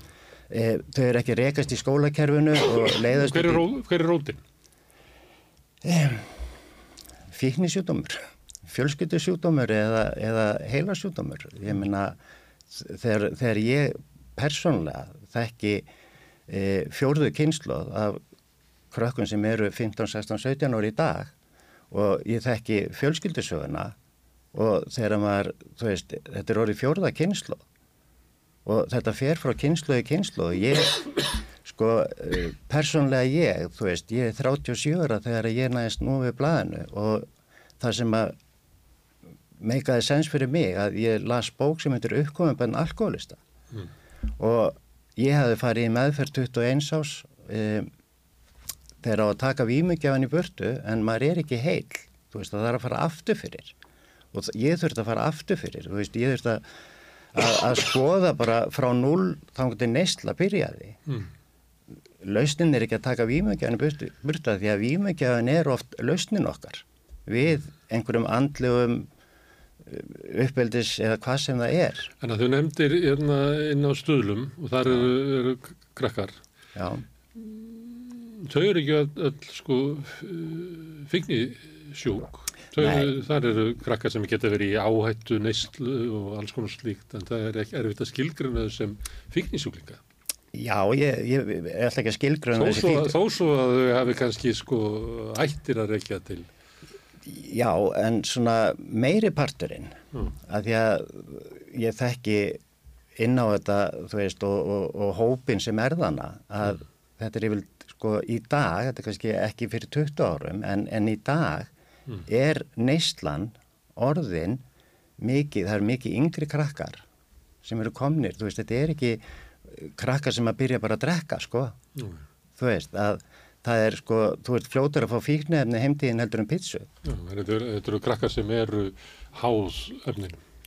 Já, í mörgum tilfellum, en, en það eru náttúrulega, þú veist, ég, ég horfa alveg á þetta raunsætt, skilu, að e, krakkar sem er að díla við einhver hæðunavandamál er ekki í výmugjöfum þú veist, að það þarf að grýpa allan hóp, þú veist, og mm. það er svolítið sem að stuðlar eru, þú veist, gefnir út fyrir, þú veist, að það er verið að stundu þarf að taka krakka út í sinni eðavistun og síðan er þessi meðferð, MST-kerfi sem að batnavendi með er svona multisystem, veist, sem að er kannski oft á tíðum til að laga, um, þá er svona farið inn í fjölskylduna meira og það er svona heilstiftara skilu mm. uh, sem er náttúrulega því þetta er oft, veist, brotin heimili sem að þessi krakkar eru að koma frá og það þarf náttúrulega, það þýr ekki að taka einn einstakling út og laga hann, það þarf að laga fjölskyldun oft á tíðum. Og sem er bara, þetta er frábær kerfi en það virkar ekki alveg nógu vel á Íslandi af því að um, það sem á að taka við, þú veist, ef við tölum um fíknifræðinga, sálfræðinga og það sem að veist, þetta virkar ellendis það sem er alvöru kerfi en því miður er heilbyrðiskerfi hérna ekki nógu stert um, ég er búin að fylgjast með þessu þú veist bara tökum bara svona dæmi þú veist að, að, að þú í, lendir í bílsti sem móðin og móðin slasast alvarlega og þú ert tí ára eða þú veist hvað sem það er þú veist að það þarf að grípa þetta bad þú veist þetta er áfall og það þarf að hjálpa því í gegnu það þú veist, hvort sem að móðurinn eða fóröldri látast eða mikið slasaði, það þarf að grípa inn á einstaklinga, en hver á að grípa? Þú veist, mm. það er ekki verið að grípa þessa einstaklinga, þú veist, og um, skólakerfi það er, það er ákveð, þú veist, ég var settur í tossabekka því að, þú veist, ég rakst ekki í hópnum, þú veist, og þá er ég strax búin að aðgreina mig frá fjöldanum, ég ger það, þú veist, á hans að gera mig grein fyrir því. Og ég gerði mér ekkert grein fyrir þessu fyrir að ég er 37 ára komin í langtíða meðferð og búin að lesa einhverja bók sem heitir uppgóðum bann alkoholista þú veist, mm. það er þú veist, meðferðarsamfélagið þú veist, það eru frábæra meðferðarstöðir en þetta er allt engareikið þú veist S.A.A. er að gera fína hluti ég ætla ekki að fara að dissa S.A.A. þú veist, en sko þeir eru búin að kynast þessum fíknisjúkdóm og langtíða meðferðum þegar að um, það er ekki, það hefur búin að lítið hægt að gera á sex vikum fyrir langt leita fíkni erna neytendur eða vímu, eða veist bara alkoholista skilju mm. þú veist, þetta er eh, alkoholism er sjútumur afnefnunar þú veist, þú réttlættir í haustum á þér og það tekur til miður ótt og tíðu meir en sex vikur S.A.M. með sex vikna þú veist, þeir eru sambyrjar að geta mm. verið lengra en þetta er Það var nú langtíma eh, dvöl hann fyrir nokkrum árutúm Já. En Það er þetta hótt að sex vikna eh, afviturinn og meðferð hendi mörgum. Þetta er nú öllum og þau er ekki fyrir alla. Nei. og það þarf að vera eitthvað annað sem að tekja við. já.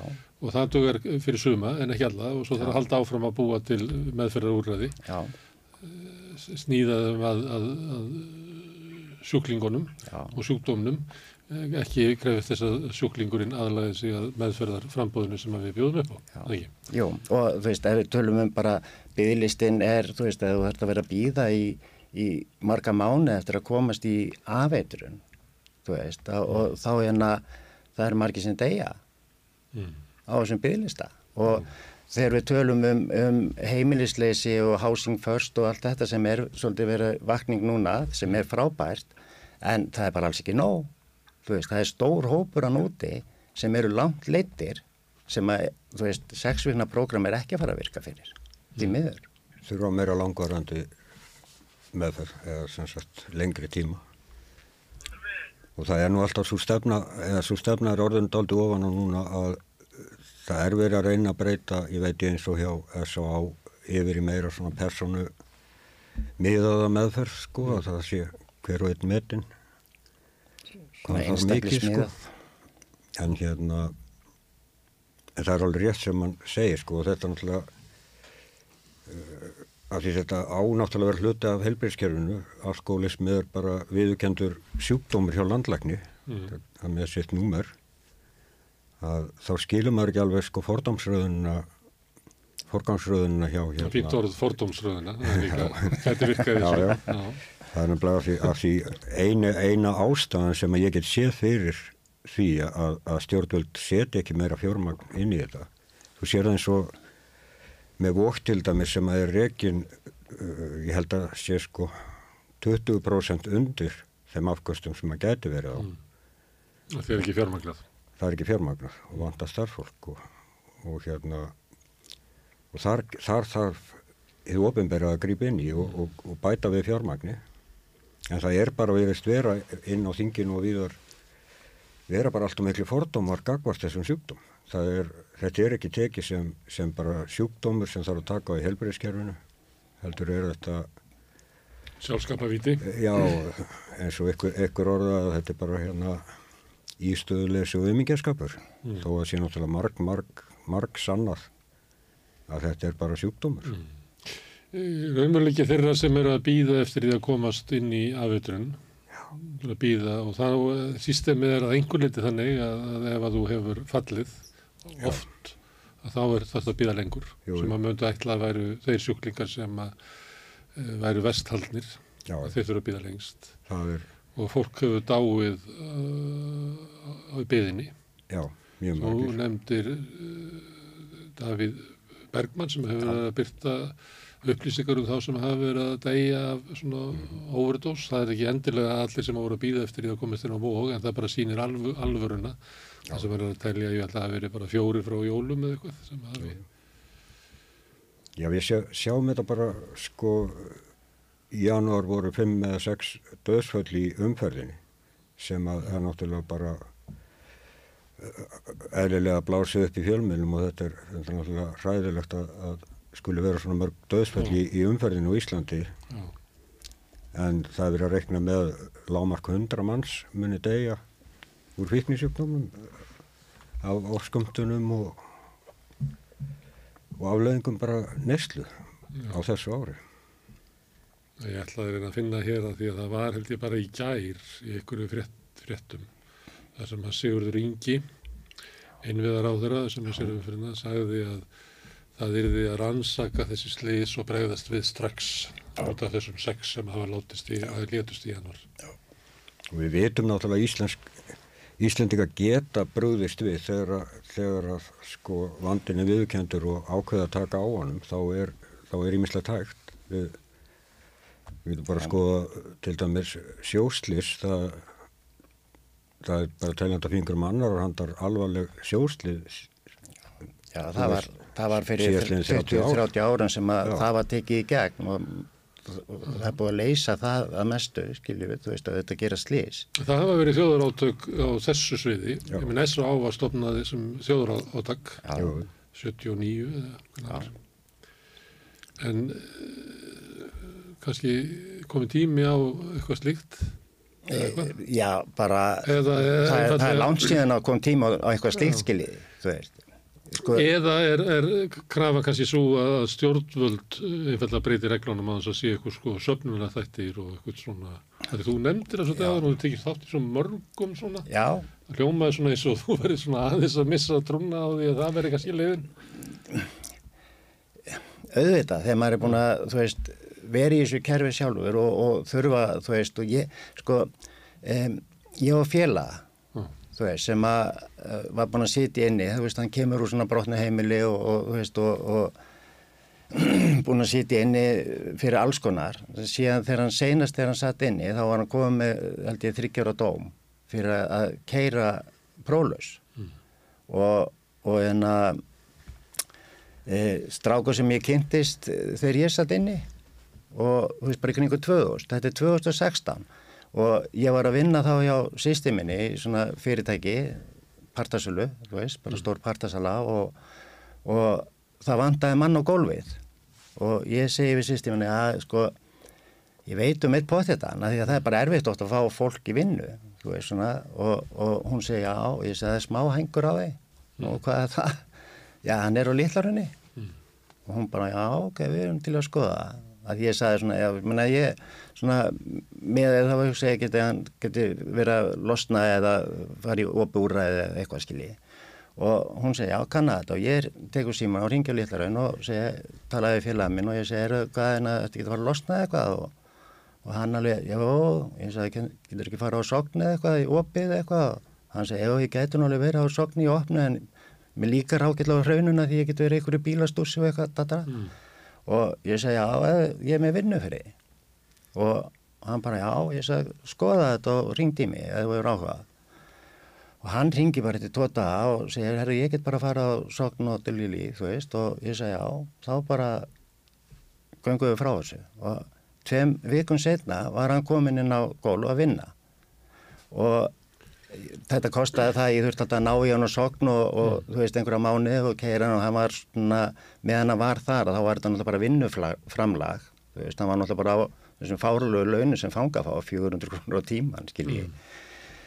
sem er, já ég ætla ekki að fara út í það en, en hérna e, síðan kemst hann á vendina og ég þú veist, ég var að keira úr bænum austur mm. alltaf og ég náði alltaf hérna á vendin og ég þurfti að hætta hans fyrir í vinninu og keira og síðan komst hann á öklabandi og, og græja, veist, þá var ég líka keiran, þú veist og, mm. og Hann hefur próflus Já, já, já, já skiluðu, þú veist og hann var með bara uppáskriða frá lauruglumönnum og allt, þú veist að hann var búin að vera próflus í þrjú ár og sóttu um og fekk sinjun mm. og hann sagði, þú veist, og þá held ég myndi missa hann ég var ekki að krefja hann um að vera edru þetta var bara, þú veist, að rétta einhverjum hendina og segja hei, ég get hjálpað þér mm. og um, ég held ég myndi missa hann þegar hann fekk, þú veist, þurfti að vera eitt ári við, viðbóð prólaus, hann er með bíladöldi döðans þessi sko mm. og hann hérna þú veist, ég og sýstum mér áttum einna bílan og selfósi og sem að fæði minn lotin þú veist, það hefur verið innrýttu íbúð og við leiðum hún um það þegar hann komin á öklabandinu og og lífi hjælt áfram. Sýstum ég hjálpaði honum í þessu peningamálum þú veist náttúrulega þegar þú verður virk kennitalega í þjóðfélaginu sem er náttúrulega bara skelvilegt mm. Að því að þá kemur bara skatturinn náttúrulega að geta þið skilu. Það er svolítið leikurinn sko. Já ég veit, veist og það er alveg búið. Það er fyrir skiltinni og byrjaði að borga fyrir skjöld. Já já og, og þú veist það var sett á nefndina sem hétt Gráborgarnemndin það var svona verið að, þú veist til að fara hans inn í þessi mál og líka bara, þú veist, það er mísjand eftir hvað út skráður, hvort þú fáir að vera í skóla í fangjörðis, skilu, það, þú veist, það verður svona vera að eigða út þessir mísmönun, mm. skilu, og, en þessi, þessi maður, mm. þú veist, hann kláraði sinn dóm og í dag á hann tófurubíla og allt, skilu, með dóttu sín í vinnu og er bara virkur þjóðfélagstegn, mm.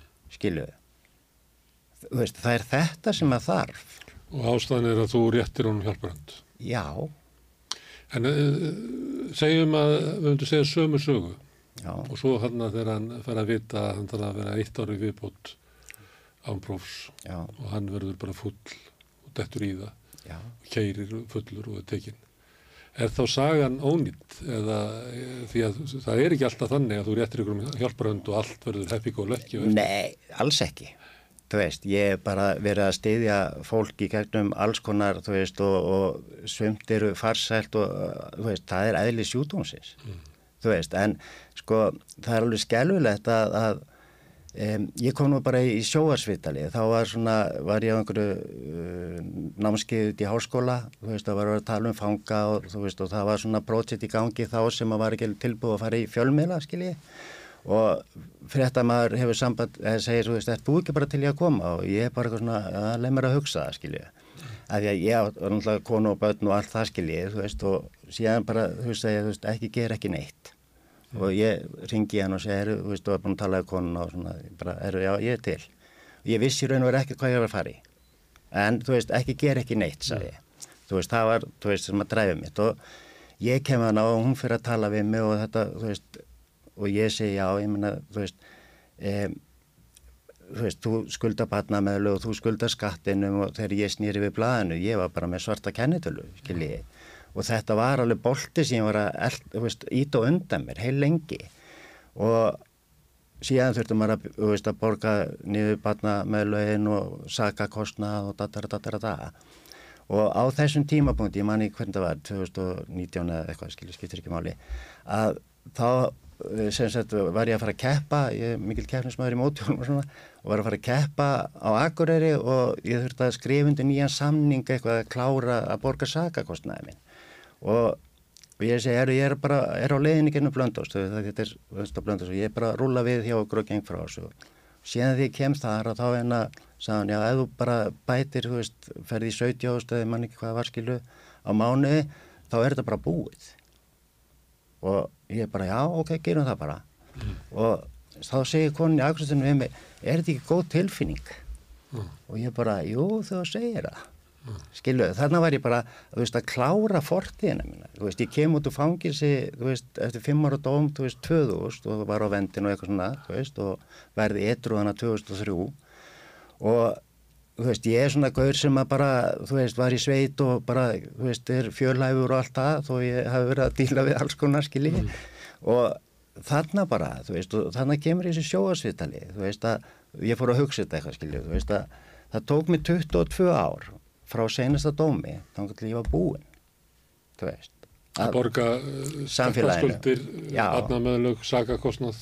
Já, og, já, sakakostna, en þú veist, þetta tók þennan tíma þó ég ekki byrjaði alveg strax, skilu, en þetta voru 22 ár, skilu, og endurspeglunin í þjóðfélaginu sem ég fekk var að, þú veist, ég var náttúrulega, veist, að vinna á meðfæra heimil á þessum tíma og, og það voru menn sem var að fara með bíla í vikir, þú veist, fyrir meðfæra heimili og þeir bara svona, já, frábært að sjá því í fréttunum, ég var bara, í, þú veist, á sunnuti, bara fréttunum og rúskili, bara einhver gaur, skilu, þú veist, þú veist, þetta er það, það er þetta, þú veist, það er oft verið að setja hindranir þegar maður er tilbúin að snúa við þá er ofta, því þú talaður um veist, hvað er farsælt og ekki farsælt mm. það er oft þessar hindranir sem eru sem íta fólki aftur í neyslu skilju. Lífi verður bara of erfitt það er ómikli talmar skilju, þú veist svona hindranir og þegar þú ert að koma úr þessum heimi þú veist, þú kannt ekki held að á þetta kerfi, þú veist, og þetta er allt orðið rafrænt og þau eru ekki með snjálfsíma eða, þú veist. Ekki konir með hérna, hvað heitir það þarna, rafrænt skilviki? Já, já, og þetta er bara stability í, í, þú veist, að því að taugakerfi, þú, þú veist, ég í dag er ég, þú veist, bara fyrir uh, rúmi ári fer ég að vinna svolítið, þú veist, með EMTR og eitthvað svona, þú veist, í og þegar að kona ég var að reyna að fá, þú veist, það er nú bara þrjutinni þingra að komast í svona EMDDR, þetta er, þú veist, það er alltaf fáir sérfræðingar hérna því miður, þú veist, að, og hún sendi baka, já, líf þetta er nú búið að vera eitt stort áfall mm. og ég bara, já, ok, þú veist maður er svona bara harður, þú veist, einhvern veginn og, og heldur áfram og er náttúrulega komið góðan grunn, en þetta er að hjálpa mér.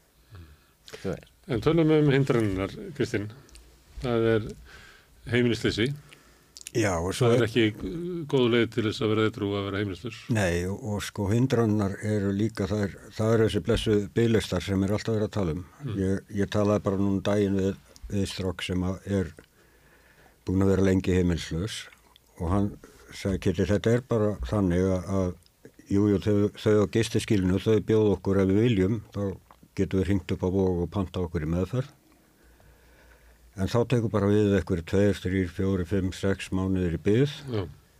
og svo loksist þeirra kallir kemur að, að þá komið sumar og, og fugglarnir hann er að syngja og við drýfum ekkert inn í meðferð mm.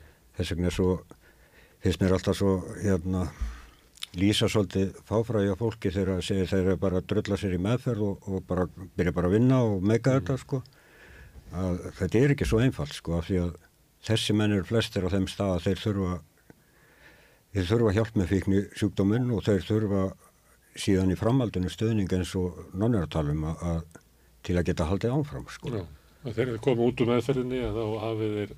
Eitthvað stað til að búa á Já. hafið einhverja aðstöð til að geta lifað einhvers konar lífi. Já, fyrsta skrefi þarf alltaf að vera þetta að það sé að grípa fólki þegar það, þegar það fær þetta í höfuðuð að já, nú er ég tilbúin til að fara að gera eitthvað í þessu að þá sé að grípa það strax senda bara inn í helbriðskerfið. babu upp inn Já. í raunverulega. og skjótu brakettu að fögniði í Já. staðan fyrir að vísa manninum á, Já, á sex mánuða byggðlista. Því ég hef líka svo, ég hef svo rosalega oft upplifað það að, að, að það er engin vonlust, það er alveg sama sko hvernig ég lít á eitthvað mann sem er á gödunni og í harðri neyslu Mm.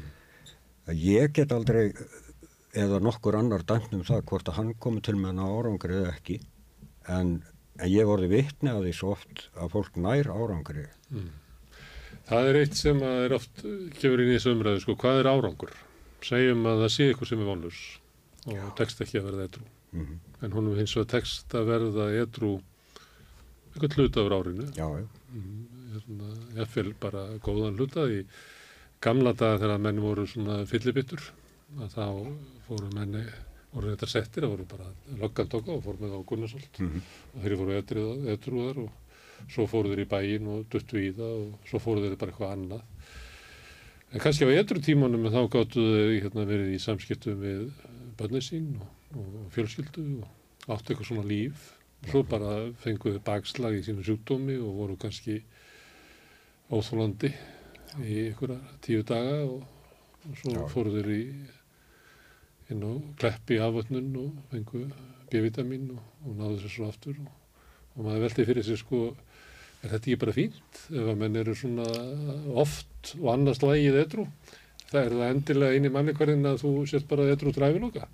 Þetta er okkur nú kent í, í, í náminni hrygnir að gefa að það er sko, það, það getur verið svolítið erfitt að mæla árangur sko, árangur, árangur sem að ég er að sækjast eftir er ekki endilega sami árangur og þú ert að sækjast eftir sko.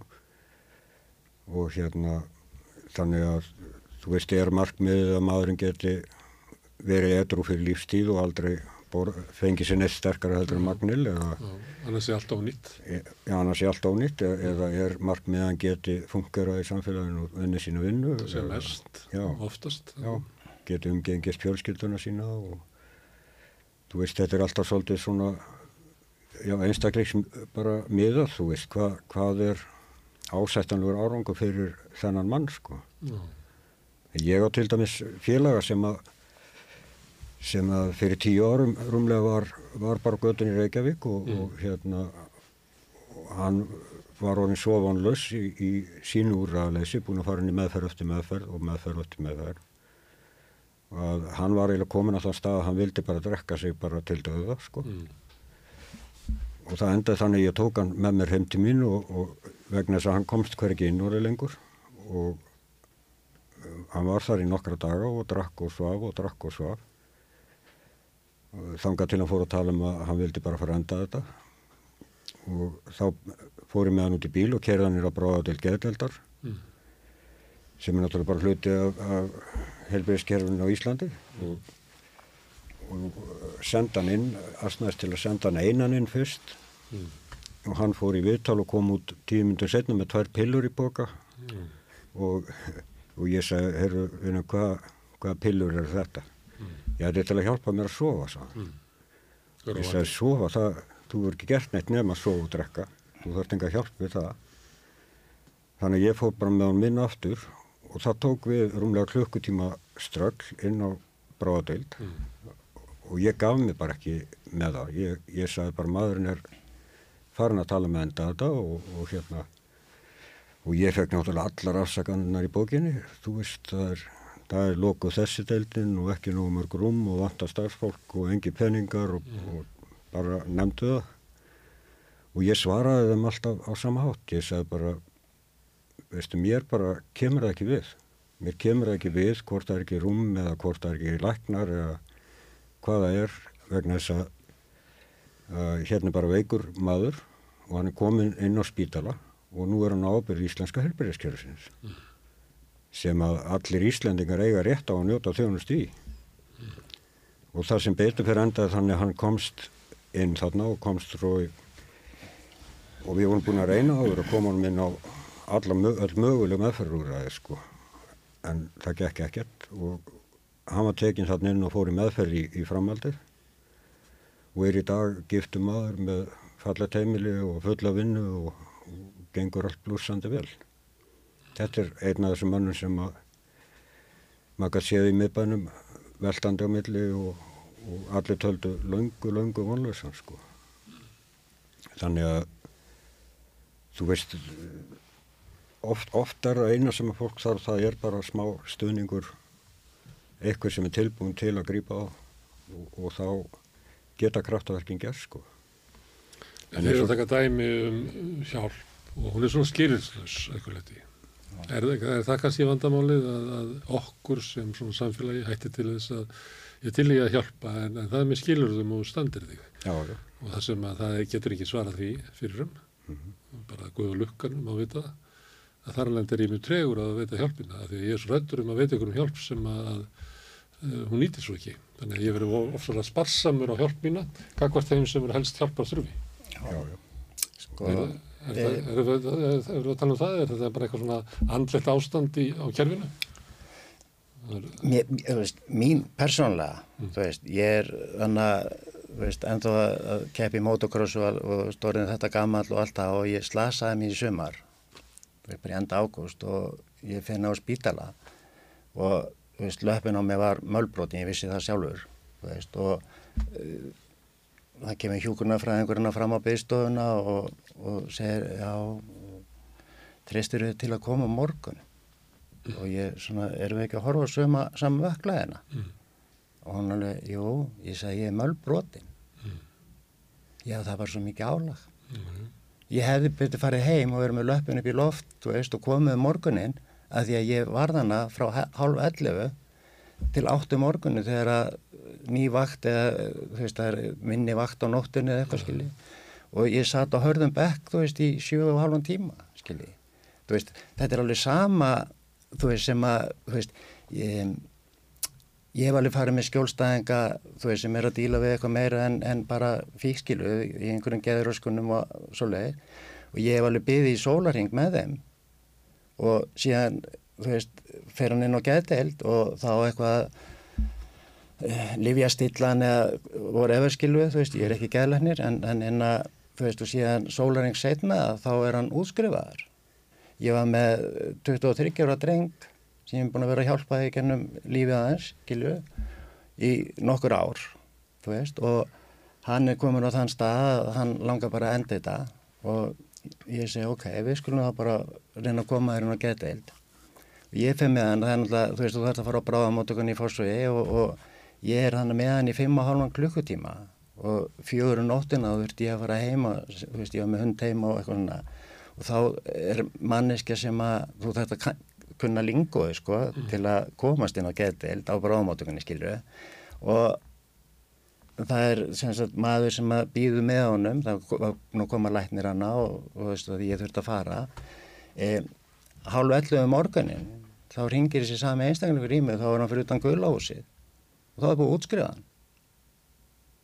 Þú veist, ég bara þú veist, hvað þú veist, og hann er í tómuruglega sér drengur, skilju og, og þú veist, það þarf ekkert að séima þú veist, þetta fólk þú veist, og það er bara oft svolítið viðþorfið, þú veist að þetta er bara auðmíkjaskapur að þú veist, fattar, þú veist að Ragnar félagi minn sem er búin að vera mikið svona ofinberlega þú veist að tala á Facebook og mm. um þetta þú veist að þú veist ég er alveg sammálunum þú veist og þú veist að þar svolítið þú veist að, að grýpa þessa einstaklinga og, og þú veist sína um, ja, þú veist ummyggi og kærleika þú veist að við stöndum með þér og við erum tilbúin að stiðja þér þú veist og en það er ekki nóg að gera það í, í þrjá mánu eða sex mánu inn í meðferð þú veist alveg sama ert að koma á fangilsi eða út um meðferð það þarf eitthvað að halda áfram þetta er, þetta er langklöp, þetta er alveg marathón að verða ytrú þú veist, ég heyrði alltaf þú veist að þú veist að, að þegar ég, ég á nú bara tvær meðferði sjálfur en, en þú veist að það tekur tvö ára að, að,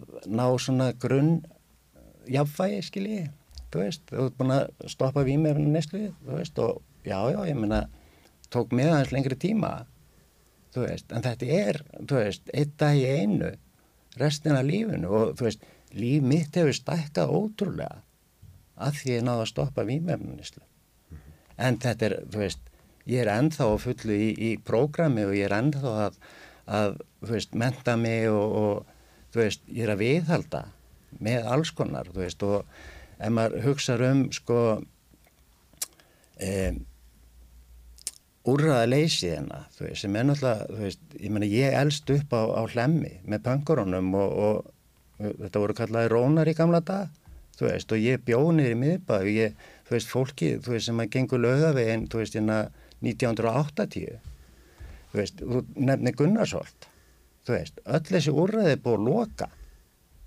þú veist, nú er það bara gistiskinni tvö, þú veist, og já, þú veist, eigum við bara að opna fleiri gistiskili Þetta er einhverju svona smáhísi. Já, já. Svo er einhver búsuturræð og við um Reykjavíkuborgar þar sem að, að fólk getur búið sem er í neyslu. Já, á, Já, svona við þar sem að Skotin fer var það eins og niður, ég veit ekki hvað, hvað það er núna. Það er eitt, eitt, svoleiðis úrræði held ég á miklabaröðinu en þó. En það er bara mjög fáir einstakleika sem geta verið þar sko í einu. Eh, Þið viljið fá ekki stöðning við fólk eftir meðferð og afvitrun Já.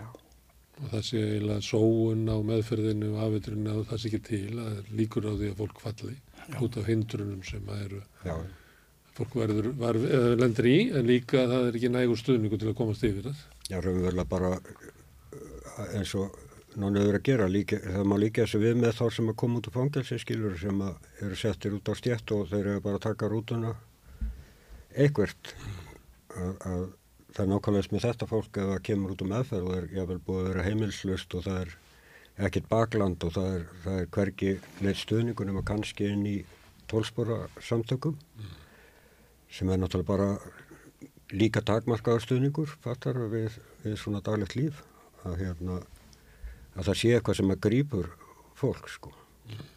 Maður sem er, er heimilislaus á götunni og fer í meðferð og er þar í, í mánuðu tvo eða hvað hann er og, og kemur út aftur og ætlar að fara aftur á götuna það er ég held að það sé mjög takmarkað líkur á að ekkur verði edru gistandi á gistiskilinu og, og bara í því í þeim gröð sem að er það sko.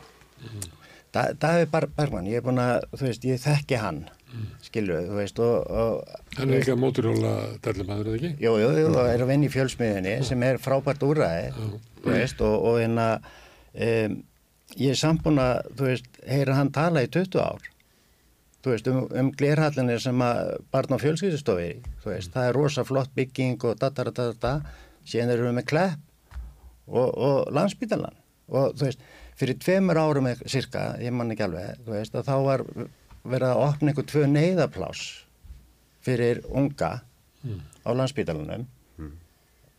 Hvað heldur að sé búin að margi búin að fara þar í gegn? Einn.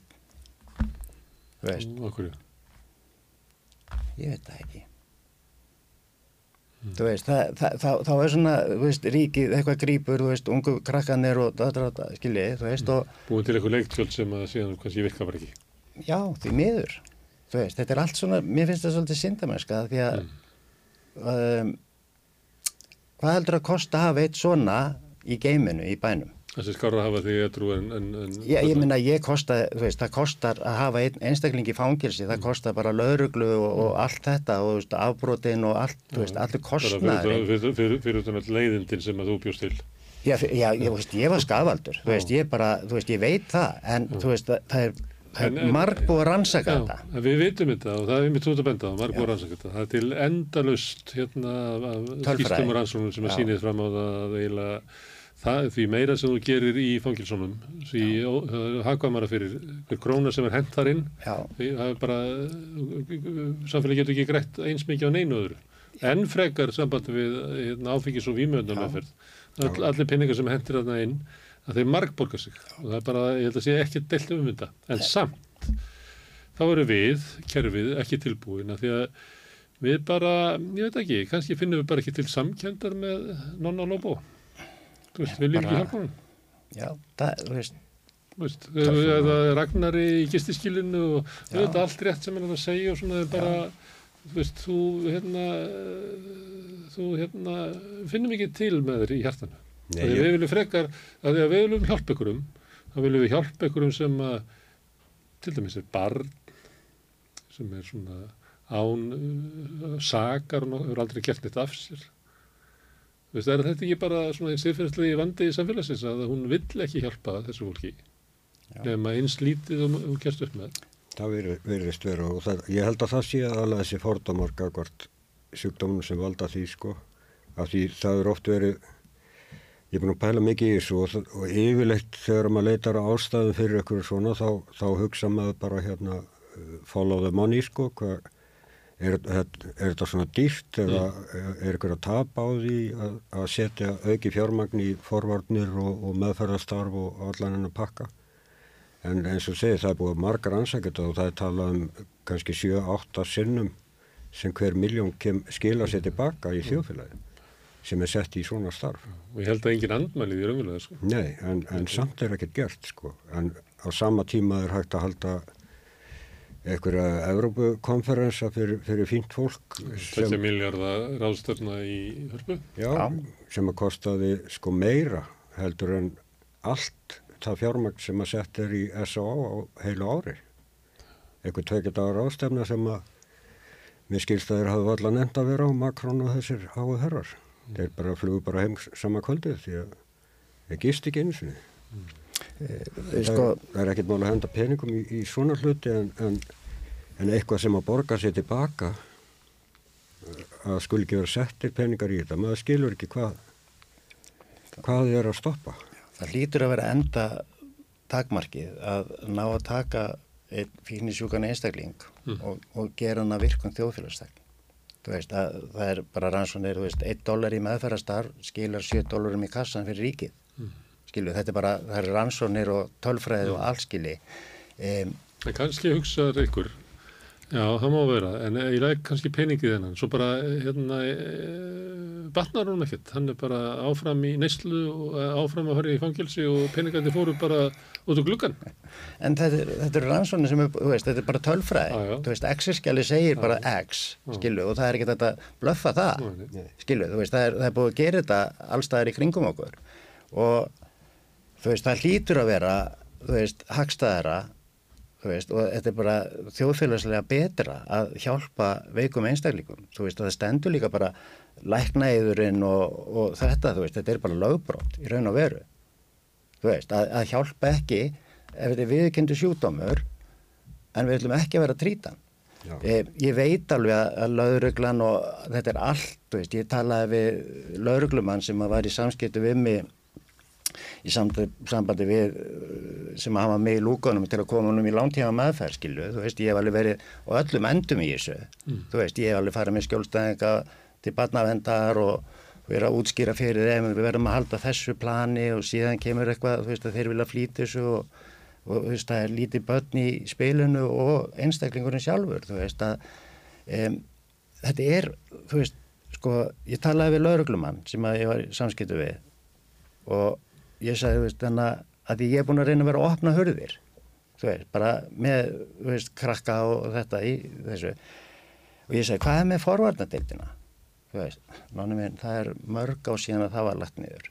Þú veist, lauruglum, þú veist, þetta er allt fjársveld þú veist, og þú veist, heilbyrðis þú veist, bara allt heilbyrðiskerfi er fjársveld lauruglum er fjársveld en samt er þetta að halda rástefnu að því að við erum í ESS og eitthvað bla bla bla skiljiði mm. og það er þetta, þú veist, þá er allir til bara fullt af peningum.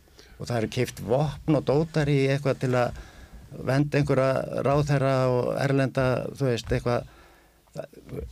Þá er þetta peningur. En þegar er verið að tala um þessar hluti, þá er ekki þetta peningur. Og það er þess að þið eru að leggja áslá að það leiði til þess að fólk berga lífi sinu Já. og berga lífi fólks í kring, kringum sig Já. Og, hérna... Það sýnir líka svona afskiptaleysi hérna, ríkisvalsins að, að það skuli, það var stefna í, í hérna, fíknefna og forvarnamálum sem var, var frá 2013 til 2020 síðan er, síðan er að taka þetta upp núna. 2013 til 2020 var til svona heilstað stefna hjá stjórnvöldum. Mm. frá 2020 hefur ekki verið einn stefna hjá stjórnvöldum í þessum málum það bara glemdist það sýnir nú allan áhugan hjá þeim. Heru, Við auðvitað bara eftir henni. Kristinn og, og Jón kallaði nonni. Hérna, takk fyrir að koma engað og halda áfram þessar umræðu. Og við munum halda henni áfram hérna við rauðaborðið í framtíðinni. Við þökkum uh, gestum okkar í kvöld kærlega fyrir komuna rauðaborðinu. Og ykkur sem eruð að hlusta og fyrir, með hlustun ykkar að þá verður þetta allt saman til. Þið getur verið virki hlustendum eða benda vinum og vandamönnum á efni sem ykkur líkar hér á samstöðinni, benda á að við erum á Facebook, á YouTube, við erum öllum hlaðvarsveitum, við erum í útvarpinu á Stórhauðborgarsæðinu 89,1 á FM En það er líka hægt að ná í útasendingarnar annar staðar, það er gert í gennum spilaran, hann er á netinu, spilari.is, en spilarin líka app sem þið getur hlaðið niður í síman og hlustað á samstöðun á allar íslenskar útastöður hvað sem er í heiminum. Svo erum við komin í sjónvarpið til þeirra sem að fá sjónvarpið sitt frá símanum, þar erum við nummer 5 á fjastýringunni, vonandi munu önnur fjarskiptafyrirtæki bjóða sínum viðskiptafinnum upp á samstöðuna. Þeir sem vilja hjálpa okkur við að byggja upp samstöðuna geta gert það með að gerast áskrifundur, þið farið á inn á samstöðum.is það er hnappur sem ástendur áskrift. Þið getur skráð okkur fyrir 2500 krónum sem að mér er satt að segja allt og látt fyrir það efni sem við búin til hér. Því sem að vilji geta borga meira og því sem að kjósið getur látið áskriftina renna sem félagsgjöldin í alltíðufélagið og það er alltíðufélagið sem á og rekur samstöðuna. Allt efni sem að þið sjáuð hér og heyrið verið er í bóði ásköfunda og við þökkum þeim kærlega fyrir. En þetta er lokin á rauðaborðinu í kvöld. Ég segi góða nótt og sjáumst á morgun.